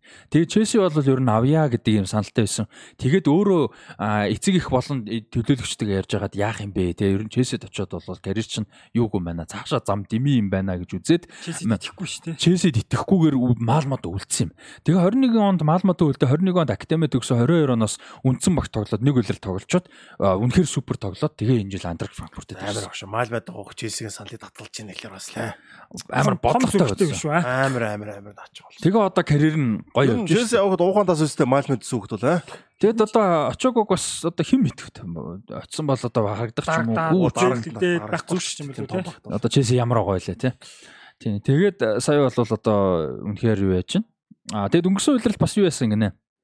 Аа э, юуныхаа төлөө Малмогийн клубийнхаа төлөө Малмо клубийнхаа төлөө хамгийн сүүлчийн тоглолтод 5 тэгэр хоцсон тоглолтод юу яасан гинэ. Гол хийгээд сүүлийн гоолыг нь хийгээд 82 дахь минутанд сэлгээгээр суулгаад цэнгэлтгэн тэр жигээрээ босч алгадчих маань үнийг одоо сүүлчийн тоглолтод нүдсэн Үдэж өгсөн шиг. өдөж өгсөн. Тэгээ одоо шгшээдээ аль хэдийн дөрөв тоглолцсон. А Малмо багтаага Шведийн цомд Шведийн лигт дөрүүлчихсэн аль хэдийн. Малмо одоо Швений Шведийн дээдэгч Освенскен гэдэг шүү дээ. Освен Свенскений шилдэг залуу тоглогчоор шалгарчихсан. Ийм мундаг тоглогч одоо Айнтрах Франкфуртод одоо тоглож байна. Үг үг бол Арсон гэж. Малмио гэдэг клубын дэмжигчдэр бүр ингээд хув зээтага эвлэрсэн ба штэ. Тийм. Сайн тоглож бол эндээ сайхан хүн гараал яв те. Угаасаа тэгж бодно л яваасаа л гэж бодлоо. Тэгээ ч одоо академидаа хүртэл явах гэсэн байж тээ JS рүү тий. Академиас явах гэсэн харин ч одоо нэг хөлөөр тоглоод явсан. За тэр нь ч зөв болж тий. Антракт Франкфуртод бол одоо мундаг. усаас Ибраныг Мальматай тоглох гэж очдсон шүү дээ Тий. те. Аврагуудын лиг тэр бас гоё шүү те. Тэр ч одоо төр төссөн нутг нь гэдэг. Төрсөн юу н баг нь тий. За тэгээд Антракт Франкфурт бол Баерн Мюнхнийг 5-1 харьцаад болгож авсан. Тэгээд юу яаж чинь? Аа Ливеркузенс 4 онооны ард явж. За Ливеркузен бол Хасаба Хасаба тог гарч ирсэн шүү дээ. Мм, 39 настай та. 39 настай тий. Макото Хасаба төгсгөлд гарч ирээд Мм. Айнтрахтад байгаа юм билээ шүү дээ. Багийн үнцэн ахлагч хിവэр. Үнцэн ахлагч Би бол гараа- Асабиг бол Аад тоглож хамгийн анхны Европын том топ 5 лигийн ахлагч одоо гардсан шүү дээ. Ер нь хэцүү баг байхгүй хаа. Тэрийг судлаад үзвэл хин гарч ирэх нь. Ер нь Хасаби хиний идэл л баг тий. Яг үнцэн ахлагч гэдэг Дараа нь. Ёшида тэгэл сум бах та. Тий. Ёшидо бол яг Саутгемптны үнц ахлагч. Болсон. Тийм басан бас. Тий. За тэгээд Пако аа Пако л ахлагч зүүжсэн ч гэсэн үнцэн ахлагч биш байхгүй. Тий. нөгөө нэг тоглолтууд дээр бол тийм зүг тохиол Наката тэр зүүжсэн бах уу? Катач зүүжсэн гэж Тий. магадгүй. Тий. Зүтсэн баг зүтсэн баг. За Union Berlin хожил авсан шүү. Аа өнгөрсөн тойрогт тэнцсэн бол энэ тойрогт юуг аа, Мюнхен Гладбахыг Боруссия Мюнхен Гладбахыг 3-1 харьцаатай Сайн багтсан шүү. Бо- тийм сайн багыг хоцсон. Кевин Воланд гол хийсэн бас. За ингээд Union Berlin бол хожил аваад өнгөрсөн тойрогт тэнцснээр 15-д. За ямар ч унахгүй байранд явж байна. Union Berlin. За тэгээд аа, Borussia Dortmund Leipzig гэсэн том тоглолт болсон. За энэ тоглолтод бол одоо 2-2 харьцаатай тэнцсэн. Аа 3-2-оор уучлаар 3-2 хожигдсон шүү дээ тий. Би андуурсан өөр тоглолттой андуур арчлаа. Аа, Хожигдчихсан Fulkrug бүр сүлд 3-2 болгосон. Түүнээс ер нь бол 3-1-ээр хожигдсан байна тий. За энэ тоглолтыг үзсэн үү? Наа чи юу яасан? Ер нь бол харсан. Тоглолт эхлээл нэг 15 минут өнгөрөөг багт. Хүмүүс хөгцсөн шүү дээ. Хүмүүс нөгөө Улаан уцавсан. Лайпцигийн довтлогчийн араас орж араас нь алдаа Мгм. нөгөө илт довтлогооныг зогсоосон гэдэг. Тэгэл Дортмунд жүгэн дутуу. Мм. Тэгэл Дортмунд 41 үеийн үндсэн нэмэлт цаг дээр Зүлэ 24 үеийн нэмэлт цаг дээр Фулкруг нэг стандарт цогтоос л гол Тэгээ хоёр мөрөгчтэй. Зүйлээ мөргөөгүй зүйлээ зогсон. Фулкруг ч мөрөгцсөн цогтоос. Ер нь бол стандарт цогтоос. Тий. За нөгөө талд нь Бенсебаны өөрийн хаалгандаа гол хийсэн. Baumgartner 54 дээр 2 дэг болгосон. Тэгээд Pulsen эрдээр нэмэх нэг. Баумгартнер гэдэг Австра саягүй байгаа даа байхгүй тий. Лаймер Забицер Баумгартнер гэдэргээд бас. Тэр юу Pulsen-ы гол дээр тэр Бенсебаны юу яаж байгаа юм бэ? Зүгээр өөр нутаг буцааччихлаа зүгээр. Нэг ингээд зангаа ус нөгөөтгөн зүгээр ингээд яваад гэсэн. Полсон дэгж гэнэ тий. Амар хооролт хийсэн. Солиотой хооролт. Солиотой хооролт хийсэн бэл яг энгийн гэхдээ амар хуралтай л. Унцсан байсан шүү боолсон тий. Тий нэг хэсэг жоохон унсан. Одоо бол бас гоё шүү дээ тий. За ингээд Лайпциг хоёр дараалж хожоод 31 оноотой, уучлаарай 29 оноотой, дөрөвдүгээр орон Штутгарт 31 оноотой аа юунд явж байгаа. Аа гуравт явж байгаа. Штутгарт Баяр Ливеркузентэй талбай дээр 1-1-ээр тэнцсэн. За ингээд Баяр Ливеркузен хоёр дараалж тэнцжээ. За Штутгартын хувьд бол 4 3 тоглолт дараалал очсон байсан нэг тэнцжээ. Ингээд Баяр Мюнхнээс 1 онооны ард явж байна. Аа Баяр Ливеркузен бол 4 онооны урд явж байгаа. Bayer Ливеркузен нэг тоглолт болтоо шүү дээ. А тий Мюнхен нэг тоглолтоо. Ливеркузен Ливеркузен Мюнхен нөгөө Гераси. Герасист амар гой хэмжүүлсэн надад чи энэ тоглолтын дээр. Аа. А тоглолт тэгдэг явж хахад хаалч эсрэг яг ганцаар гарч байгаа байхгүй дамжуултаас. Тэгээд хаалгач бол яг гой хөлөө тавиад Яг тий. тий хөлөө тавиад Радецки тий. Финланд хаалгач. Храдецки тий. Финланд хаалгач. Энэ тоглолт дээр Храдецки айгүй сайн тоглосон шүү. Тэр бол-. Яг Гераси яг нэг тийм амар муу финиш хийсэл Радецки амар амар алдсан. Яг хөлөөрөө хаадаг.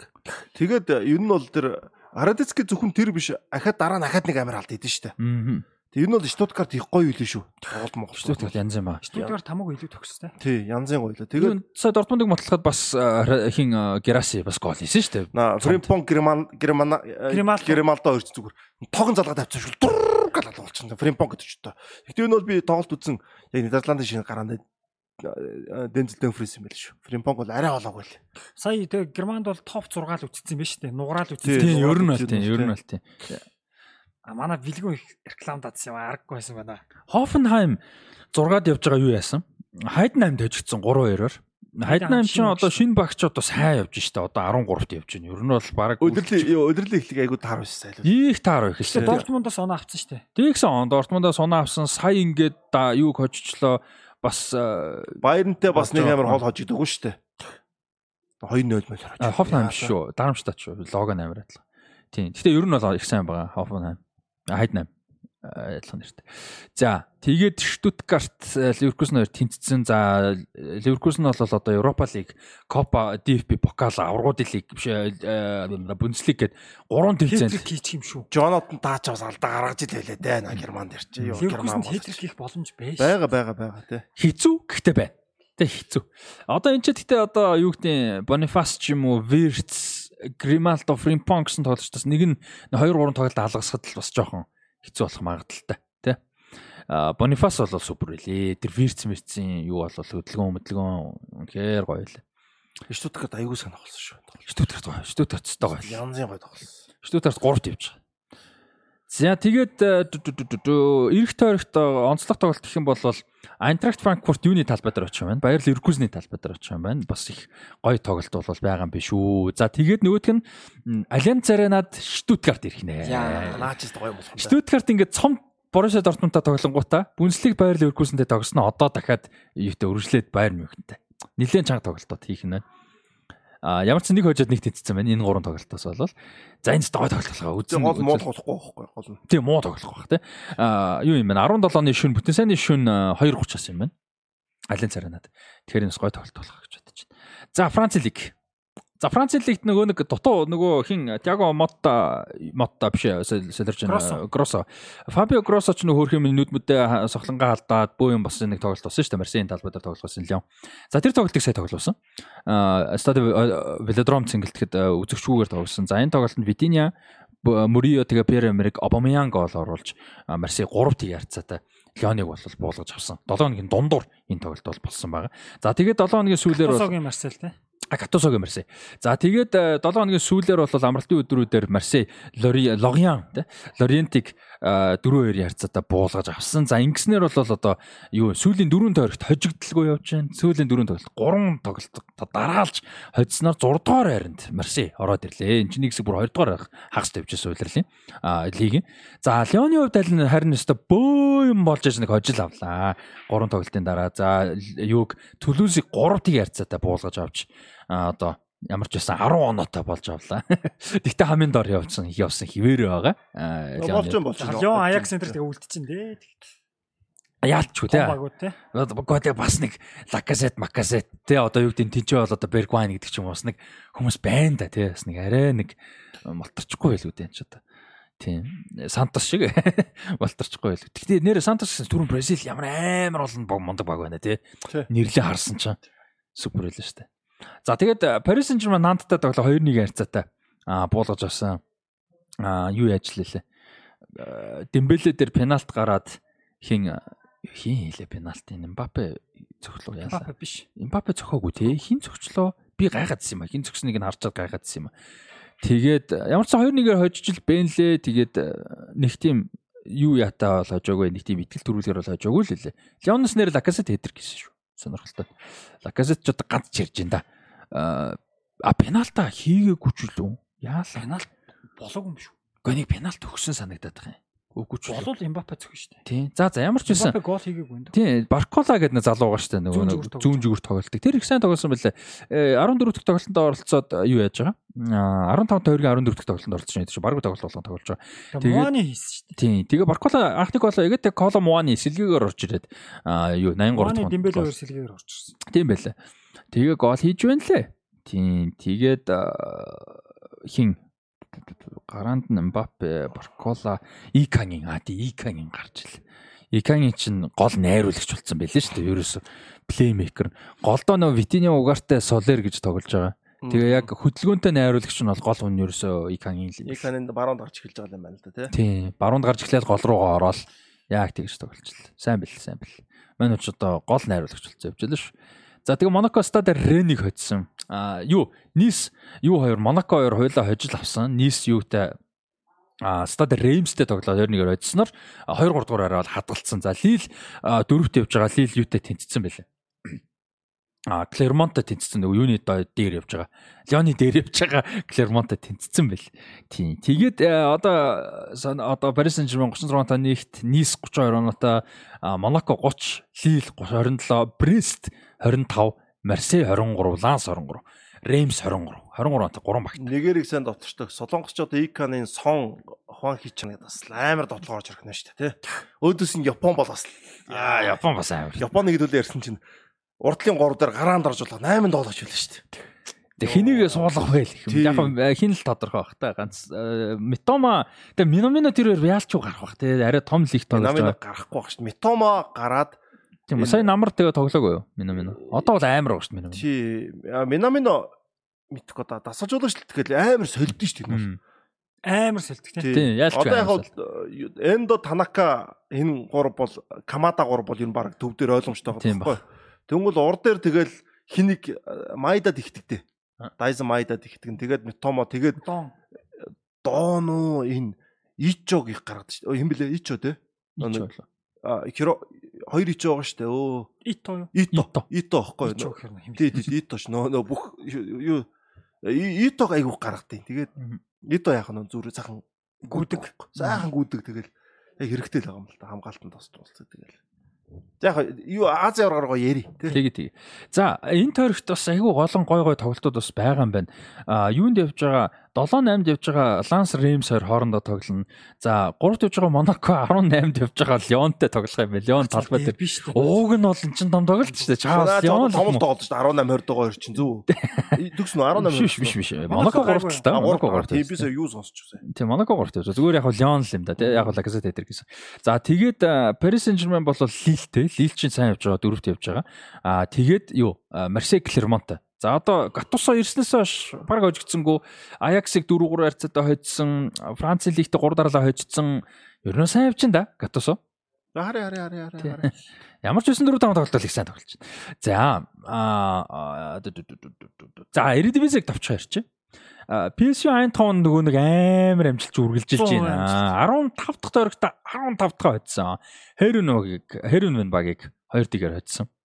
За Фейнорд Волендамыг 3-1 харьцаатай хоцсон. За энэ тоглолтын дээр Санти Хименес гол хийснээр энэ удирлын 31 дахь голоо энэ удирлын биш энэ оны шүү. Eredivisie-гийн өрөөнд энэ оны календарийн жилийн 31 дахь гол оруулснаар Eredivisie-гийн нэг календарийн жилд одоо оруулсан дээд амжилт буюу 2009 оны Луис Суарезын оруулсан 30 голын амжилтыг эвдэж байгаа юм байна. Суарез бол одоо 30 гол оруулсан байсан юм байна. За ингээд юу бол Луис Суарез амжилтыг Санти Хименес гэж Мексик товтлогч эвдэж байна.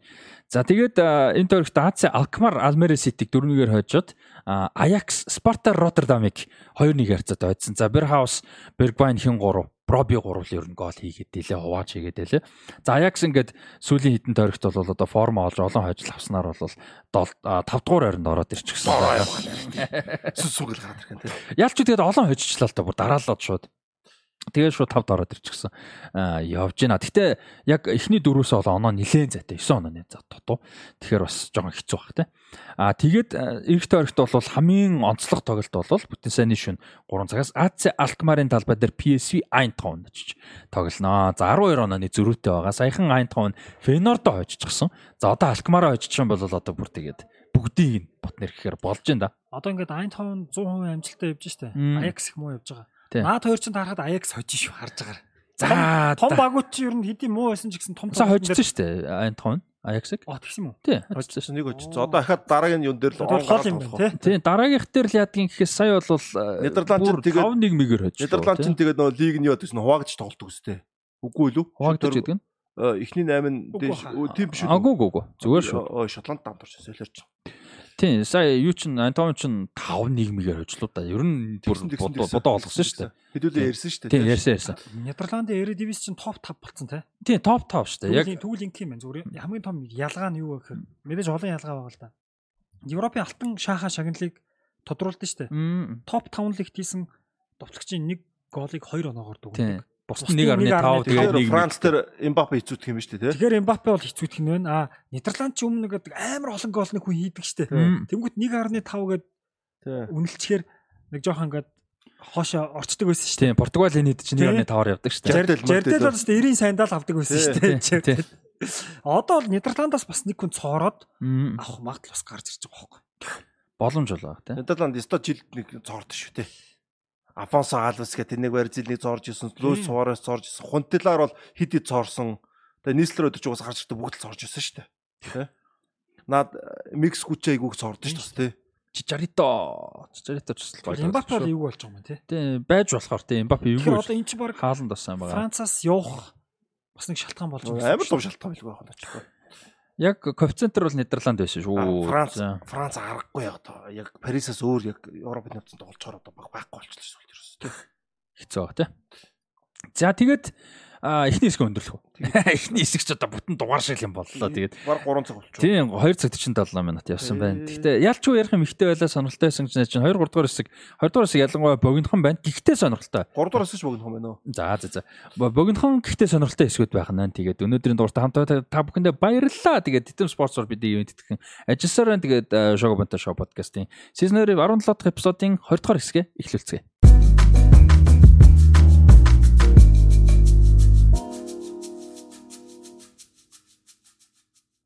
За ингээ шоу бонто шоу подкастын аа юу 20 дугаар хэсэг эхэлж байна.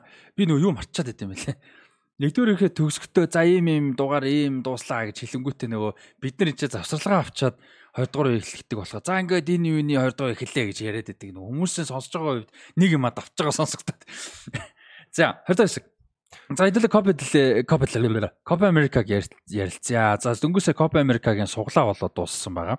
Тэгэхээр бас гой сэдв гарах гэж чинь. За 2024 онд Копа Америка тэмцээн бол юунд болно? Америкийн нэгдсэн улсад болно. За хоёр дугаагаа Америкийн нэгдсэн улсад болж байгаа. За өмнө нь бол 2016 онд 100 жилийн хойд зориулсан одоо юу бол болж исэн. Америк улсад бол болж исэн. За тэр тэмцээнд бол Чили шиг шаваад түүхэндээ хоёр дахь удаага төрүүлж исэн удаатай. За тэгээ Копа Америкагийн түүхийг товчгоо ярьчих гэж бодож байна. За Копа Америка өмнө нь бол юу яасан? А энэ жилийн Копа Америка болвол одоо 48 тонн болно өөрөөр хэлбэл 47 удаа Копа Америка болж исэн. За 47 удаагийн Копа Америкад бол Аргентин 15 төрүүлж исэн, Уругвай 15 төрүүлж исэн. Саяны Аргентины 21 он төрүүлдэг бол одоо дээд амжилтаа тэнцвүүлсэн энэ амжилт нь байсан алдчихсан байсан дээд амжилтаа одоо буцаж тэнцвүүлсэн гэх юм уу те. За тэгээ Бразил бол 9 удаа төрүүлсэн байдаг. Парагвай, Чили, Перу улсууд 2-2 удаа, Боливи, Колумб улсууд 1-1 удаа төрүүлсэн байдаг. За ингээ бусад улс нь бол төрүүлж байгаагүй.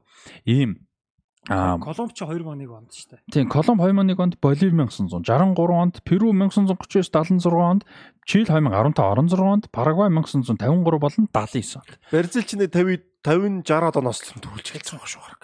За Бразилийн хувьд бол 1919 он, 22 он, 49 он, Бас бай, 59 онд төрүүлээд сүүлд нь 97 2004 2007 2019 он Ямар их завсарласан юм. төрүүлсэн байна. Нэг завсарлахаараа бас олон завсралдаг, нэг авахаараа сайн авсан. Сойны тэр 70 тэр 70 80 оны барьжилж байсан. Айгуу сайн барьж илвэсэн. 50-аас ер нь бол 49-оос 89 орн 40 жил аваагүй юм байна. 89 онд авсан нь айгүй ач холбогдолтой байсан юм байна шүү дээ тухайн үед Сойны Америка. тийм сайн барь. Харин тийм. Би бүр 40 жил аваагүй гэхэр чинь. Тэр. 50 10 жил бол яах вэ тий? тий. За тэр хугацаанд шүү дээ 49-оос 89 оны хооронд авах хугацаанд 53 57 59 он 83 онд шгшээд гарч ирсэн байна. Дөрвөн удаа шгшээд гараад Наад орж дэлхийд дэлхийд ажиллаж 3 төрүүлсэн байгаа шүү дээ. тэр хооронд тийм. Тоодоггүй байсан юм бол. Одоо барьцил хүмүүс твийнхээ аврыг тоохгүй нэг байхгүй. тий. Шүү дээ. Тэгээ байхгүй байхгүй. Тэгэл таардаг үл байж тээ. Үнэхээр бардггүй л ажилтай. Тэг үнэхээр л барддаг байж тээ тий. За ийм байт юм байна. Тэгээд а, Дал малаад оны барьцил амар барьжилсан 80 орон. Пиле Копа Америка төрүүлэг өгдөг нь тэгвэл аргагүй юм шүү дээ. Тийм Тийм, ээ. төрүүлж тий. Тим яваад ицсэн. 49-оос 50 89 он төрүүлэг билээ Тийм байхгүй. Саяхан нөгөө Мессиг яг хаа өргөж байгаа юм л та. Пиле Копа Америка төрүүлээгүй. Мм. Роналдо дэлхийн аврах шалралт тэмцээнд төрүүлээгүй. Тий. Марадона аврагуудын лиг төрүүлээгүй. Неймар юу Дэлхийн аварга байхгүй. биш ш Неймар нэг өөр юм байсан юм аа. Бас нэг юм байхгүй ч гэлөө. Роналдо дэлхийн авраг байхгүй. Неймар нь тим юм байхгүй. Неймар Копа Америка байх. 19 онд Копа. Роналдо Назари аврууд Неймар 19 онд Копа Америка багш. Неймар 19 онд ороогүй штэ. Тийм л үү. Ороогүй штэ. Копа Америка Неймар байгаагүй. Байгаагүй штэ. А тийм үү. Тэгвэл Копа Америка байхгүй юм ш Неймар тий. Аа тэгвэл Пиле Европ тоглож байгаагүй гэдэг. Тэгээд Тийм баг. Неймар ч 19 онд байхгүй байхгүй. тийм үү. Чи шалгах тэгээ Бүдүр ямар ч- бүдүр Роналдо аврууд хэлийг тоохгүй. Тийм А, тийм. бүдүүр Роналдо хараад л байхгүй тий. Зидан ч баг бүгдэх юм байна. Зидан бүх юм байж Зидан байгаа. Яг хувийн шагналын нөгөө юунууд нь арай зөөр. Гэтэ хоёр балан Гэтэ дортой байгаа баландаар байгаа. Тэс бүгд байгаа байгаа. Багийн тийм. болоонд орсон штэ. Зидан нэг нэг. 98 онд. 98 2000 онд биш юм. шилдэг чинь 3. 2000 онд чинь фиг байхгүй. А, Тийм. Тийм нь нэг. 99 онд Ривалдо Фигу Дэлхийн шилдэг чинь 3. нэг онд оо тийм ээ тийм ээ тийм ээ. Дэлхийн шилдэг нь 3 Тийм, байдаг та. За ингээд э, Копа Америка бол 48 дахь удаага зохион байгуулах тэнэ Америк улсад болон за Америк улсын а, улсад зохион байгуулж байгаа Копа Америкад бол хоёр конфедерашны багууд орж байгаа.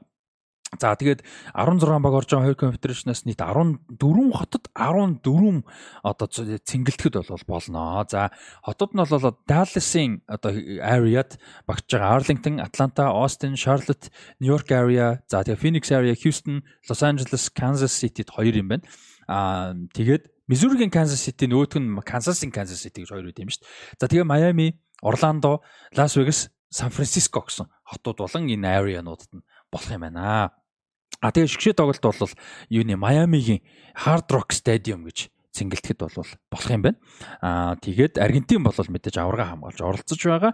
За тэгээд хэсгийн суглааг нь ярилцъя. За A хэсэг дөрвөн хэсэгт 16 баг мэдээж жоох амартай ойлгомжтой оролцож байгаа болвол A хэсэгт Аргентин, Перу, Чили. За тэгээд CONCACAF-ийн урьдчилсан шатны нэг баг орж ирэх юм байна. Одоогийн байдлаар бол тэр нь арай тодорхойгүй байгаа. Канада Канад орж ирэх магадлалтай. Магадлал байгаа. Канада орж ирээсэ. Магадлал нэлээд өндөр байгаа. За тэгээд нөгөөх нь За CONCACAF дээр яг юу байгааг нь би бодохгүй харна. За би хэсэг дээр Мексик, Эквадор, Венесуэл, Ямайк гэсэн. Аа Мексик, Эквадор, Венесуэл, боломжийн хэсэг байна. Бас боломжийн хэсэг байна. Хоёрдугаар байраар бол алаан болох нь шүү дээ. Гол Мексик чинь сул байгаа хөөхгүй. Гэтэ бас гайгүй л үү. Яад юм бол хайгуул бол. Гэтэ Мексик ер нь сул байгаа. Аа. За тэгээд дараагийнх нь Си хэсэг Америк нэгдсэн улс, Уругвай, Панам, Боливи. Бас гайгүй хэсэг шүү дээ. Яг Америк сайн байгаа, Уругвай сайн байгаа. Тэгээд нөгөө ер нь бол бас. Нөгөө ер хэцүүлэх тий. Арай л амжихгүй бах та. Тий арай амжихгүй. За тэгээд нөгөөх нь болохоор юу юм? А Бразил, Колумб, Парагвай, Конкакафын нэг баг. Наа чи Парагвай чи юу байх шүү? За, юуг нь олчлоо. А ямар ямар багууд боломжтой байгааг нь. За, A хэсэгт буюу Аргентин, Перу, Чили гуравтай орох боломжтой хоёр баг нь Канад эсвэл Тринидад Тобаго юм. Энэ хоёр хоорондоо тоглох юм байна. 3 сарын 20. За Канадыг оруулчих. За тэгээ Канад. За Канад гэж бодъё. За тэгээд D хэсэг буюу Бразил, Колумб, Парагвайтай орох хоёр багийн боломжтой нь Коста Рика, Хондурас. За Кострика орж ирвэл наа чи амар юм болох нэ. Колумб, Парагвай, Кострика, Бразил гэдэг чад амар хэсэг болно шүү дээ. Хөөх. Алаан болно шүү дээ. Тэгээд од тоглогч байсан байгаагүй өдрөө чи. Ер нь бол бас гой тэнцүү багцсан юм биш үү? Айгүй гой тэнцүү багцсан байна. Тэгээд бас яг тэнцүү гэхээр зүгээр л нэг том баг нь гарчих бас биш эрсдэлтэй хангалттай бас эрсдэл. Дээрээс наа чи нөө Мессигийн сүүлийн байж болох тэмцээн гэж шигийн тэмцээн шигийн дэлхийн орууд бас эвгүй ихгүй юу те? Эвгүй эвгүй эвгүй. Ди Мариягийн бол сүүлийнх. Тийм, Ди Мария бүр сүүлийнх. Отомендигийн сүүлийнх. Энэ гурван яг л ерөн сүүлийнх байх магадлал өндөр. Юу нь тийх бах уу? Тий. Месси бол гэхдээ яг үнэхээр супер энтэн болохоор 39 удаа магадгүй. Тэгтэл 6 дэлхийн авраг шалралт тэмцээнд 6-аа бас нэг тий. Яг Месси оролцуулгаар тий орчул тий.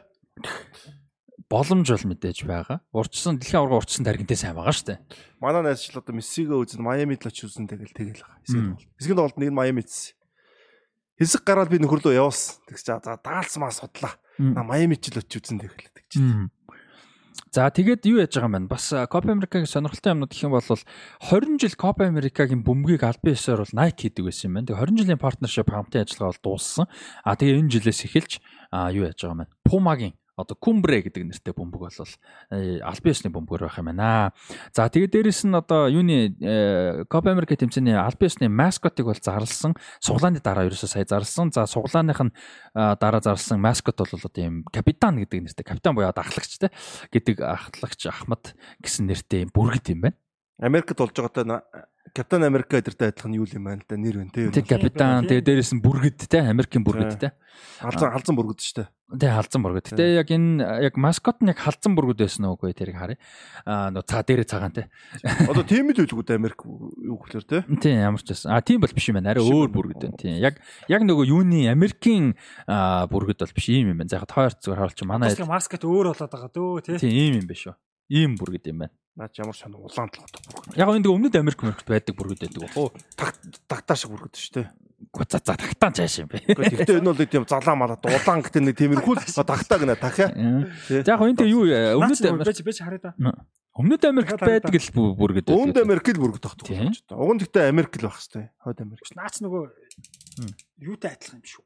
Франц нөө. Франц. Анд биус тэгж. Яг тэгээ. Итали моны Франц. Наач тэгээд юу ах вэ? Наа бүргэд чинь одоо нөгөө Копа Америка дээ. Зөвхөн өмнөд Америк дээ. Төв хойд Америк ингээд Аа тэгээд бүгд бүгд амьдэрдэг байдаг тийм түгээмэл амьтнаад болгож олсон байлгүй тийм баг тийм баг бодвол тийм баг. Анакон шийдэл анаконда тавьчих болохгүй хойд Америкт байхгүй тийм. Өмнөд Америк тус бол чи кондор тастай бас тоохгүй тийм. Чиг колон боломбод Эквадор, Чили одоо нөгөө нэг хэдэн улсад кондор тасч байгаа шүү дээ. Тий. Тэнд хийсэн бол зөв юм бохгүй. Аа Тийм байна. А Конмеболоос Аргентин, Боливи, Бразил, Чили, Колумб, Эквадор, Парагвай, Перу, Уругвай, Венесуэл гэсэн 10 багшууд орж байгаа бол а хойд Төв Америкийн хөрөнгөний холбоо буюу одоо Америк, Мексик. Тэгээ CONCACAF-аас бол юу яаж байгаа? Энэ Nations League гэх тэмцээн болсон. Тэнцэнээс шүүгийн дөрөвч шалгарсан дөрвөн баг нь орж байгаа. Гэхдээ яг Америк хостоор орчиж байгаа. Америк нэг цус Панам, Мексик, Ямайк гэсэн дөрвөн улс бол одоо яг тэр нөгөө Nations League-ийнхаа шүүгийн дөрөвт орсон 5 гэдэг 6 утгаар. Тийм тэгээ 5 6 төрөний Ер нь бол ойлгомжтой. 10 улс төр хойноос 6 орно. Тэр 6 төр тэгээд нөгөө чансаа өндөртөө 4 хоёр Мгм. нэмэлтээр. яг Яг зүйтэй. Америкт болж байгаа шалтгаанаас нөгөө Өмнөд Америк зохион байгуул усгүй болчиход байгаа. яг үнэ. Тойр зохион байгуулаа. Тэгээд юу нь бол жоохон сонирхолгүй ч болсон. Яг бол Дэлхийн авраг уурсан тоглолт гээл хоорондоо тоглоно. Юу гээл яг л адилхан дэндээ адилхан Яг болчиход Одоо байгаа юуны ялгааг яагаад Америкт чинь яхаа Америкт энэ чинь дэлхийн аврагын бэлтгэл болчихно. 26 дэлхийн авраг гэж нэгдүгürt. Аа хоёрдугаарт яаж юм гэхээр сонирхолтой болгож байгаа хгүй тэмцээн. Яг тэр Копа Америка дэлхийн авраг урьдчилсан хоёрын ячаал ялгаа амар баг ялгаагүй болсон. Яг орж байгаа тэмцээн мэдээж ялгаатай л та. Гэхдээ зүгээр тоглолтын үед ингээл яг л нэг 10 баг хоордоо л нэг байгаа. ярил ярих юм ста нэр олон жил бодож исэн юм байна. За за за ярьчих за. Копа бай- сайхан нэгдүгээр ингээд тогтсон хугацаагүй л ингээд ста дур дураараа л хийдэг байсан шүү дээ. Тэгэл нэг цикл нь өөрчлөгдөв те. Тийм, Хоёр байж байгаа. жил нэг удаа хоёр Зохион жил нэг байгуул удаа. уусанд бодлонтой юм чи байхгүй зайлаа. Тэгэл 2 жил дараалаад тэр 15 16 онд хийж мэйгээл Тэг Копа Америкс нэг хэцүү нь юу гэхээр Өмнөд Америкс 10 улс та. Мм. Тэгээ 10 улс шиг тэмцээн зохиохоор 5 5-аар хэсэгт багт аюу хэцүү. Тэгээ 8 нь оруулахаар аюу хэцүү. Тэгвэл дандаа нэг өөрөлдсөн улс та. Одоо Мексик, Япон, Япон Катар матар орсон шүү дээ. Бүр аль дээр шүү дээ. 90 90 Тийм. онд. Тэгээ ингээ урж 12 баг ордог. Мгм. 12 баг орохоор нөгөө нэг а, хэсгээс 3-аар баг гардаг тийм. Мм. Тэгээд нэг багада тэр системийг үзээд л энэ ямар тэнэг систем бэ л гэж боддог байсан. Би Японыг Өмнөд Америк аваад орчод жоохон багтаар гайхчихсан юм ч гэсэн. Юу вэ гэдэг. Тэгээ би тэр үед тэгж боддог байсан. Яг саяны одоо бид гурван ярьсан. Одоо наад чи одоо дэлхийн аврал шалралт тэмцээний эрхийг төлөв тэмцээн гэж хоорондоо тоглоно. Нөхцөл тоглолт хоорондоо хийн. Боливи юм уу ч байг тоглоно шүү дээ. Венесуэл хоёр ч хоорондоо. Өөднөс тийм ч Тий. одоо. Одоо энийг зүгээр ингүүл болдгоо юм уу гэж би бодож байсан. Дэлхийн аврал шалралт тэмцээний эрхийг төлөв тэмцээн яваад дууслаа те. Тэнд ихний 8-д орсон бага. Хоёрын шууд хас. Дараа нь одоо Копа Америка гэл 8 баг тэмцээн хийгээд. Венесуэл боливо эргөө. Тий одоо тэдний хувьд дэлхийн аврал шалралт тэмцээний эрхийг төлөв тэмцээн 8-д орно гэдэг чинь өөрөө бас челленж юм. Мм. Би бас баг хэдэн жил юм тэгж бодож л байсан. А тэгтээ яг юмыг хумих биш те илүү тэлэх гэдэг нь бол яг зөв зөвтэй гэдэг үндсэн дээр илүү маркетинг хийгээд Мм. Тэгээ энэ зөв л дөө. Тэгээ бас нэг хэцүү нь нөгөө хоёр төв нь ойрхон юм шиг боловч зөрүүлээд өмнөд Төв Америкийн улсууд латин одоо төв те Америк улсуудтайгаа байнга тоглох ихээр амар зайтай. Яг ингээд одоо төв нь ойрхон боловч яг бодит зайн өмнөд Америкаас Төв Америк орнууд ч хүртэл чинь нэлээд Одоо зайтай. одоо чи Германдад тоглох гэж Төв Африкаас ингээл листнэд чинь юм юу гэлээ. дээ. Тийм тэрэн шиг л юм болж байгаа байхгүй ч асар их зайтай. Тэгэхээр эдийн засаг масаг тэгэл айгүй олон асуудал. Монгол Индонез хоёр тоглож ил гэсэн үг шүү дээ. Тэгээ байнга тэгвэл цагийн бүс адилхан байгаад байдаг. Тийм цагийн бүс адилхан багтдаг. Хилэн адилхан баг. Бид нар нөгөө цагийн бүс нь өөр гэж одоо яг нэг эргүүлчих юм бол бас өөр болчиход байгаа байхгүй тий. Оо яг зөв те. Ö- Одоо уртгаараа нэг юунд байгаад байгаа боловч өргөрг нь өөр байгаад Тий хитрхи байна тий бүр маш их зөрүүтэй. За тэгээд Копа Америка тэмцээн бол Америк нэгдсэн улсад болж гин а юу яана 6 сарын 20-нд эхлээд 7 сарын 14-нд дуусна. Төгсгөл нь бол Евротой ер нь адилхан. Яг адилхан. Яг адилхан байсан баг шүү. Нэг өдөр дуусчих. 7 хоногийн дараа илүү 6 хоногийн дараа эхлээд адилхан өдөр дуусчихсан. Тэгээ Европын орон шалралт тэмцээн 6 сарын 14-өөс эхэлнэ. Наадах 20-нд эхэлж тий 7 6 өдрийн зайтай гэсэн үг ер нь. Евроч нэг олон багтаа болохоор жоох удаан. Тэгэхээр ер нь нэг сарын хугацаанд бол 2 ТV-ийн одоо хөлбөмбөгийн 2 том тип болоод байгаа. томын үдсээр гадаар тийм да тий. 21 онд ингэжсэн шүү дээ. Яг одоо ирэх мэрхийн аваа гаргуулгаа үзэн л тээ 21 онд хэдүүлээ нөгөө евро дээр ажиллаж байсан шүү дээ. Тэгэл нэг евро Яг зэрэг шүн ажиллаад үүрээр орж ирэхэд тоглож чинь. Тий. Тэгээд жоох үзэж байгаа л стрим энтер үзэж байгаа л удаад өгнө. А тэгж жаад юу яасан финал бол зөрсөн шүү. Финал ч одоо Еврогийн финалаас өмнө одоо Өмнөд Америк ч Еврогийн финал ч одоо Европт бол нэм гаргийн өрөө болж байгаа шүү. Юу бол Хагасаа өмнө өдөр нь хийсэн шүү. Энэ нь бол яг хоёулаа 7 сарын 14 л гэж байна. Цагаар л зөрөх. Тийм, Тэгэхээр хоёулаа бүр яг 7 сарын 14. 21 оныг би ярьж байна л да. Аа тий тэр 21 үед бол тий. Өмнөх өдөр нь хийгүүд өглөө нь одоо Аргентин авраг аваа. Тий. Тэгжсэн. Одоо наа ч бол ингэнэ шүү. Шүн Европын авраг тодорхой өглөө нь Копа Америкагийн авраг тодорхой. Тий, шүү дээ. тиймэрхүү нөгөө цагийн зөрөнөөс болоод тий. Одоо тэгээд наад хоёр тэмцээн төрүүлсэн аврагын нөгөө нэг юнит л үзүүлэн дээ. Мм. Нөгөө Тив хоорондын нөгөө юу вэ- юу гэлээ? Нэг Итали Аргентин. А юу, финалиссима. финалист маа те. Финалиссимад дараа жил Еврогийн төрүүлсэн баг, Копа Америка төрүүлсэн баг хоёр хоорондоо тоглоно. За наа чинь юу яасан? Тэгээд нөгөө сайхан нэг шуум гарсан. Сайн нөгөө Копа Америкагийн суглааны үеэр юм шиг байгаа юм. Эсвэл Аргентины хөлбөмбөгийн холбоо яг тэр суглаанд тааруулсан үйл ажиллагаа Америк нэгдсэн улс зохиосон юм шиг. байна. Тэр үеэр Скалони байгаагүй гэж. Оо за. Скалони буюу Аргентины шгшөөг онцгож үзэж байгаагүй. Тэгээд энийг хэвлэлүүд юу гэж бичиж нэхэр Аргентины шгшөөг онцгож үзэж хөлбөмбөгийн холбооны тэргүүнтэйгээ муудсан. Мгм. А энэ Копа Америкад Аргентин шин дасгалжуулагчтай орж магадгүй гэдэг тийм зүйлийг ярьсан гэж байгаа. За тэгээд нөгөө нэг Аргентин сайн нэг Бразилийг хождсон шүү дээ. Тэр үеэр тэр тоглолтын дараа Скалони Мессиг авч уулцсан. Ингээд тэр нь шийдвэр гаргацсан гэдэг зүйлийг зарим нэг хэвлэл мэдээлэлүүд бол шууд маягтад тарааж байна. Энэ Аргентины хөлбөмбөг холбоос айгүй хэцүүтэй. Ерөөсө доктортой байхгүй те. Дандаа нэг асуудалтай. Уулан Скалоны мундаг байгаа шүү дээ. Тэгээ энэ бүрэлдэхүүн ууг нь одоо нэг гурван тэмцээний аим бол байгаа байхгүй те. 21 оны Копа тэгээд дэлхийн авраг тэгээ одоо энэ Копа гэдэг энэ цикл дуусах боломж Тэгээд бол дэлхийн байгаа. аваргыг Аргентин гоё бүрэлдэхүүнтэй зөндөө авч чадахгүй хахад Скалоны авж штэ. Тэгэхээр одоо Тийм. энэ сэлжүүлэгчийг даалж яах гэдэг юм бэ тийм үстэй. За ойлголцол нь гол нь асуудал. Ядаргаатай. Одоо тэр хүнийг зүгээр 50-ын ажлыг хийж бол яах гэдэг энэ дөрөнөр. Шигшээдээ энийг ав тэрийг авгаа бас янз янз юм тавих гээд идэв юм. Тэгэл power dynamic л байдаг байлгүй дээ. Одоо нөгөө Тийм. ерөнхийлөгч захирал хүмүүсийн чинь доор нь байгаа дасалжуулагч гэдэг нэг багийн эрх мэдэлтэй мундаг хүмүүс нөгөө хэвлэл мэдээлэл иргэдэд нэр нэр сайтай байгаа дагангууд тэгэл одоо нөгөө эго нь хямардаг юм байгаа ч чаавас. Тэгээ тийм бол зөндөө штэ бас тосуудад бас тийм. Аргентинд бол тиймэрхүү юм гарч болж байгаа болж байгаа. Хэцүү ч юм да тий. Аа тэгэл ба юу баруун Европын улсуудад ч гэсэн клуб мөлөбүүд дээр нь тийм power юу гардаг штэ. Асуудал. Яг тийм нэг тийм power юунууд гардаг. Гого эн чин уг нь одоо хөлөмгийнхөр ойлгомжтой л амар энэ дэлхийн аваргыг авчирлаа ч одоо 86 оноос хойш. Копа Америкаг нь авчирлаа. Тийм штэ. Копа Америка 93 оноос хойш төрлөг амар сонир. 93 оноос хойш. Тийм Копа Америка Месси анхудаага авч байгаа шүү. Тийм 93 оноос хойш Аргентин анх удаа. Уругвай Аргентин хоёроос нэг тоо тэнцүү байсан байхгүй. Аа. Тэгээд Бразил жоохон хол те. Аа. Тэгсэн чинь Уругвай чинь 2011 оны Копа Америка Аргентинд болоод Аа. тэгэхээр за Аргентин нэг нутагтаа нэг цом өрхөндөө гэж утсан чинь байхгүй. Шүгэн Амар урагвай гусаад. Уругвай ч юм бол тэр үед тэгээд яхаар Өмнөд Америк номер 1 баг. Амар. Тийм, амар. амар. Дэлхийн аврах шалралт тэмцээнд хагас шийдвэрлэсэн 11 онд Копа Америка аваад. Тэгээ Уругвай ч илүү гарчихгүй юу? Тэгээ сүүлд юу нөхөж авч Аргентин нөхөж авч шүү байж байгаа. Тэр хооронд нь азар урагвай дахиж аваагүй. Чил мил ч юм эвгүй. Бразил нэг аваад, Чил хоёр аваад тийм. Би бол одоо Аргентиныг өстө Копа Америка аваасаа гэж бүр зөндөө хүлээсэн. Аа. 2004 оны Копа Америка үзсэн. Аа. 2004 оны Еврогийн дараа Копа Америка болоод Аргентин үнэхээр зөвүүн бүрэлдэхүүнтэй байсан. Сайн бүрэлдэхүүнтэй байж хагаад Бразилтай аврагын төлөө үзээд Бразил дандаа залуучд байсан. Адриано химэн. Тэгээд тургуулын цогтөр очигдсан. За тэглээ. За яах вэ? За 2007 онд Копа Америка бол Аргентин бас амар бүрэлдэхүүнтэй. Камбиасо, Месси химэн. Савиола мавиоласан баг. Тэгээ аврагын төлөө Аймар Маймар. Тэгээ аврагын төлөө Бразил зүгээр алуулсан шүү дээ. 4-0 дүүлдэг 4-0 ч илүү. Тийм. 5 онд нь Confederations Cup-ын финалд нэг савуулаад тэгээд 7 онд Басны савл. 7 оны Копа Америкад нэг савуулаад. За 11 онд нутагтаа Какамакач амар юм чи харахгүй шүү дээ. 11 онд нутагтаа авах нэгс чи Уругвай дуулаад. Аа. Урагвай.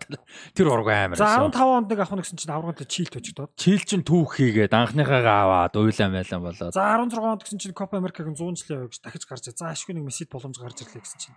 Тэр чинь хүмүүс тэгээдс нөө өмнөд Америкийн хөлбөмбө болоо Мессиг авуулах гэж хичрээ дахиж хийж яан байж Тэгсэн. Чилтэй пенальт цогч Тэгээ дахиж жийл очоо. Өмнөд Америкийн юу болсон ямар ч юуг тооцоог болж байгаа шүү дээ. 15-нд нэг 16 дахиж хийж мэгээ тий. Тэгснэ. Тэгээд 16 онд чинь Бразил.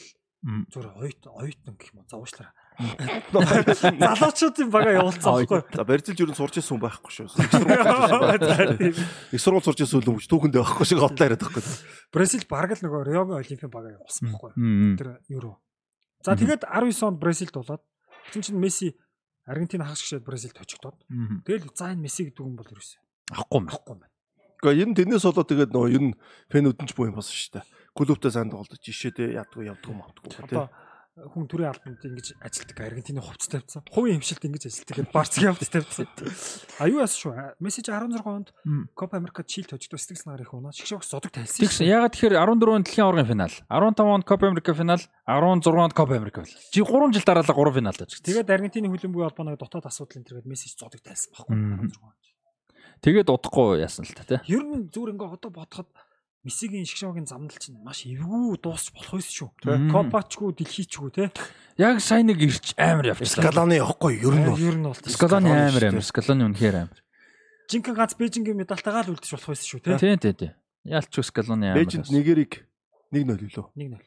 1-0 тэнтэй. 20 юуны 19 оны Копа Америкат чинь Неймар бүрэлдэхүүндээ байж байгаад яг өмнөх нь гимтээд Вильяныг дуудсан юм биш үү? Яг тэгсэн байгаа. Тийм байна, тийм байна. Неймар байдаггүй. Тэгээ Вильян 10 дугаартаа тоглосон юм биш үү? Сайн дэч тэгээ Вильян ч Копа Америк авцсан юм байна бас. Вилиан ч гэхдээ сайн байсан юм аа, сайн байсан. Тэгээ дуудаагүй байсан юм шүү дээ бүр. А тэгээ. Неймар бол байхгүй байхгүй. Тийм. Харин Вильяныг дуудаагүй байж байгаад Неймар гимтэнгүүд оронд нь Вильяныг дуудсан. Неймар ч тэгвэл амар эвгүй тусчих юм шүү. Альчгүй. Нэг олимпик тоглолт тусчих юм шүү. Тийм байна. нэг Копа Америка байхгүй юу тий. Тэр 7 онд гэхэр чи байхгүй юм байна л да тий. Тийм байна тийм. Ойл өстой ойл Тэгээ өмнө нь Конфедерашн Бразил төрүүлээгүй юм а шиг. конфедерашнтэй байна 13-нд. Конфедерашн гэхдээ том тэмцээн. Тийм ээ. тийм ээ. Яг зөвхөн шгшэгийн тэмцээл байхгүй. За шгшээ тийм юм байна заяа. Конфедерашн дээр нь Бразил сан тоглолт. Сайн. Өм- 20 хүртэлх насныхны өмнөд Америкийн авраг юм байна за 10-нд. 11 онд Перуд болсон. За тэгснэ Олимпийн алт мөнгөтэй. 16 оны Рио, 12 оны? Лондонгийн мөнгө. Лондонгийн мөнгө. А тэгээ 21 оны Копа Америкийн мөнгө ерөөсөө хамгийн том нь. А тэгээ конфедерашн юм. Тэгээ байхгүй. өөр.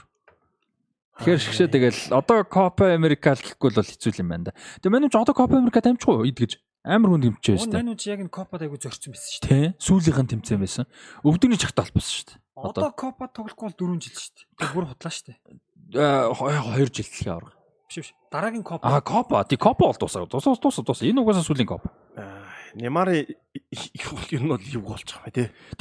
Өвдөгний чагтаа холбоос шүү дээ. Тэгээд яа, амжих болов. Яг нь Немар нөө туранхаа муранхаа юу болохоор бас гайгүйж магадгүй. Бас тэр жин айгүй нөлөөлж байгаа шүү дээ бас. Идгэж амжих юм бол яг уу Яг нь Немар үнэхээр амар авьяастай учраас эдгээд тоглоход бол энэ бол бас байж болох байхгүй. Класс нь байгаад. Гэтэ ер нь бол э, хин э, Фернандо Жинис бол юу л яах вэ? Неймаргүй л гэж бэлтгэх бах те. Одоо нэг шүү Тийм. дээ. Ууса Немар бол нөөц тэгээд үнэхээр ороод ирвэл 2 оны Роналдо шиг шүү дээ энэ л дээ. Тийм. Окей гээл. Түүнээс шицүүлэн. Тэгээд энэ бас нэг Бразилийн шигшэд бас нэг асуудлууд одоо Копа Америк ярьж байгаа юм чинь аа юу вэ Фернандо Жинис тасалжуулагч нөгөө амар өөр харам аюутай байгаа даа шүү дээ. Тактик мактик хэдүүлээ ярьсан Европынаас өөр. Тэнгүү тэрнийх нь асуудал нь бас давхар нэмээд яаж ийн гэсэн чинь манай хүн чинь нэг тийм Европ төлөнд зөвшөөрөгдөг. Тэгээд залуу аа тэгэнгүүтээ нөгөө юу юу яаж ийн гэсэн. Тоглогчд нь ерөөсөө Жинисийн юутай ерөөсөө таарахгүй амар нөгөө эготой байгаа. Тэр нь ингээд зөрчилдөө. Тэгээ Анчлотыг баг юунаас өмнө Улирал дуусангууд Европын улирал дуусангууд шууд юуны өмнө Копа Америкагаас өмнө яаралтай юу яаж магадгүй Анчелоти ч болов. гоё зохио байгуулж чадна л та тий. тийм яриа л лээ бас ер нь бол. юу Тэг яаж нөгөө нэг тэр caretaker байгаа. Ерөөсөө ингээ урт хугацааны гэр. Ерөөсөө Копа гүйцэтгэж байгаа шүү тийм Копа Америка тусал үр гүйцэтгэж гэсэн. Тэнгүү нөө тоглогчт нь тэрийг ингээ тоохгүй. Хажуул болох. Юу оо сая юу хэрэгчлээ. Жинэс Бразил. О кафу нэг амар үгэлцсэн байсан шүү дээ. Мм. Бразил ягаад дэлхийн аврах болохгүй гэж манай Бразил залуучууд ихэнх нь англи тоглоод байна. Тэгэхээр дэлхийн аврах болохгүй гэдэг нэг юм хэлсэн байл. Тэгээд нэлен дээр хэлсэн баг тий. Гэхдээ саяхан биш тий. Саяхан нь явуулсан. За яг нилийн дээр юм гарч ирж ирсэн. би тийг санаад байгаа. За тэрийг юу гэж бодож байна? Тэгээ одоо Гэхдээ ер нь тэгээд мөнгөтэй том лиг рүүндээ л ойлгомжтой Явна сайнууд нь явна шүү дээ ойлгомжтой. Тэгээ Бразилд нь тоглож байгаа зөндөл хүн биш дээ. Яах юм тийм шүү дээ. Яг Бразил жаа босод уус мос гэдэг утгаар л ярьсан л та. Тий. Бразилд нь одоо зөндөл хүн тоглож ин лиг л одоо өөр яах юм. Ямар өнгө болчиход гэж байгаа шүү тийм шүү. Яг авиастай залуучууд байгаа ч гэсэн яг класс яг нэг лидер нь бас байхгүй л байгаа Тий одоо яг сүүл тоглосон тэр 2002 он тэр 94 мөрчдөл яг л Европ тоглож исэн л хэдэн л авч өгч байгаа шүү дээ. Тийм шүү дээ. Аа. Яг Европ англи гэдэг нь миний бодлоор зөв кафу юу англи гэж хэлж байгаа гэдэг нь нөгөө английн Зөвхөн хөлбөмбөг. англиг л яриад. Тэгээ англиг л хэлж байгаа. Тэгээ Итали, Испани маань тоглохгүй байна л гэсэн утгаар. тоглол уг нэг зүгээр маяг юм байна. Тийм, би бол тэгж л бодож байна. Итали, байна. Испани л гэсэн утгаар хэлж Одоо байгаа. бүрэлдэхүүн нь хараад англи тийм байгаа. Каземиро. За англид биш үү? Gabriel Алисон Jesus. Бекер, Алисон Бекер, Эмерсон Роял, Габриэл Магалайс, Бруно Гамрайс, Доглас Луис, Жолингтон, Габриэл Мартинелли, Габриэл Жесус, Жао Педро гэсэн тоглогч нь хамгийн сүүлд одоо дуудагдсан тоглогч. За, нэмээд Эдерсон, Морайс байх боломжтой, их талны явчих. тэгээд Матеус Куня, Ришарлисон, Антони гэсэн тоглогч. Бараг л Уу яг гарааны бүрэлдэхүүний бол наа чинь бол дөрвөн тоглогч сонсогдож шүү яг өндөө бол. За урагшаага очвол энэ Реалас чи хин хоёр ороод ирнэ. Родриго Винисиус. Венесус өдр ороод ирнэ. Одоо Испаноос гайгүй орж ирэх байхгүй юм чи бас. Яг шууд бас тэр утгаараа бол Гэхдээ ер нь Ер нь амар их нь яг л нийлээ зөрчсөн юм шүү. Тийм ээ, цөмөрч тийм ээ. өмнө ч маа ганц Клеберсон л тоглодог байсан шүү дээ. Клеберсон. А Жилберто Силва. Яг хөө тэгтээ энэ юу ах л та яг хөө кафу өөрөө англи хөлбөмбөгт бас жоохон яазгүй ч юм уу тийм хүн байж магадгүй. Гэтэ тэрнээс гадна нөгөө нэг одоо энэ Фернандо Жинис дээр гарсан нэг юм байсан юу гэхээр нөгөө тоглолтын хэм маяг стил нь Бразилийн хөлбөмбөг стилтэй таарахгүй те Англига өөр байгаа шүү дээ. Тиймэрхүү зүгээр утга бас байж болох юм. Испани Итали хөлбөмбөгч өөр ялангуяа Испани те. Тэнгүүд тэр Испани тоглож байгаа тоглогч чинь Бразилда тоглохоор Бразил хөлбөмбөг гардаг. Яа ойрхон байдаг л. Бааз Тийм. өөр болчиход байна дөө одоо бол. Яг үнэндээ. Гэхдээ англи тоглож байгаа Бразилчдыг Бразилаар л тоглож. Тим тоглолтын лугаас английн клуб үсэж байгаа шүү дээ. Тэгээс англи шиг то- юу, яг англи тоглолчийн стилээр Бразил тоглолчийг тоглуулна гэдэг бол энэ бол яг тэр тактикийн арга барилууд нь илүү сайжирч л очиж байгаа шүү дээ. Тийм биз дээ. Сайн менежер тутчин л гэсэн үг шүү Тийм менежер бол би муу л гэсэн. үг. Харин ч тэр олон талын юмнуудыг чинь нийлүүлвэл бүр гоё баг гарч ирэх болов шүү дээ. Яг дээ. зөв яг зөв. Ямар тач э, юу яасан те Copa Libertadores төрүүлсэн дасгалжуулагч байгаа. Ямар тач. Тэр Тэрийг тэр шал өөр юм л та. Тэр нь бол. За нэг иймэрхүү байна. За Аргентин хэдүүлээ нөө шигшээ ярих дуртай юм чинь Аргентиныг яри. За Аргентин за энэ Copa America-г яг одоо хэлэх хэцүү баг. Гэхдээ зүгээр одоогийн байдлаар фаворитууд нь хэм бэ? Яг одоогийн байд. Аргентин, Аргентин. Аргентин. Аргентин тий. Аргентин Уругвай гэж явах гэдэг шүү ер нь. Э, Хэм байгаа? Марсело Биелса. А тийм нам би бэлсэ байгаа учраас л урах байхгүй энэ бол. Тэгэхээр бүрдгүй юм стаж үү? Тий. Яг миний Уругвай гэдэг нь нөгөө нэг яг мөнхийн хоёр байгаа шүү дээ. Мөнхийн хоёрын дунд энэ одоохондоо завсар гарчаад байна гэдэг санааг л хэлэх гээд байгаа байхгүй. 10 гаруй жилийн дараа Уругвай авах боломж бас байна. Бразил яг дэлхийн оргоор бол амар байсан. Одоо л тэр нэг яг унаж яана л та энэ бол тий. Одоо яг яг лидер нь чинь тий. Бразилд одоо ялангуяа Ко- Коста-Рика нэг хэсэгт ороод ирвэл Колумб, Парагвай, Коста-Рикатай бас тийм амархан ч бас байх. Бразилээ төвөө яхсан одоо онгоочж байгаа байхгүй. Мм. Каземиро, Пакета, Бруно, Брун Гимрес. Бруно Гимрайс гэд яг тийм гоё юу байхгүй шүү дээ. Бруно л шүү дээ хамгийн гайг нь. Яг Пакета яг CD-д очсон бол Пакета тасаад гоё болж магадгүйсэн баг. Ер нь ингээ боцсон чинь 18 22 оны дэлхийн аврах шалралт тэмцээнд орсон Бразилч амар бүрэлдэхүүн байсан байл шүү дээ. 18 онч бүр амар. Мм. Хаалганд Алисон Бекер. Яг дүнгэж гарч ирчихсэн. Хамгаалт гэсэн чинь Марсело, Дани хаалбас ид. Тэгээд Тиаго Силва. Мм. Тэгээ энэ нь Бразил гоё юусэн. Фабиньо Касемиро аяар голд нь алдчихсан. Касемиро тоглолдог. Тэгээ Фабиньос. Яаж яхад нь Фабиньо хүртэл ингээ араб явчлаа. Фабиньос бол нэг жилээс Копа Америкт гоё тоглож шүү. Фабиньос ч одоо 30 30 нэгтэл л шүү дээ. Тэгээ араб явчих юм аа. Тэгээ түрүү нөгөө нэг заяа хэлээдсэн шүү дээ. Араб руу яваад нөгөө хүн ингээ муутчихна гэдэг. Хамгийн гол юм чинь темп баггүй. Мм. Хүн Арабт гоё тоглож болно. Дараа нь Европ тоглож исэн хүмүүстэй үзэхээр темпийг гүйцэхгүй байна. Гүцэхгүй шүү дээ. Хурд мур тэр хар- харж байгаа марж байгаа юу шал өөр шүү дээ. Бразил тоглож байсан хүмүүс гэж хүсэхгүй шүү. Нь бол- Бразилийн нь бол лигчин ч чанар илүү шүү дээ. Тий, энэ нь бол тий. Тий. Тэгэхээр хэцүү. Араб бол зөв маркетинг нь бол алаад байна л та тий. Тийм Сауди Арабын лиг бол Тийм маркетинг бас сайн байгаа сайн байна. Хүн бол тэгээд яг сул лиг нэг жил тоглолцоод 2 жил тоглолцоод буцаад яг тийм өндөр түвшинд тоглолтод хэцүү байхгүй. Хятадас ирсэн бол одоо ганц Паулино л ирсэн баг. За энэ Караско. Караско маш сайн. Вицэл Вицэл. Тийм, вицэл мисэл ирсэн. Тэгээд Яаж бэлэг бэлэг. вицэл тэгт амар Оросд тоглоод хятад тоглосон тийм. Тэгснээр лалигтай сайн Тий. тоглож байгаа шүү дээ. Вицэл бас сайн сайн. За Уругвай тэгвэл бас ер нь бол одоо FIFA ранкингаар 11-т явж байгаа юм байна. Аа ер нь бол юу бол боломж бол байна гэж үзэж байгаа юм байна. Урган гол нь Марсело Бесас бүрэлдэхүүн гоё юм л Аа хаалгач Угаартаа гараад ирцээж захтай төв яах хэвээр. тий. Угаартай гоё. Одоо хамгаалалттай амар сайтай. Одоо харахаар ингээ Касерс Себастьян Касерс гэдэг. Хименес байна. Тэгээд Хименес Хименес биш үү? Нөгөө төвш биш. Тэгээд дуустдаг Мартино. тэр биш. Араухо байна. Тий. Бас гоё. Тэгээд Матиас Оливера байгаа шүү дээ. На- Наполигийн. Тэгээ Бентанкур. Николас де ла Круз айгуу сайн байгаа. Дандаа гол. Угарте, Араскайта, Валверде. Э тийм. Ер нь бол тэгээд Valverde, Ugarte, Bentancur гур баггүй юм. Энэ хин байнга тоглож байгаа. Николас де ла Крузыг бүр байнга тоглож байгаа. Тэгвэл дөрөв ч юм уу те. Энэ де ла Круз яг тэр Биесагийн баг гол хүн Тороор байгаа ч шүү. сая Галасрат мундаг байл шүү. Тийм. Тий, сэлгэнд нь төрөөрөө байгаа. Гэтэ Торераг Дуудахгүй нь. сайлав дуудаг хамгийн сүүлд а 23 оны 3 сард л дуудагдсан юм байна. Тэгэхээр хэн бол нэгч дуудаг байгаа гэсэн үг. Биалса. Биеса Одоо Бесагийн тоглолтоо багнаад Bentancur-ийн орчин зүгээр аалан цай орчин. Мм, оо Валверде. Йоо, Валвердег одоо юу нэ Манчестер Юнайтед Блистри явах шүү. А Факундо Белестер урд нь байгаа. Луис Суаресыг буцаад дуудсан. Хин тэгээд мэдээж Дарвин Нуньес байгаа. Bentancur гоё шүү. Bentancur амар шүү. Бентанкур гой гой. Янзан гой тоглогч. Тэгээ урдаа Дарвин ч яг шигшээд болсон амар гоё. Шүү. Амар гой амар. Тэгээ сэлгэнд нь манай Кристиан Стуани байна. Стуани харин дууссан баха тий. Стуани дууссан баха. Стуани шигээс зодог модог тайлцсан. Зэмэт энэ Биаса ч залуу хүмүүсийг тоглуулдаг. Тэгээ өөрөө ч ер нь дуудагдааг удаж байгаа юм. Тэгэхээр зодог модог тайлцсан юм байна. сайн хаалгачтай болсон шүү. Нөгөө залуу хаалгач. А хин Наач мундаг хаалгач. Э. Одоо хаагаад байгаа. нэг залуу биш Оо, үү? хин? 30 та Рошет үү? Бразил. биш биш. Рошет биш ээ өөр нэг халахж байгаа. Өөр хаалгач. Йоо, спортингийн хаалгач уу? Сая юун дээр тогсон. Аргентин, Бразилийн эсрэг. Аргентин, Боливийн эсрэг дуудагдсан Рошет, Франко, Израиль, Сантьяго Меле гэж гурван хаалгач дуудагдсан байна. Нэг нь 26 та, нэг нь 23 та, нэг нь 30 та. Рошет нь 30 та. Рошетос нэг өөр хаалгах байгаад байгаа. Яасан сая бол эднэр байсан байна. Тэгээд дуудагдсан сүүлийн 23 оны 6 сард Рандал Родригес гэж Пеньяролын 20 та хаалгач нэг дуудагдсан юм байна. А 3 сард Солонгосын өмнө эсрэг тоглосон тоглолтод 29 дэх Гермо де Аморес 30 настай Гастон Оливера гэж Уругвай, Парагвай тоглолтог нэг хоёр хаалгач бол зүгээр дуудагдсан байна.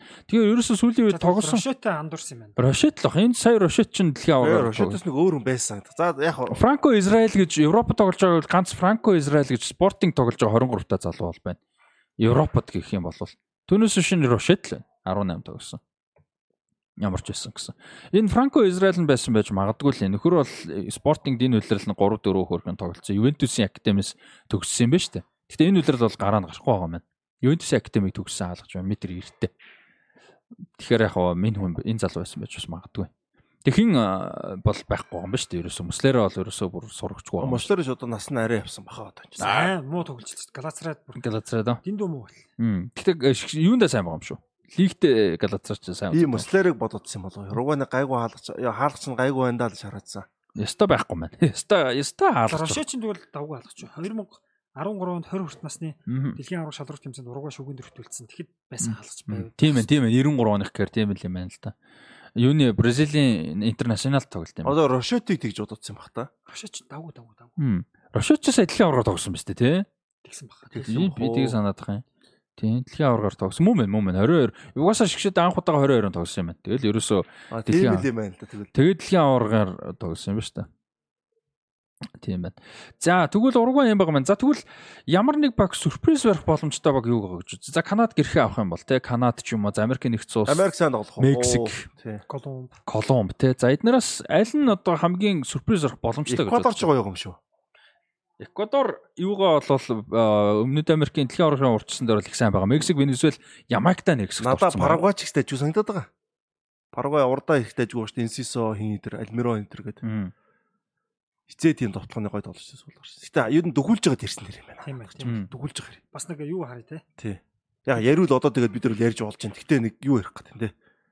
Жохон нэг тийм. Жохон түүх ярих гэдэг. Тий түүх ярих гэдэг. Дөхүүлж байгаад гоё яриа хэвээр. За тэгээд хэдүүлээд тэгвэл дараа дараагийн дугааруудаас харин еврога нэлээ фокуслээ тий. Африк Африк яг ойрт ойрхон байгаа болохоор тий фонд форм зарлаач юм уу тий форм мором гэж бас гоё ярих. Одоо дээрээс нь Аз Африкийн багуудыг бүрэлдэхүүн айгу гоё болоод байгаа юу? Африк бол ялангуяа нэлээд жигд болчих. Сая юу Аз гэснээс. Эмэгтэйчдийн хөлбөмбөг ирсэн шүү дээ. Японы эмэгтэйчүүдийн шиг шуугч Бразилийг өтсөн билж сайн. А тийм үү? Ваа. Эмэгтэйчдийн FIFA Days чинь бас нэг арай өөр үү. Бразил чинь гэхдээ угаасаа дэлхийн авраг баг шүү дээ. Япон ч.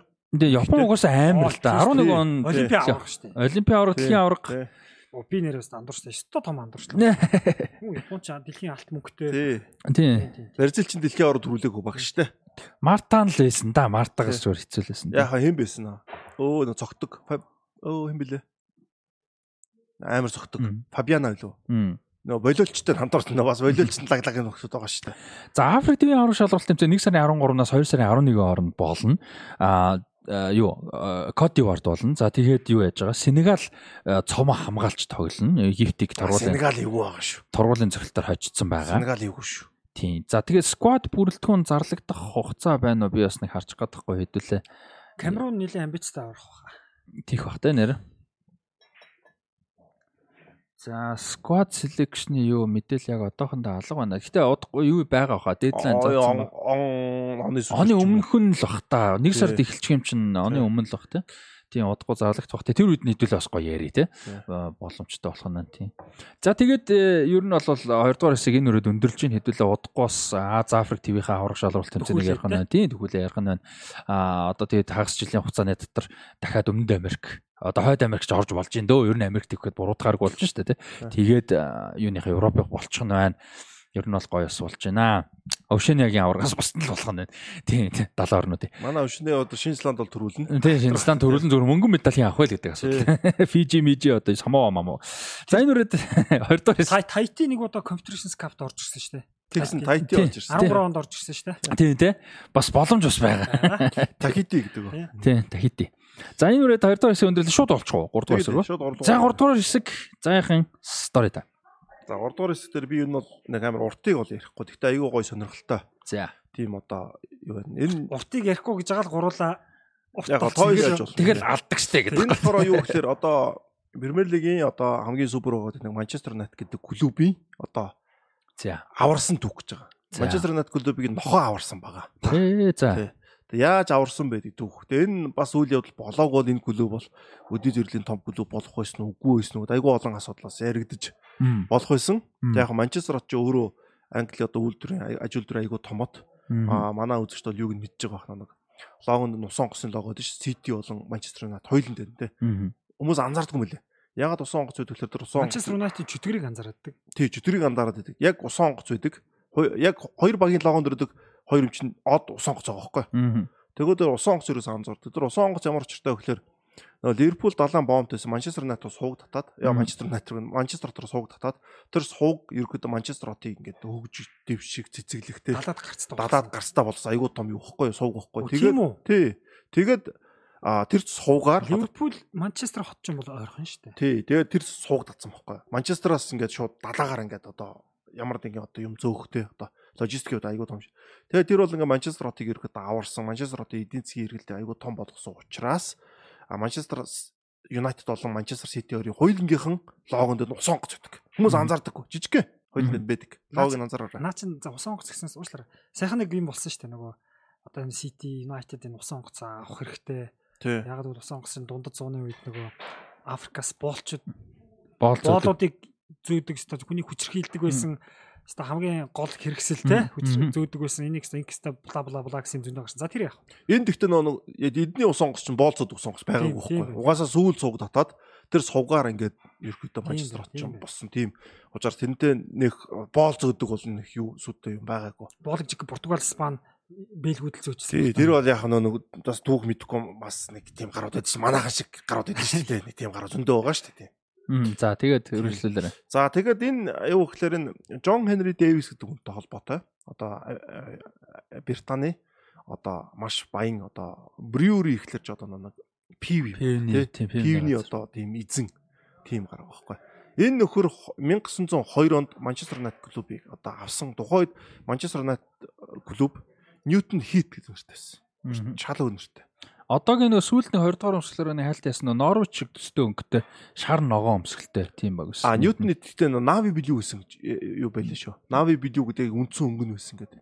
Тэр мэрийг бас сольсон гэдэг. За тэгээд а клуб бол өөрөө өртөө гэсэн. Тухайн үед бол 2670 одоо паунд гэдэг. Тухайн үед асар их мөнгөс энэ. Би нүг нэг сая юугаар нэг үржүүлж үзсэн чинь баг одоогоо нэг 350 400 мянган доллар байгаа байхгүй. Яг одоо ингээд хөл өмг юу чинь өсөд чал өөрүүлсэн болохоос их мөнгө өгөхгүй юм чинь те. Нэг тиймэрхүү юу байсан. За нөхөр бол өөрөө энэ нөхөр бол одоо Джон Хенри Дэвис нөхөр бол тийм баяа хэлээс гаралтай нөхөр байгаагүй. Тэгэд өөрөө ингээд юу байсан. Одоо ингээд а одоо state agent гэхэлэр манайхаар одоо нэг юуны агент юм да. Үйл хөдлөх юуны агент. Тэгээд энэ кипер гэж байгаа. Энэ кипер гэхэлэр чи одоо нэг хотелийн эзэн юм. Одоо юу юм те. Энэ кипер гэхээр зүгээр нөгөө хардаг л хүн гэл ойлгочихвол зүгээр л. Энэ кипер тухайн нөгөө нэг байшин ч юм уу тэр нөгөө ийм хариуцж байгаа хүн, тий. хариуцж байгаа хүн л гээл. Тий, за яг эзэн гэхээр эзэн өвнөр биш тий, бас Яг биш яг үнэ тий. Би бас нэ одоо юу гэж эзэн бас байж болно харин шүү. харин болно, Байж харин болно гэхдээ яг эзэн гэсэн үг бол. Тий одоо нөхө эзний нэг жоохон хариуцуулсан нөхөр байгаа. Одоо нөхөр бол одоо баяалаас гарч ирээгүй. За тэгээд ингээд нөхөр ингээд бизнес игээд ингээд дээрэс нь энэ нөхөр ингээд юуны пивний бизнес руу орж байгаа. За тэгээд ингээд томроод ингээд дүнтэй хамтраад ингээд яваадсэн. За ингээд гол төг рүү гараа заяа. Гол төг рүү орсон гэж тухайд Манчестер Юнайтед буюу одоо нөө хэн байгаа штэ. Аа за энэ нөхөр Джон Хенри Дэвис тэгээд баяа хэл явах мохонтой суугаа. Тэр нь баяа явах нь Сэр Хенри Тэт гэдэг одоо 9 чигрийн компани асар том босс. 9 чигэр гэдэг чинь өөр асар том бизнес штэ. Мгм. Одоо ч айгуу том бизнестэй.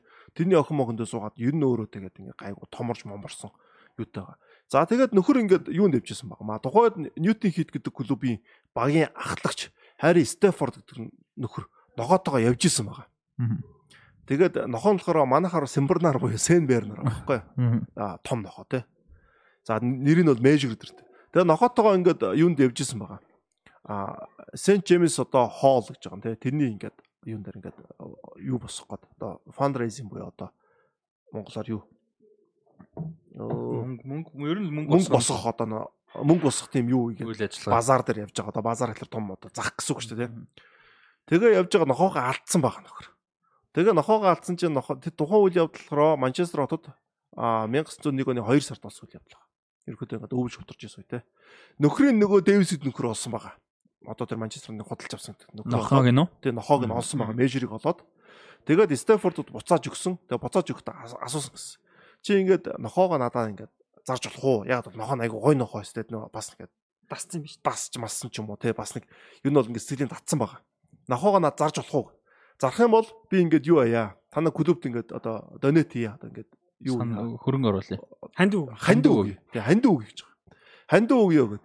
Тэгээд нөхөр угаасаа ингээд мөнгө төрг босгох гэж явжсэн нөгөө нөхөр нь ч бас мөнгөтэй нөхөр байсан тэр мөрөн ч яасан тэгээд нөхөр бол ингээд тэнд ингээд нохоогоо ингээд үлдээх зөвшөөрсөн байгаа. Тэр нохоо зарцгаал гэсэн үг юм биш тий. үү? Үлдээсэн байгаа.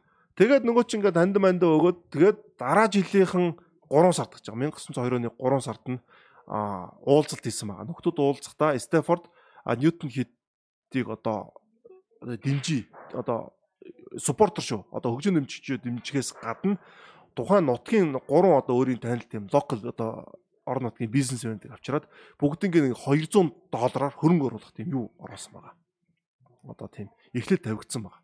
За ингээд клубыг бас ингээд аварсан байгаа. Одоо ингээд клуб өөрөө өөртөө асуудалтай тий айгүй бол асуудалтайсэн. За ингээд клуб клубыг ингээд аваад нөхөр ингээд эзэн эзэн болох ингээд юунууд гарч ирж байгаа. За ингүүдээ нөхөр Манчестер Юнайтед Ньютон хит гэдэг клубын нэрээ солиод Манчестер Юнайтед AFC гэж нэ одоо нэрийг сольж байгаа.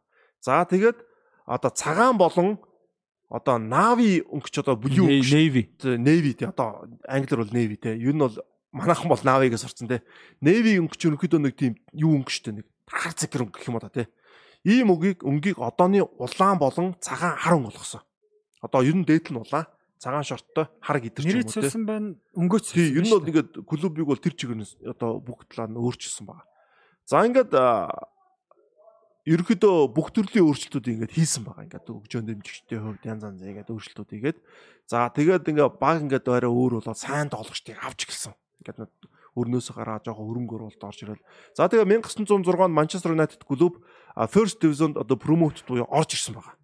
Тэнгүүтээ 1908 онд лигийн аваргыг авсан, 1909 онд FA Cup-ын цомын аваргыг авсан байгаа байхгүй.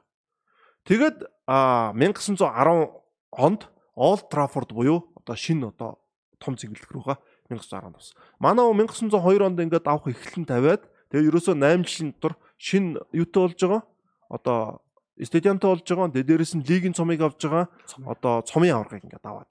Тэгээд Манчестер Юнайтед клуб 1911 онд дахиад лигийн цомыг аваад ерөөхдөө а юу яаж байгаа. Манчестер Сити гэдэг одоо нэг локал өршлөгч байгаас тэрнээс өргөдөө ингээд тасрах эхлэлүүд нь гарсан. За ер нь ингээд Манчестер Юнайтед клубыг энэ нөхөр ингээд ер нь ингээд байгуус одоо аварсан. Тэгээ энийг ерөөдөө аврах гол юм нь бол одоо багийн одоо Стаффордын нохоо байсан баг. Тэр нохоог алдаж нохоог тэр Дэвис болж ингээд айгүй гоо тийм юугаар а нөхөрт өгөөд гол нь тэгээ давхар айгүй олон азууд тохиолсон. Сен Бернар нь айгүй таалагдсан байгаа нөхөр тус. Тэгээд дэрийгэ зарвал ингээд хөрөнгө оруулалт тийм ээ гэдэг. Тэр нохоонд бас нэлээд дуртай нөхрөөс байгаа байхгүй тий. Тэгээд ийм үйл явдал болсон. Тэгээд энэ үйл явдал болсноор Манчестер Юнайтед клуб ингээд нохоо яагаад Манчестер Юнайтед клубыг аварсан бэ гэдэг нэг юм өөрхөн стори байдаг. Энэ стори ийм төвхтэй. Тэгээд энэ стори бол ерөөхдөө энэ клубыг бас ингээд айгуу том клуб болгох эхлэе тавьсан. Одоо өнгөө солим. Тэгэхгүй бид нар одоо Ньютон хийдэг клубыг бас үздэг өсөж магадгүй те. Бас сонь нэр бас явхааргүй нэр байгаас. Тэгээд Яг мэдхгүй л те. Одоо том Тий. болцсон хойно бол тэгээд одоо Ньютон хийгээл том баг л байх юм байлгүй. Тэгэл нөө одоо Ливерпул Эвертонд адилхан байхгүй нөө. Хотын баг нэртэй баг гэдэг бас ямар Өөртөө Эвертон ч нэрийн хотын нэр шүү Үгүй ээ харин Эвертон хотын нэр анх байгуулагдсан мөртлөө хотынх нь нэр өгөөг байхгүй. Ливерпул клуб нь дараа нь Эвертоноос салж байгуулсан нөхдүүд нь Ливерпул хотын нэр өгөөд хотын нэр гэдэг өөрөө нөө маркетинг дээр асар том. Мгм. Тэгэл яг гэдэг юм л да. Гэдэг юм л да. Одоо төлөөлчдөг те. Тий. За нэр солигдохоос гадна зүгээр хөрөнгө оруулаагүй бол ингэж дэмжээгүй бол тэр Ньютон хит хэр удаа наслах байсан тий. Нь хэцүү байсан ба штэ. Тий. Яг гоо Манчестер том хот юм чин өөр клуб гарч ирэх л байх л да. Гэхдээ Яг энэ клуб үргэлжлэх байсан уу гэвэл бас зүйтэй тий. Гэхдээ том хот байсан ч гэсэн Манчестер Сити бас сонирн байсан те. Сонь түүх шүү тий. Ийм дүүх байд юм байна стори. Гэхдээ бид нар мэдэхгүй байхгүй. Манчестерод муу багтай байж болно шүү дээ. Тийм эс. Бирмингемийг харалтаа. Бирмингем Англи хоёр дахь том дээ. Манчестер гэсэн нэг муу 2 3 дугаар дивизонд бид Бристол шиг тий. Тий. Тэгээ нэг хотынхоо нэртэй зөндөл баг байгаа шүү дээ. Coventry одоо Bristol юу гэх. Яг гэхдээ Манчестер том л доо. Тийм гэхдээ мэдээж. Бирмингем ч Английн Британий 20 дахь томот шүү дээ. Тэгсэн мөртлөө Бирмингемийн клубүүд юу нь алдартай биш. Тийм ээ. Астон Вилла Бирмингем хоёр топ биш те. Топ биш байхгүй. Тэр яг үнэхээр хотон том учраас Астон Вилла Мила ч Премьер Лигт бас нэлээд дөрүүлсэн байдаг. Европын зам төрөлцсөн. Европын зам дөрүүлсэн. Гэхдээ яг ингээд Ливерпул шиг ч юм уу ингээд одоо ингээд Манчестер Юнайтед ч гэдэг бүр ингээд удаан ингээд юу яа гэдэг өөр юм байна бас. Одоо Ньюкасл байна бас. Ньюкасл ч бас хамгийн хөгжөөнд дэмжиж тот гэж явдсан шүү дээ. Тэгсэн мөртлөө Ньюкасл яг Премьер Лиг төрүүлсэн баг л да. Гэхдээ бас нэг тийм том их тос хэвчээ те. Премьер Лиг төрүүлж байгаагүй шүү дээ. Төрүүлсэн шүү дээ. Энд а Блэкберн төрүүлсэн шүү дээ. Би нэг хаалтан ширээр ботсч өмсгөл бодоо төрүүлээ. Харин тий. Тэгээд дарахаар энэ бас айгүй тийм сонд үг бас байгаа. Сонь сонь сонь. Гинтийн Одоо Лондонгийн багууд бол бас амар биш байсан шүү дээ тий. Тэгэл нөгөө Ливерпул нөгөө Манчестер гэдэг явдаг гэсэн тий. Вилла Астон Вилла Мила гэж явдаг гэсэн. Тэгэхээр энэ бас айгүй сонин тийм клубыг аварсан дөх байгаа. Одоо энд яг ийм харагдаж байгаа хөөхтэй. Англи Европ төлөв бөгж 100 100 хавжл болсон. Одоо эдгээр үзэх юм аль эрт дээр үед үзээд шалгарах нь шалгараад өнөөгийн баян том багууд гатарч гисэн. Одоо шилбэл одоо манай Монголын хөлбөмбөг болоо гэх энийг үзэж байгаа байхгүй. 90 оны хүртэл хувийн хвшлэгж байгаагүй. Бүх клубыг одоо нийгэмлэг улс үйлдвэр ариан арианаас дэмждэг тий. Одоо цэргийн байгуулагч гэдэг юм үйлдвэрээс дэмждэг. Тэгээ 90 он гараад бүх юм хувьд гарахад энэ ч бүгд дампуурч байгаа байхгүй. Унж байгаа байхгүй. Одоо тэгээд 90 оноос хойш ингээд өөртөө унан болсон байж ингээ хөгжөөд тогтож үлдэх гээд явж штэ. Одоо тэгээд энэ процесс бол ялангуяа эхлээд бол англи те 1800 оны сүүл 1900 оны их үед ид явцсан байгаа байхгүй. Тэгээ бас бас л бодуустай л юм болсон байна. Сонь төгөө шүү. Бараг Манчестер Юнайтед одоогийн дэмжигчдэр тэр нохооны зургийг залаад бас заримдаа Ер нь Англид нохоонууд их нөлөөтэй шүү дээ. Өөрөө нохооны соёлын төр ч юм уу. Дэлхийн авраг нөө цомч аалга бол нохоо олдсон шүү дээ. Хогийн савнаас. За энэ үрээд аа юу яа? А Жого Монето шоу подкаст. Их сонь түүхэн. Тийм өндөрлж их сонирхолтой гоё түүхэн. Тэр Сент Бернард манайх Симбернард аа болоо нохоод шүү дээ. Тийм. Аа нөгөө нэг Бетховен гэх кино байдаг шүү дээ. Тэр нь алдартай тий. Нэг хоёр гэ тий. Тий. Зарим хүн чинь тэр Симбернар гэдэг үйлдвэрж Бетховен л гэж бодож байгаа шүү дээ. Тий, тэгдэг байсан тий. Арслагын зул сим багттай адилхан багтай. А тийм тэгээд сонирхолтой story Manchester United-ийн фэнүүдэд бас гоё байсан гэж найж нэг ч гэсэн гоё мэдээ. United жоо асуудал. Хэцүү цаг үед дөө. Энэ хэцүү цаг үед. Энэ хэцүү цаг үед гэснээс зүгээр зовоочлаараа United-ийн фанатууд наа. United аврагууд лигээс мултрах юм бол дараагийн тогс над дээр байгаа бох тий. Одоо энэ 7 хоногт шүү дээ. Одоо энэ 2 3 дахь аврагууд лиг. Тэгээд дараагийн 7 хоногийн стори над дээр байгаа. Аа тий тий. За үнэхээр мултрах бол та ядгаа сэтгэлийг засч гоё стори бас бэлтнэ. Тэгвэл нанжид цэнгэлээр орох тий. Би нэг өнжид. За тэрийг цэнгэлээс асуу. Асуу тий. Асууж ажил тий. Бодол өнжих гээд нөгөө юу. Үгүй яа яа өнжүүл бас нэг айгу зүгээр идэх байхгүй. Ер нь би ч гэсэн өнжмөр л болдог бол. Чи энэ ирээд үнчилдэг гэдэг болдог бол юу юм бол за юу юм бэ? Товчхон нэмэхэд нөгөө нэг сая ярьсан шүү дээ. Өвшөнийгээс бусад ТV-ийн бүгдээрийнх нь авраг болох нэгэ ярьсан шүү дээ. Тэгсэн чинь юу өвшөнөө ч бас болох юм байна. Тийм. Бас дуус байгаа шүү дээ энэ ч бас. Тийм яг болох нь болно. Гэхдээ гол нөгөө нэг саяны ярьсан хугацаанд болох юм байна. Тэр нь айгуу сонирхолтой. Юуны 2024 оны 6 сарын 15-наас 30-ны хооронд Вануатууд юу болох юм байна? Одоо 70 улсуудын авраг Ноколофод болох юм да тийм болох юм байна. Их сонирхолтой. Тэгээд 13 улс бол байдаг. Тэгээд тэнцэнээс бас улсын шалгаруулалт явах юм байна. Явгууд чинь. Тэгээд авч ирнэ тийм. Тэгээд бүрэлдэхүүн одоо 13 улсад нь юу юу байдаг юм бэ гэхээр ийм улсууд байд юм байна. American Samoa, Cook Islands, Fiji, Kiribati, New Caledonia, New Zealand, Papua New Guinea, Samoa, Solomon Islands, Tahiti, Тонга, Тувалу, Вануату гэсэн улсууд байдаг. За тэгээд Кирибати, Тувалу хоёр нь бол одоо яг бүтэн гишүүн гэж бол явдаггүй юм байна. Илүү нэг асоосид хамтарч гэсэн утгаар бол явдаг. Яагаад гэвэл энэ хоёр FIFA-гийн одоо юу бүрэлдэхүүн бай гишүүн биш юм байна. Кирибати, Тувалу хоёр нь бус нь бол бүгд FIFA-гийн хөлбөмбөг тоглодог юм байхгүй юм чи зайлуулаа ч гишүүн болгож шинэ Каледо өдөр чинь тусаар тогтсон цус биш шүү дээ. Айгуу том арал шүү дээ. Тэгсэн мөрлөө Францын мэдэлж явж идэг. Умард Марена алдсан биш үү? Маш Аз руу алдсан биш үү, тий? Умард Марен ч уг нь тийшээ байвал бас. Марен ч тэгт Аз руу галдаа. Аз тагаа орхон тий. Наа чи одоо юу байгаа? Нэрлэгдүүл одоо маршал ч бас ороод ирсэн тий. Үгүй маршал байхгүй. Зүгээр ирээдүйд ирээдүйд бүртгэх магадлалтай самаа орж ин. Нөгөө самаа орж ин. Самаа тий самаа Американ самаа хойлоо байгаа. Хойлоо энэ тий. Хойлоо байсан. За тэгээд энэ Бүгэн Бужен Вил гэдэг нөгөө Папуа Нью Гинеээс салсан тусгаарлсан юу байгаа юм байна. Навруу өдр байхгүй нь тий. Тэгээ энэ 2027 онд Папуа Нью-Гинеас Bougainville гэж хэсэг нь салан тусгаарлаж байгаа юм байна шүү дээ. Бүр тодорхой болцсон юм байна. Шинэ улс юм ба шүү дээ. Тий одоо шинэ улстай болох нь шүү дээ. Тийм байгаа юм байна. 27 онд тусгаарлан тусгаарлан бүр тодорхой болцсон гэж байна. А тэгээ Micronesia сонирхолтой. Micronesia гэж энэ Marshall Island, Nauru, Niue, Palau гэсэн улсуудын холбоонууд бол яг нөгөө энэ далайн орнуудын холбоонд нэр одоо нэгдэх боломжтой байгаа гэж үнгүй үнгүй наа хүн байхгүй. Тийм. Наадууш тэгээ тоглох гэж бас хэдэн 100 бараг 1000 км туулж хоорондоо тоглох. Аа, Наадад саваа чи нэг арал нэт үст хоёр хүн багтаа гэдэг. Бас нэг тийм стори яриул бас гоё шүү. Хоёр хүн багтаа тэр хоёрынхоо юу н олох гэж алаан болдог нэг. Нэг л тоглоно. Юу одоо тэр хоёр нь л хоорондоо тоглолтоо тэгээд арлаараа хоёр увагцсан могцсон юмуд гарч ирдэ шүү наад гоё гоё дүүх. Нэрээд их бах та. Тий. За за за энэ үрээд өндөрлөе гэж бодож байна. Шоу Бонто шоу подкастыг Титэм спортс барын хамт олон ивент итгэж дэмжин ажилласаар байгаа. Видео яг одоо ажиллаж байгаа гэж найж нутсан батарей дууссан. Цагны батарей дууссан чинь бичлэг хийж байгаагүй бодлоо. Улаан асаал шүү дээ. Үгүй тэнцээ бол биш нөө бичлэгийг ярьж байгаа. Аудио нь явж байгаа юм л та. Тэгээ төстэй байгаа гэж найдаж чинь тэг байхгүй бол одоо сүүлийн нэг хэдхэн минут өрсөх баг. Тий. Тэгээд Титэм спортс барын хамт олон ивент итгэж ажилласаар байгаа 8070 дугаараар та бүхэн а холбогдож мэдээлэл авах а, захиалах боломжтой байгаа шүү. Тэгээ шоу Bonito шоу подкастын 17 дахь дугаар байлаа. Сонирхолтой ойр тос нөгөө өмнөд Америкийг бас яриаггүй удацсан болохоор бас гоё байна те.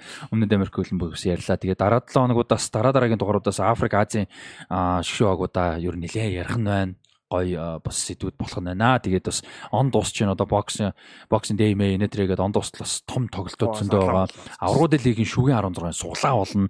За тэр бас их гоё болно те. Одоо дөрвөн багт дуугаа шүү дээ тодорхой. Манчестер Юнайтед одоо Европа лиг авах юм уу? Бүр мултрах юм уу? Хэсгээс гарах юм уу? ороод ирсэн. Тэгээ одоо юу болно бас Том баг үү те. Тий. За хэдүүлээ бол аврагууд лиг л яриад байгаа. Гэхдээ конференц лиг, Европа лиг мэдээж бас явж байгаа. Хэдүүлээ хасагт шат руу суглаа нь болоод ирэхээр бас дурдан те. Хэсэгт нэг дурдах хитрхи олон баг байдаг учраас дурдахгүй байгаа. Сонирхолж багтай байна. Тий ярихад бас жоохон удаатай яг үнэ хэлээд. А гэхдээ асах болоод ирэх одоо сонирхолтой тий ярих. Одоо ч нэг Аврал лигээс бас нэлээд хэдэн багууд Европа лиг руу плей-офф руу унах. Тий тэгэхээр бас гоё учраанууд таарна. Барса Ньюкасл Милан энэ Барса Ньюкас юу хоёр чин Манчестер Юнайтед жоо таарад Барса мултар зултраад бас нэг юм болсон шүү дээ.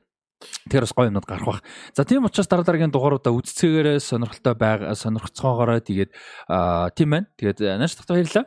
Баярлалаа та хоёртоо. За тэгээд заахт баярлалаа. Сонирхолтой story time маань Манчестер Юнайтедууд маань фэнүүд маань одоо улаан чөтгөрүүд нь жоохон ч гэсэн тайтгарсан гэж найдаж байна. Тэгээд Челсигийн фэнүүдэд дараа нь бас тайтгарах юм гарах байхаа. Тэгээд тэгээд дараа дараагийн Абрагийн дугийг ярьцгаал болчих юм шүү. Абрагийн дугийг ярьцгаал болчих юм шүү. дараа дараагийн Абрагийн төгчдөө эрэг төгөх байхгүй шүү дээ. Тэгээд дараа дараагийн дараа дараагийн Дрогба гэрмээр. тий Дрогба байлгоо юм тий. Тий, тий. Тий тэгээд дараа дараагийн дугаараар уулзлаа баяртай. За шүү.